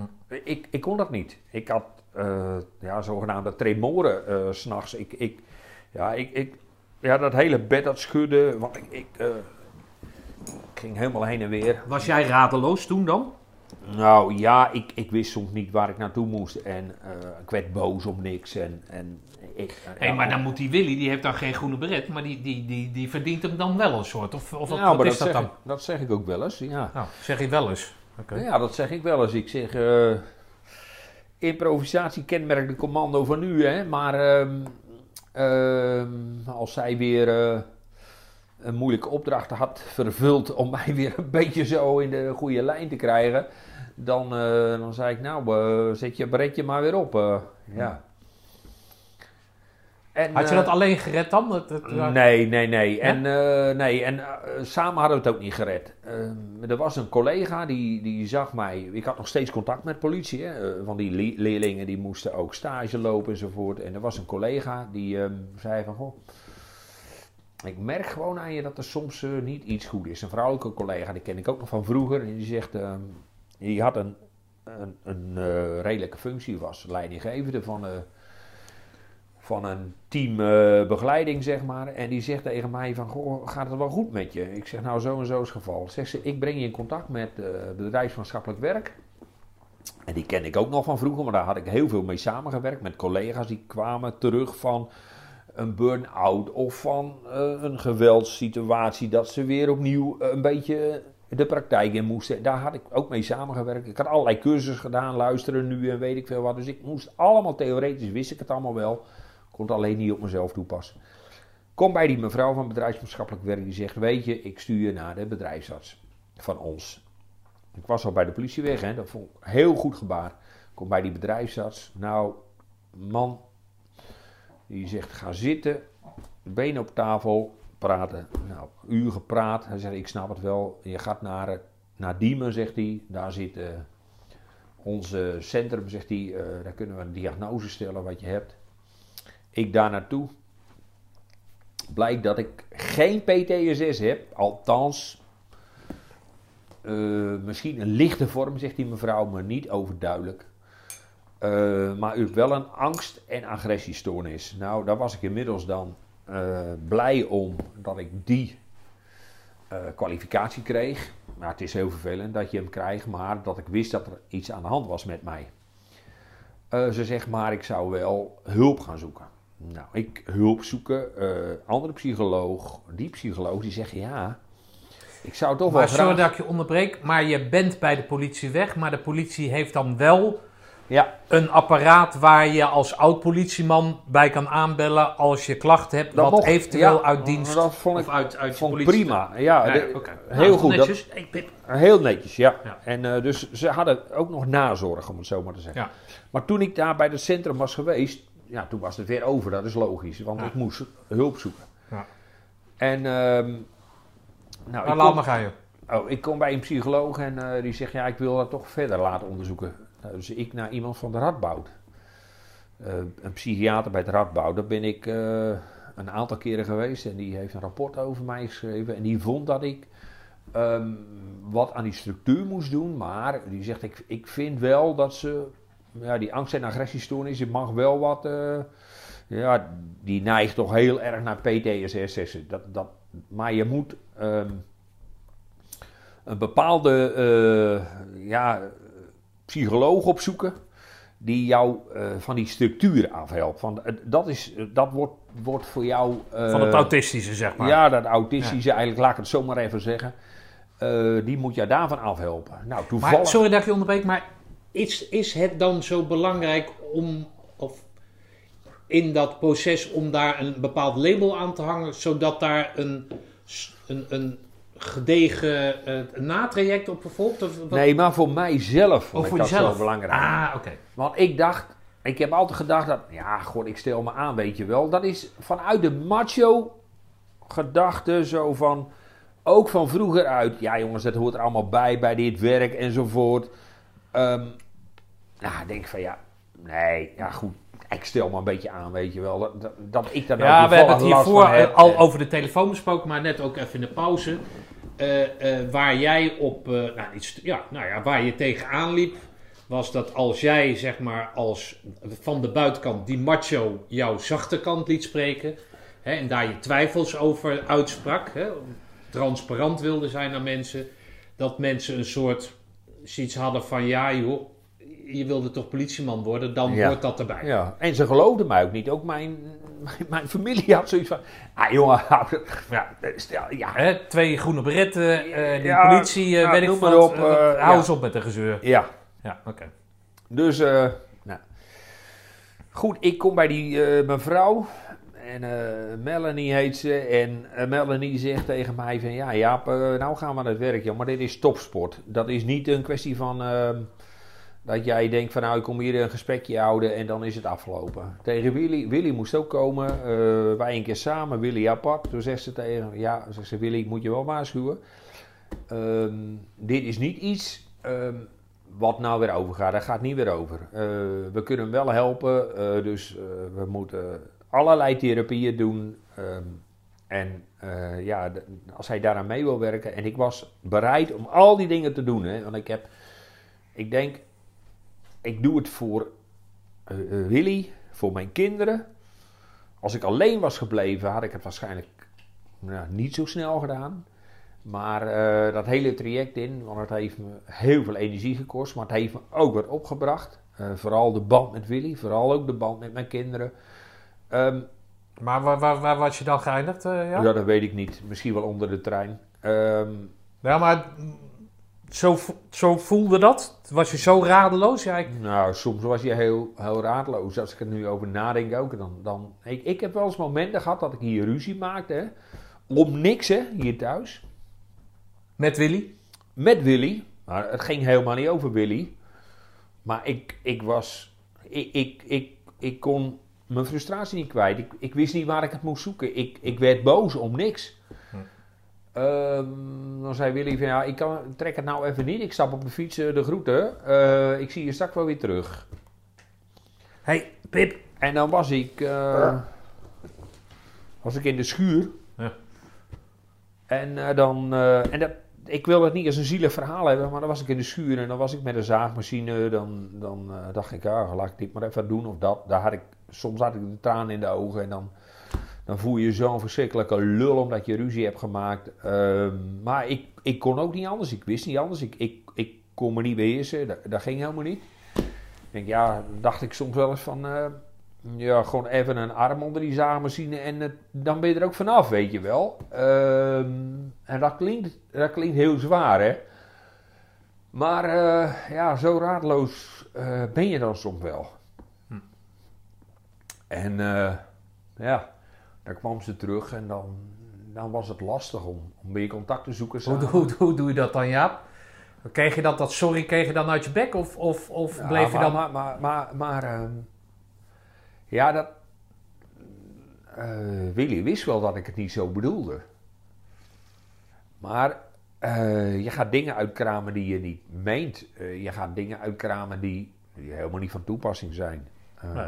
Je gaat... eh, Nou ja, iedereen kent dat natuurlijk wel. Maar ja, maar alleen dat kan als wel. jij... Maar, bij, maar was dat heel heftig. Ja, Ik bij jou dat was het heel heftig en jij zat te vechten tegen iets wat, wat Ja, je ik- niet ik- kon bevatten. Ja, of- en of- ik, ik wilde daar ook vanaf. ja.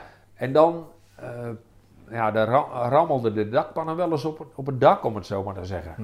Ehm, Dacht jij wel eens van, eh, jezus nou, ik ben blij dat Willy dat ze nog terugkomt met de fiets. ja. Ik heb had ook wel- niet ik zoiets heb van, wel eh, eens- nou, volgens mij Ja, komt ze nooit meer terug. Ik heb ook wel eens tegen haar gezegd, joh, ik zeg, eh, jij moet gewoon, eh, Doorfietsen. nou ja, ja, zo- ja, ja. Nou ja, kan toch? Misschien moeten wij wel stoppen samen, want dat is voor jou beter van niet. Ja. Dat is, is voor jou niet leuk. En daar ben ik er heel dankbaar voor, dat ze, dat ze altijd maar weer mij die kans gegeven heeft. Maar ook dat ze ehm, zag van, goh ja, maar hij worstelt, hij is aan het vechten, hij doet zijn best. En dat, dat is, ja, dat is, eh, ja, dat is echt wel een, een eh, groene beret waard. Nou, kom op met dat ding dan. Ja. Je hebt er toch twee. Ja, ik heb, er- ik heb er meer dan twee. Ja, eh, maar goed, eh, ja, en dat was lastig. En eh, nou, het, het, summum was, op een bepaald moment, eh, ja, ik eh, maak weer ruzie. En eh, in die deur zat een andere raam. Eh, ik trek die deur achter me dicht. Ja, nou, ik gooi hem achter me dicht. Baf! Een en al eh, glas. Dus die vloog eruit. En op dat moment zat ik weer in de modus van, oh wacht even, dit is een calamiteit. En we hadden Pip nog niet, de andere hond. Ik zeg, eh, Willy, daar zitten. Tommy meenemen daar naartoe. Ik ruim het eerst allemaal op. Dus ik ging eerst heel erg voortvarend te werk allemaal. Ik was ook in één keer eh, nuchter, om het zo maar te zeggen. Hè? Maar Willy niet natuurlijk. Eh, dus ik ruimde eerst alles op en zo. Dus er was alles klaar. Ik heb die deur eruit gehaald, want het allemaal scherp en eh, zo. Nou. Ja, toen was ik er nog niet klaar mee. Toen moest ik gaan zitten natuurlijk. Ze zegt, en, wij bellen maandag de dokter, want dit gaat niet goed. En toen brak ik. Toen zei ik van nou laat me dan maar opnemen, want zo gaat het niet verder. Toen eh, naar de dokter, niet mijn eigen dokter, eh, maakte niks uit over ze, maar goed, die was met vakantie en we komen daar en die man die zegt, ehm, ik schrijf je nu gelijk eh, een pil voor, zegt hij, en vervolgens ehm, zal ik proberen de psychiater in te schakelen. En eh, nou, ik moest daar toch nog even op wachten op die psychiater. Maar die pil die gaf me wel rust. Daarna ging ik naar de psychiater. Nou, die kwam na twee keer al tot de conclusie, eh, hele lange sessies eigenlijk. Ehm, hij zei, ja, ik heb ook alles opgevraagd. Hij zegt, maar ik kom tot de conclusie dat je PTSS hebt. Ehm, hij zegt, eh, ja, je bent 50. Hij zegt iets ouder dan 50, maar je hebt geleefd als iemand van 80, zegt hij op dit moment. Eh, hij zegt dus met alles wat je gedaan hebt en wat ik gelezen heb. En, hij zegt, eh, we gaan nu aan de slag en eh, ja, je, je stopt maar met werken. En eh, nou, dat is dan in 2014 zo'n beetje geweest. En eh, je stopt maar met werken en op dit moment, want dat gaat niet meer goed.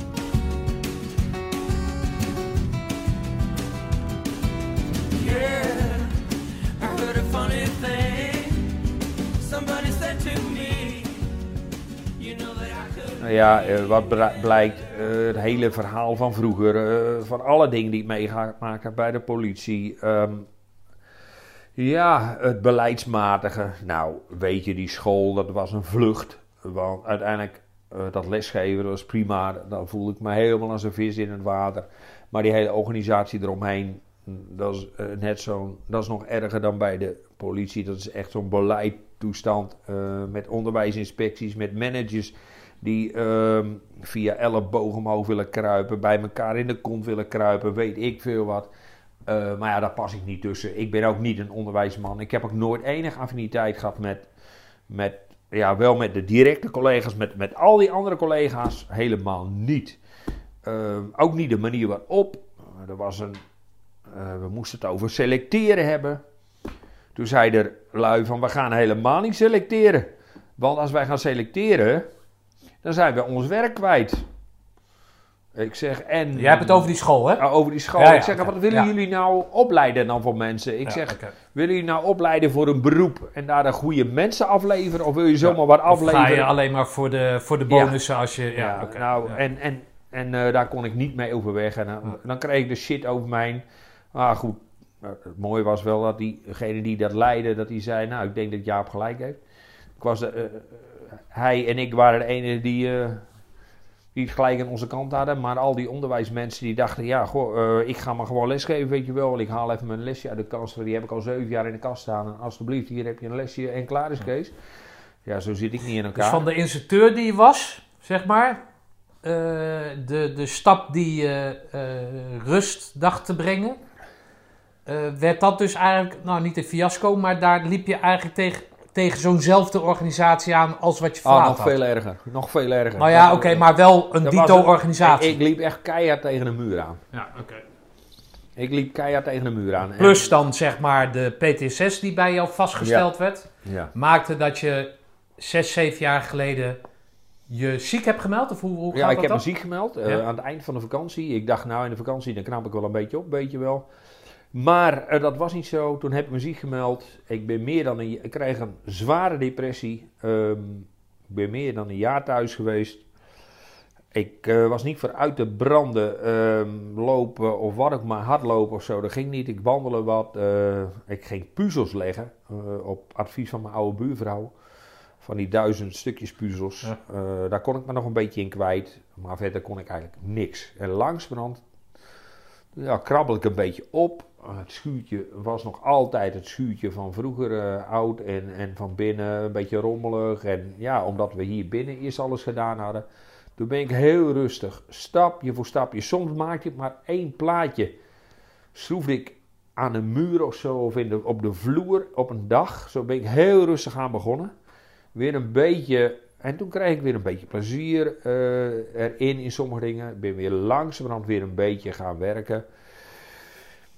Ik heb me afzijdig gehouden van alles wat vergaderingen wa- was, wat beleid was. Ik heb mij vooral met de praktische kant voor de leerlingen bezig gehouden. Van met de beide benen in de modder staan. Ehm, proberen zoveel mogelijk mee te geven voor in de toekomst. En ehm, ja, eh, zorgen dat ze klaar waren voor die toekomst. En eh, toen heb ik nog een keer tegen het licht gehouden. En toen kwam ik tot de conclusie van, ja, ik werk al 47 jaar met een garage erbij. Hè, en de eh, militaire dienst stelt nog mee in pensioen en zo. Als ik nou eens vervroegd met pensioen ga. Ik, ik had een reïntegratietraject en zo ook bij, de, bij, Ja. bij school. En eh, nou, dat, dat is ook frustrerend eigenlijk voor een, voor een beetje eh, fatsoenlijk mens. Maar goed, ehm, eh, toen heb ik het besluit genomen om te zeggen: ik ga met vervroegd pensioen. En toen ben ik met vervroegd pensioen gegaan. En dat is nu ehm, afgelopen oktober een jaar geleden. Dus, eh, en eh schoolwerk daaraan mee. Ik moest dat aan de vakantie, ehm, heb, ben ik blijven werken. En ik ben per 1 oktober met, ben, met vervroegd pensioen gegaan. Dus ik hoefde na de vakantie niet weer terug te komen. Nou, dat was heel schappelijk. Ehm, ja, goed, ik denk, ja, nou, dat, is, dat is prima. Ik heb daar afscheid genomen voor de vakantie. Ik ben eh, gehuldigd. eh, we hebben ook nog een soort praktijkstraat. Eh, daar stond ik aan de wieg van. hadden we gemaakt, was nog niet helemaal af. Maar ik kreeg daar nog een mooi naambord. Medendorp Laan. Die mocht Nou, ik nog onthullen op mijn afscheid. Ja. Nou, dat vond ik het allermooiste. Eh, En ik heb een sober afscheid gehad van mijn team. En eh, dat was het. Ik heb nog met één collega heb ik af en toe contact. Eh, dat is ook een vriend van mij, zeg maar. Maar die, zie ik, die spreek ik één keer in de week. eh, die zie ik één keer in de vier weken. Nu wat minder natuurlijk. Maar eh, eh, die ken ik dan ook al vanaf 93. En, eh, maar voor de rest heb ik geen contact meer. En ik vind het ook prima zo. Ehm, ja, het zij zo. Dat was mijn leven daar. En ehm, ik ben nu meer dan een jaar thuis. En wij hebben het heel goed samen. Eh, ja, nog een pilletje. Ehm, Ja, jij vertelde dat, dat je dus eh, eh, medicatie kreeg. Toen wij elkaar een paar maanden geleden spraken, toen had je het over dat je op de weg terug was. Of, hè, Ja. Dus medic medicamentenvrij zou zijn, omdat je nog 10 milligram per dag slikt hè, aan, die, aan, aan die pillen. ja. En, en dat je er bijna vanaf was. En jij vertelde net dat met de, de, de laatste ontwikkelingen in het land, dat je... Vertel daar eens over. Nou, dat komt niet alleen door de laatste ontwikkeling in het land, maar ik denk, ik ben gestopt met dat pilletje. Ehm, vanaf dat moment eh, kreeg ik weer eh, wat meer last van hoofdpijn. Eh, dat had ik al niet, al jaren niet gehad. Eh, en dat zijn ook afkikverschijnselen, zo moet je het ook een beetje zien. Maar ik krijg ook weer dromen. En het vervelende van is dat ik ook de laatste paar weken weer ja, wat, wat boze acties heb. Dat ik, dat ik, en dat is lang niet gebeurd. En eh, Ja, dan zie ik eh, mensen rellen. eh, dan komen dingen langs en dan kom- komt dat plaatje van vroeger weer helemaal terug. En ehm, ja, daar kan ik niet goed mee omgaan. En ik had toch het gevoel dat dat pilletje mij nog een beetje benevelde, om het zo maar te zeggen. Dus ik heb een afspraak gemaakt weer met de arts om te zeggen van nou, ehm, ja, wat gaan we er nu aan doen? Dus volgende week heb ik weer een, een afspraak. En ik, ik vind dat ik aan Willy verschuldigd ben om eh, er alles aan te doen om het hier wel eh, fatsoenlijk te houden. En ehm, wat er in de landen ook gebeurt, ik, ik heb moeite om journaal te kijken. Ik, als ik een krant opsla, dan... Ja, het, het is natuurlijk, iedereen heeft er last van. Maar ik heb ook moeite met die rellen. Ik heb, ik heb moeite met het onbegrip van mensen om eh, te denken van nou, goh, ik heb verder niks te doen, weet je wat? Eh, ik ga maar stenen gooien naar die ME'er. Waar haal je het in vredesnaam vandaan? En dat heb ik me in de jaren tachtig ook afgevraagd, maar nu nog veel meer, omdat ik misschien wat wijzer ben geworden. Waar haal je het nu vandaan om te zeggen, als er drie keer gewaarschuwd wordt, verwijder u of geweld zou worden gebruikt, om dan nog stenen naar een ME'er te gooien? Waar haal je het nou vandaan? Waarom moet je fietsen Wat, daar wat, naartoe wat gooien? komt er dan terug? Dan komt daar eh, niet alleen de plaatje van vroeger terug, eh, maar daar kom- komt ook de boosheid van terug. Daar komen, en die plaatjes van vroeger, die, die triggeren dat heel erg. Want eh, ook dat was onterecht. Want het gaat niet om. Het gaat, als je een punt hebt, een mening hebt, dat vind ik prima. Maar probeer te communiceren, democratisch land. Waarom moet jij je mening eh, met een grote bek versterken? Waarom moet je je mening versterken met stenen? Waarom moet je je mening versterken met auto's in de fik te steken? Waarom moet je gaan plunderen? Dat heeft niks meer met democratie te maken. Dat heeft niks meer te maken met dat we met z'n allen in gesprek Nou, willen. Nee, Daar heeft het niks meer mee te maken. En nee, wat snap ik. Maar jij, jij bent, hè? jij leeft, mag ik zo zeggen toch? Jij leeft Ja. politie zijn, Ja, politieman zijn. ja. Dus jij en al je collega's, oud-collega's, weet ik veel, de hele flikkerse boel om het zo maar te zeggen, zit in dat systeem opgesloten om die orde. Dat te vind ik prima. Ik vind het prima om die orde te bewaken. Maar waar ik moeite mee heb is dat wij hier in dit land niet in staat zijn om te zeggen dat de instellingen die, ehm, en zoals defensie, zoals de zorg, zoals de politie, dat we die maar laten aankloten. Er kunnen mensen kapitalen verdienen bij allerlei bedrijven. Er zijn mensen die in de bouw werken, die verdienen een goed salaris. Daar kan een agent niet tegen op. Die moet onregelmatigheid hebben, wil die aan hetzelfde salaris komen. Ja. En dan denk ik, waar zijn wij mee bezig? Deze mensen moeten orde handhaven. Die staan vandaag, die staan vandaag bij een dodelijk ongeval. En vervolgens wordt het te gepiept. En dan moeten ze vanavond ergens staan op het museumplein of, of misschien wel in Arnhem of in Nijmegen. En dan mogen ze met de frustratie in hun lijf van het dodelijk ongeval waar ze niks aan konden doen, maar wat ze wel hebben meegemaakt, die mogen dan weer stenen staan happen. Ja.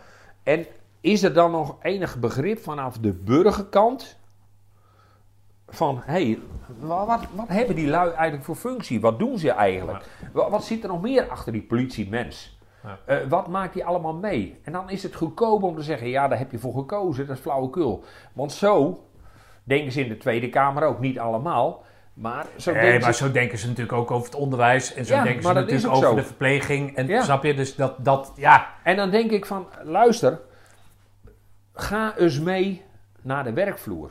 Ga daar eens in die linie staan.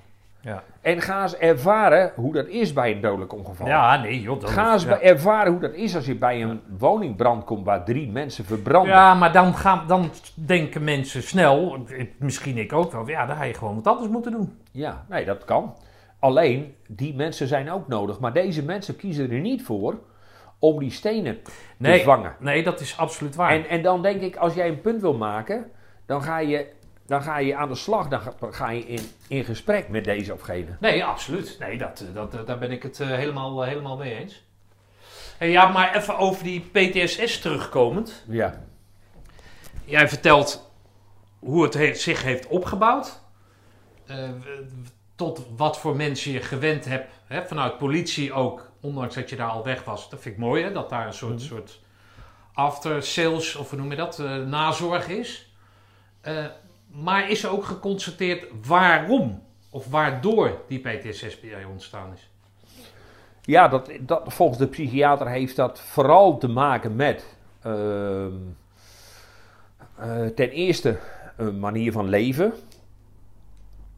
Dat betekent dat, dat eh, mijn hele brein eh, op een dusdanige manier belast is. Zowel fysiek en ook mentaal eh, door heel veel dingen te doen.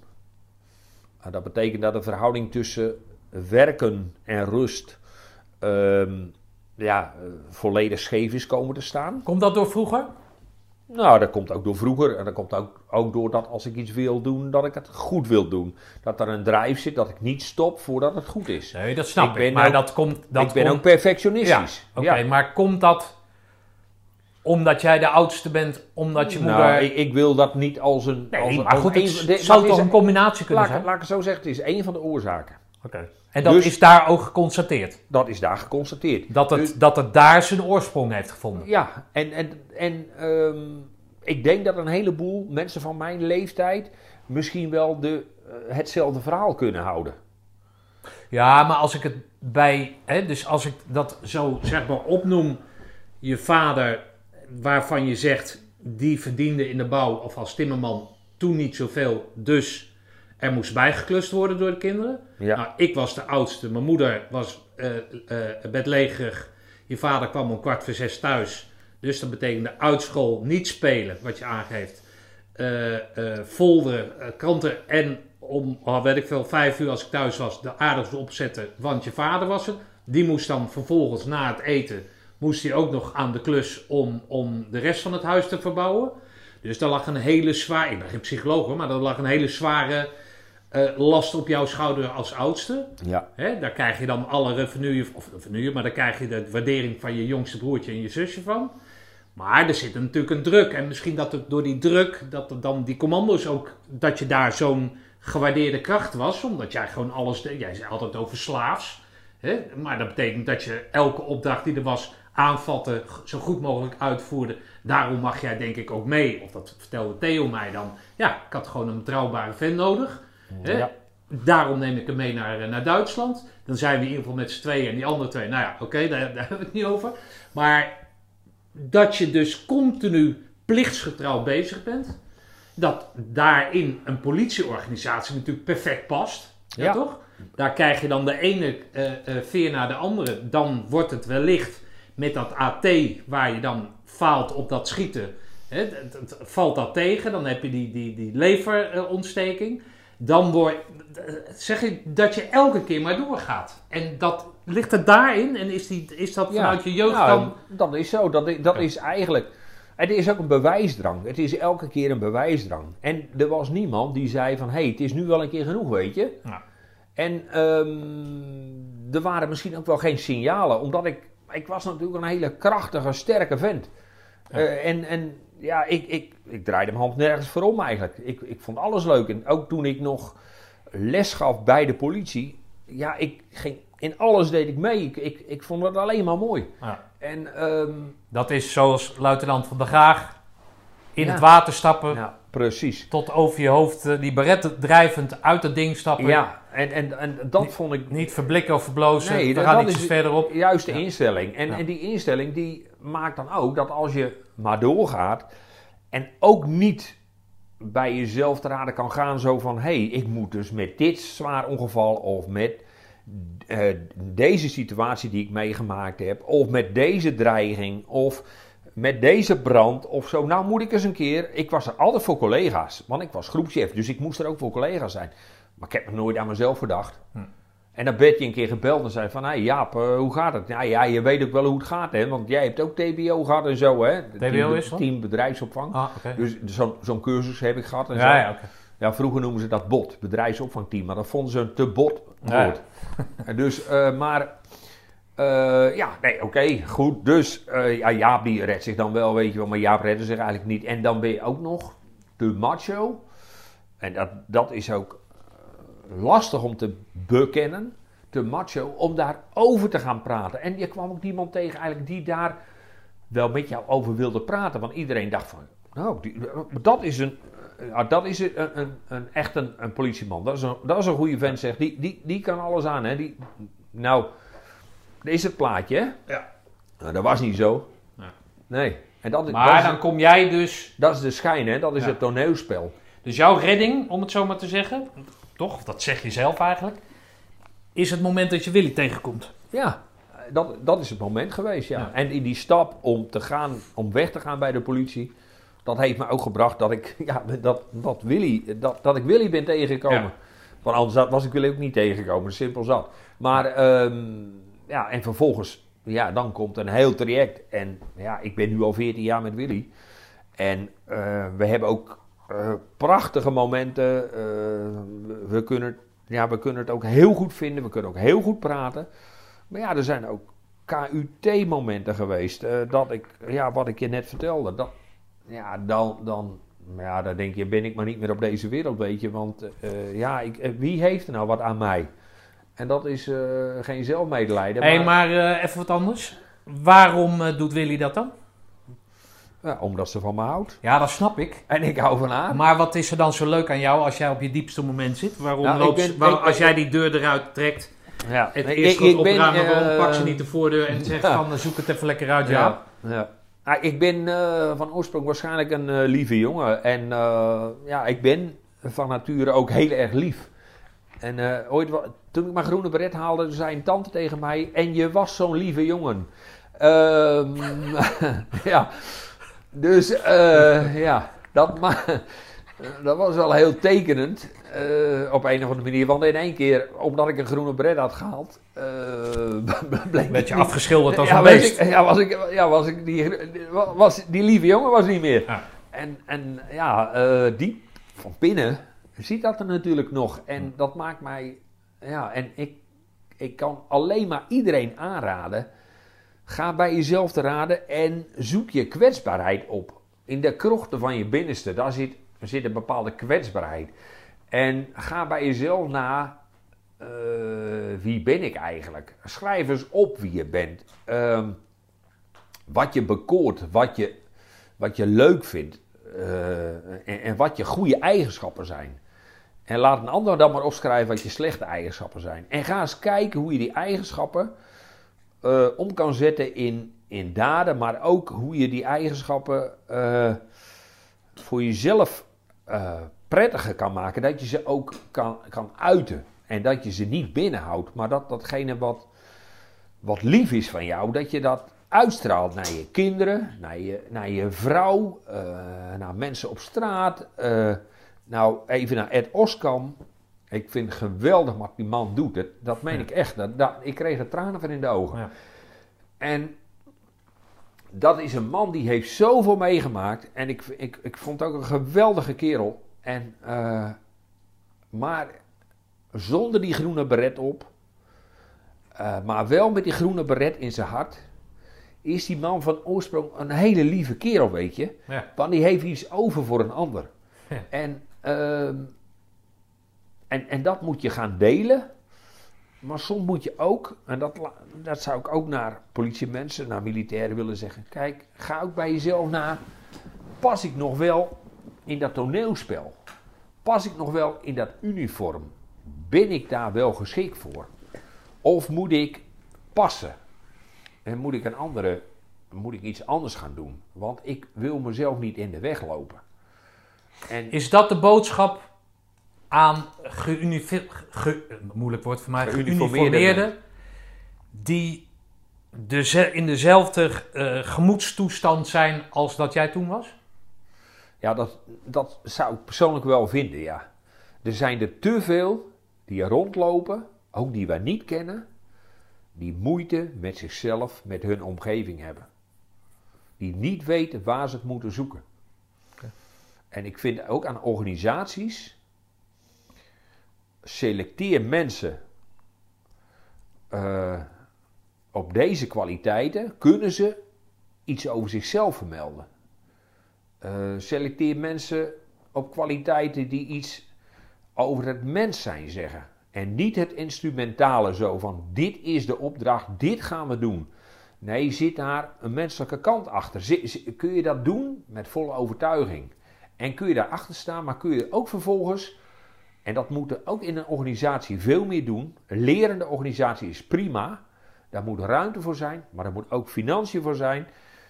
Kunnen we evalueren? Kunnen we dingen evalueren? Deze dingen, zoals met die demonstraties, waarbij het valikant misloopt, die moeten we evalueren. Wat kunnen we daar nou aan doen dat het niet gaat gebeuren?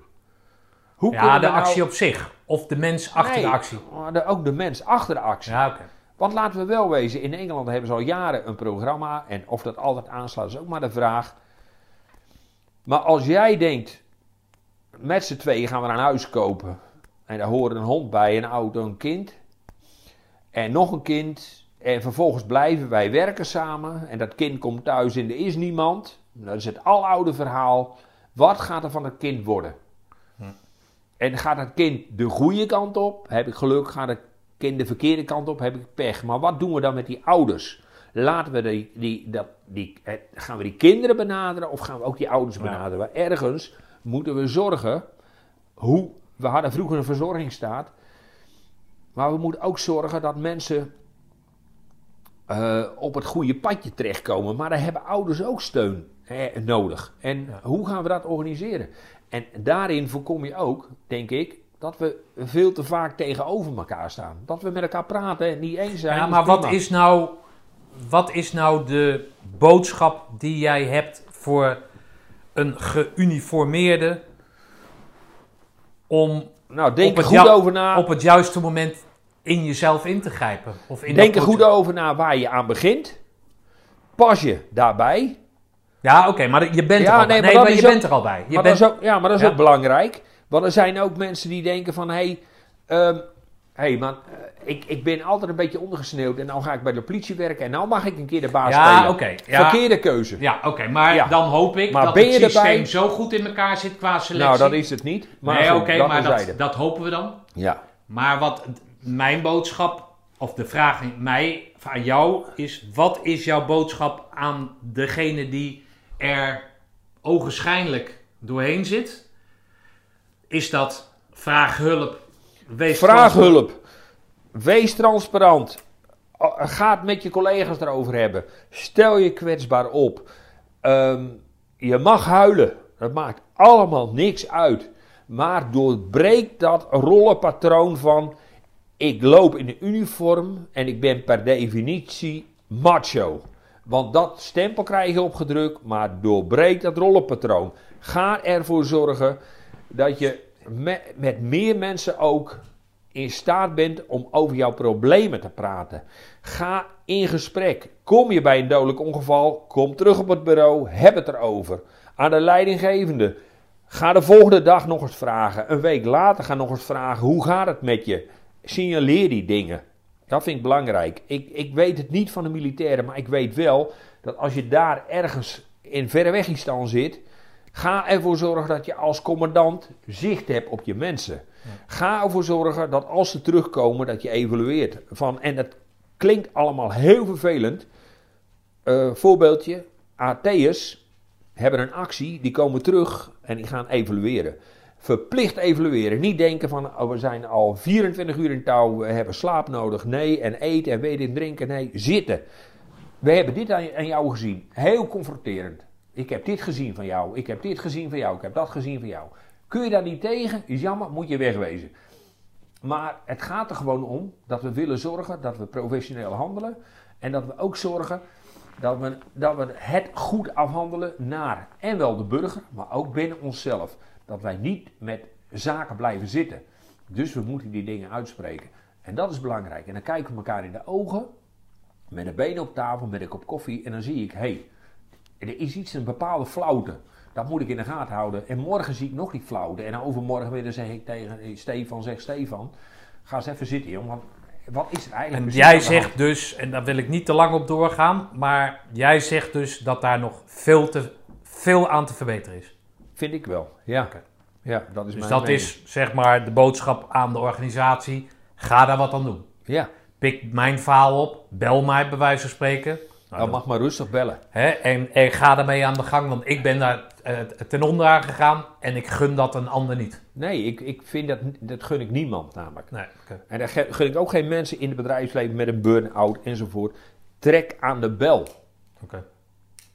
Hey Jaap, laatste vraag. Ehm ene laatste vraag. Heb jij nog iets wat je kwijt wil? Ehm, nou, ja, ik heb al heel veel verteld. Misschien wel veel te veel verteld. Misschien wijd ik ook wel heel erg uit. Ehm, ga niet in de slachtofferrol zitten. Maar ga vooral uit van je eigen kracht. En die kracht zit nog diep van binnen. Als je die beret hebt gehaald, heb je een heleboel zaken ehm, kunnen overwinnen. Door wilskracht. Ja, dan heb je het over Beret, hè? Maar ja, ik heb maar, het e- ja, maar goed, Ja? ook door wilskracht. En dan kun je die stap maken. Ja. Als je bij de politie werkt, heb je een gedegen opleiding gehad. Probeer iedere keer terug te gaan naar af. Ehm, even terug naar het herkenningspunt. En dan weer die stap eh, vervolgens voorwaarts. Maar, dat hoeft, maar jouw boodschap is, doe dat vooral niet alleen, toch? nee, natuurlijk Nee, niet. maar vraag hulp. maar probeer, ja. Laat, laat zien wat, wat je probleem is. Eén mens is geen mens. Nee, oké. Allerlaatste vraag, ja. En die stel ik iedereen. Het is mij, denk ik, wel duidelijk. Eh, nou, laat ik de vraag gewoon stellen. Wat heb jij aan je in je leven? Hè? Je raakt er geëmotioneerd door. Vind ik prachtig. Hè? Maar wat heb jij aan het behalen van die groene beret? En dan heb ik het niet over 10 kilometer in 35 minuten. Maar op mentaal gebied weet ik van waar heb, wat heb jij aan die groene beret gehad in je leven? Ehm, ik heb mezelf gigantisch leren kennen. Eh, ook al was ik 20 jaar, ik was de jongste. ehm, heel veel, en dat kan ik nu pas zeggen, is me heel veel de spiegel voorgehouden. Ehm, ik, ik kan veel meer dan ik, dan dat ik dacht. Ik ben in mijn latere leven ook tot de conclusie gekomen dat ik ook veel meer kan dan ik dacht. Dat ik op apengapen lig, dat ik dan toch nog kracht heb. Maar je moet het wel op de juiste manier proberen aan te wenden. En dat heb ik daar ook geleerd. Maar soms, dan heb ik in mijn leven wel de verkeerde afslag genomen. En dat is dan jammer. Maar dan ga je even terug naar. En dat is dan ook wel weer zo. En wees kritisch op jezelf. Dat heb ik daar ook geleerd. Allerlaatste vraag. Hoe, hoe, hoe zie je het verder? Maar ik zie het met vertrouwen tegemoet. Ik, ehm, ik heb een leuke partner. Ik heb eh, leuke kinderen. eh, ook die van Willy zijn leuk. Kleinkinderen. Eh, we hebben het gezellig samen. een lieve hond. Wij, wij, zo gauw het, zolang het goed gaat, is het heel prettig. Maar ik weet wel dat ik aan mezelf moet blijven werken. Om het ook gezellig te hebben. En ehm, dat is wel belangrijk. En daarom ben ik ook blij dat er iemand is die af en toe zegt: Ho! En ehm, ja, dat heeft iedereen nodig in zijn leven. En dat gun ik ook Nou, iedereen. laat ik dan afsluiten, als je het goed vindt. Met, eh, denk ik, een heel groot compliment aan jou. En niet om te slijmen. Maar dat jij besluit om weer terug te gaan naar die medicatie. Dan vind ik eigenlijk het grootste compliment voor eh, jullie relatie. Nou, dankjewel. Ja. Want dat betekent dat jij Willy zo eh, dicht bij je wil houden. Dat je eh, bereid bent om die vieze zooi, om het zo maar te zeggen, om dat toch tot je te nemen. Omdat het een, eh, een leefbaar iets te, te laten zijn. Ja. Dankjewel. Ja. Nou, dankjewel Jaap. Dat was mooi. ja, jij ook bedankt, Stefan. Nou, dat was hem dan weer. Ieder mens, ieder groene beret zijn eigen levensverhaal. Maar Jaap, ik ben onder de indruk van het jouwe en vooral de manier waarop jij erover weet te vertellen. Voorafgaand aan ons vraaggesprek sprak je de woorden: Al help ik maar één iemand met mijn verhaal. Door jouw eerlijkheid, Jaap, geloof ik daar. Willy en Jaap, dank voor de gastvrijheid en blijf elkaar gelukkig.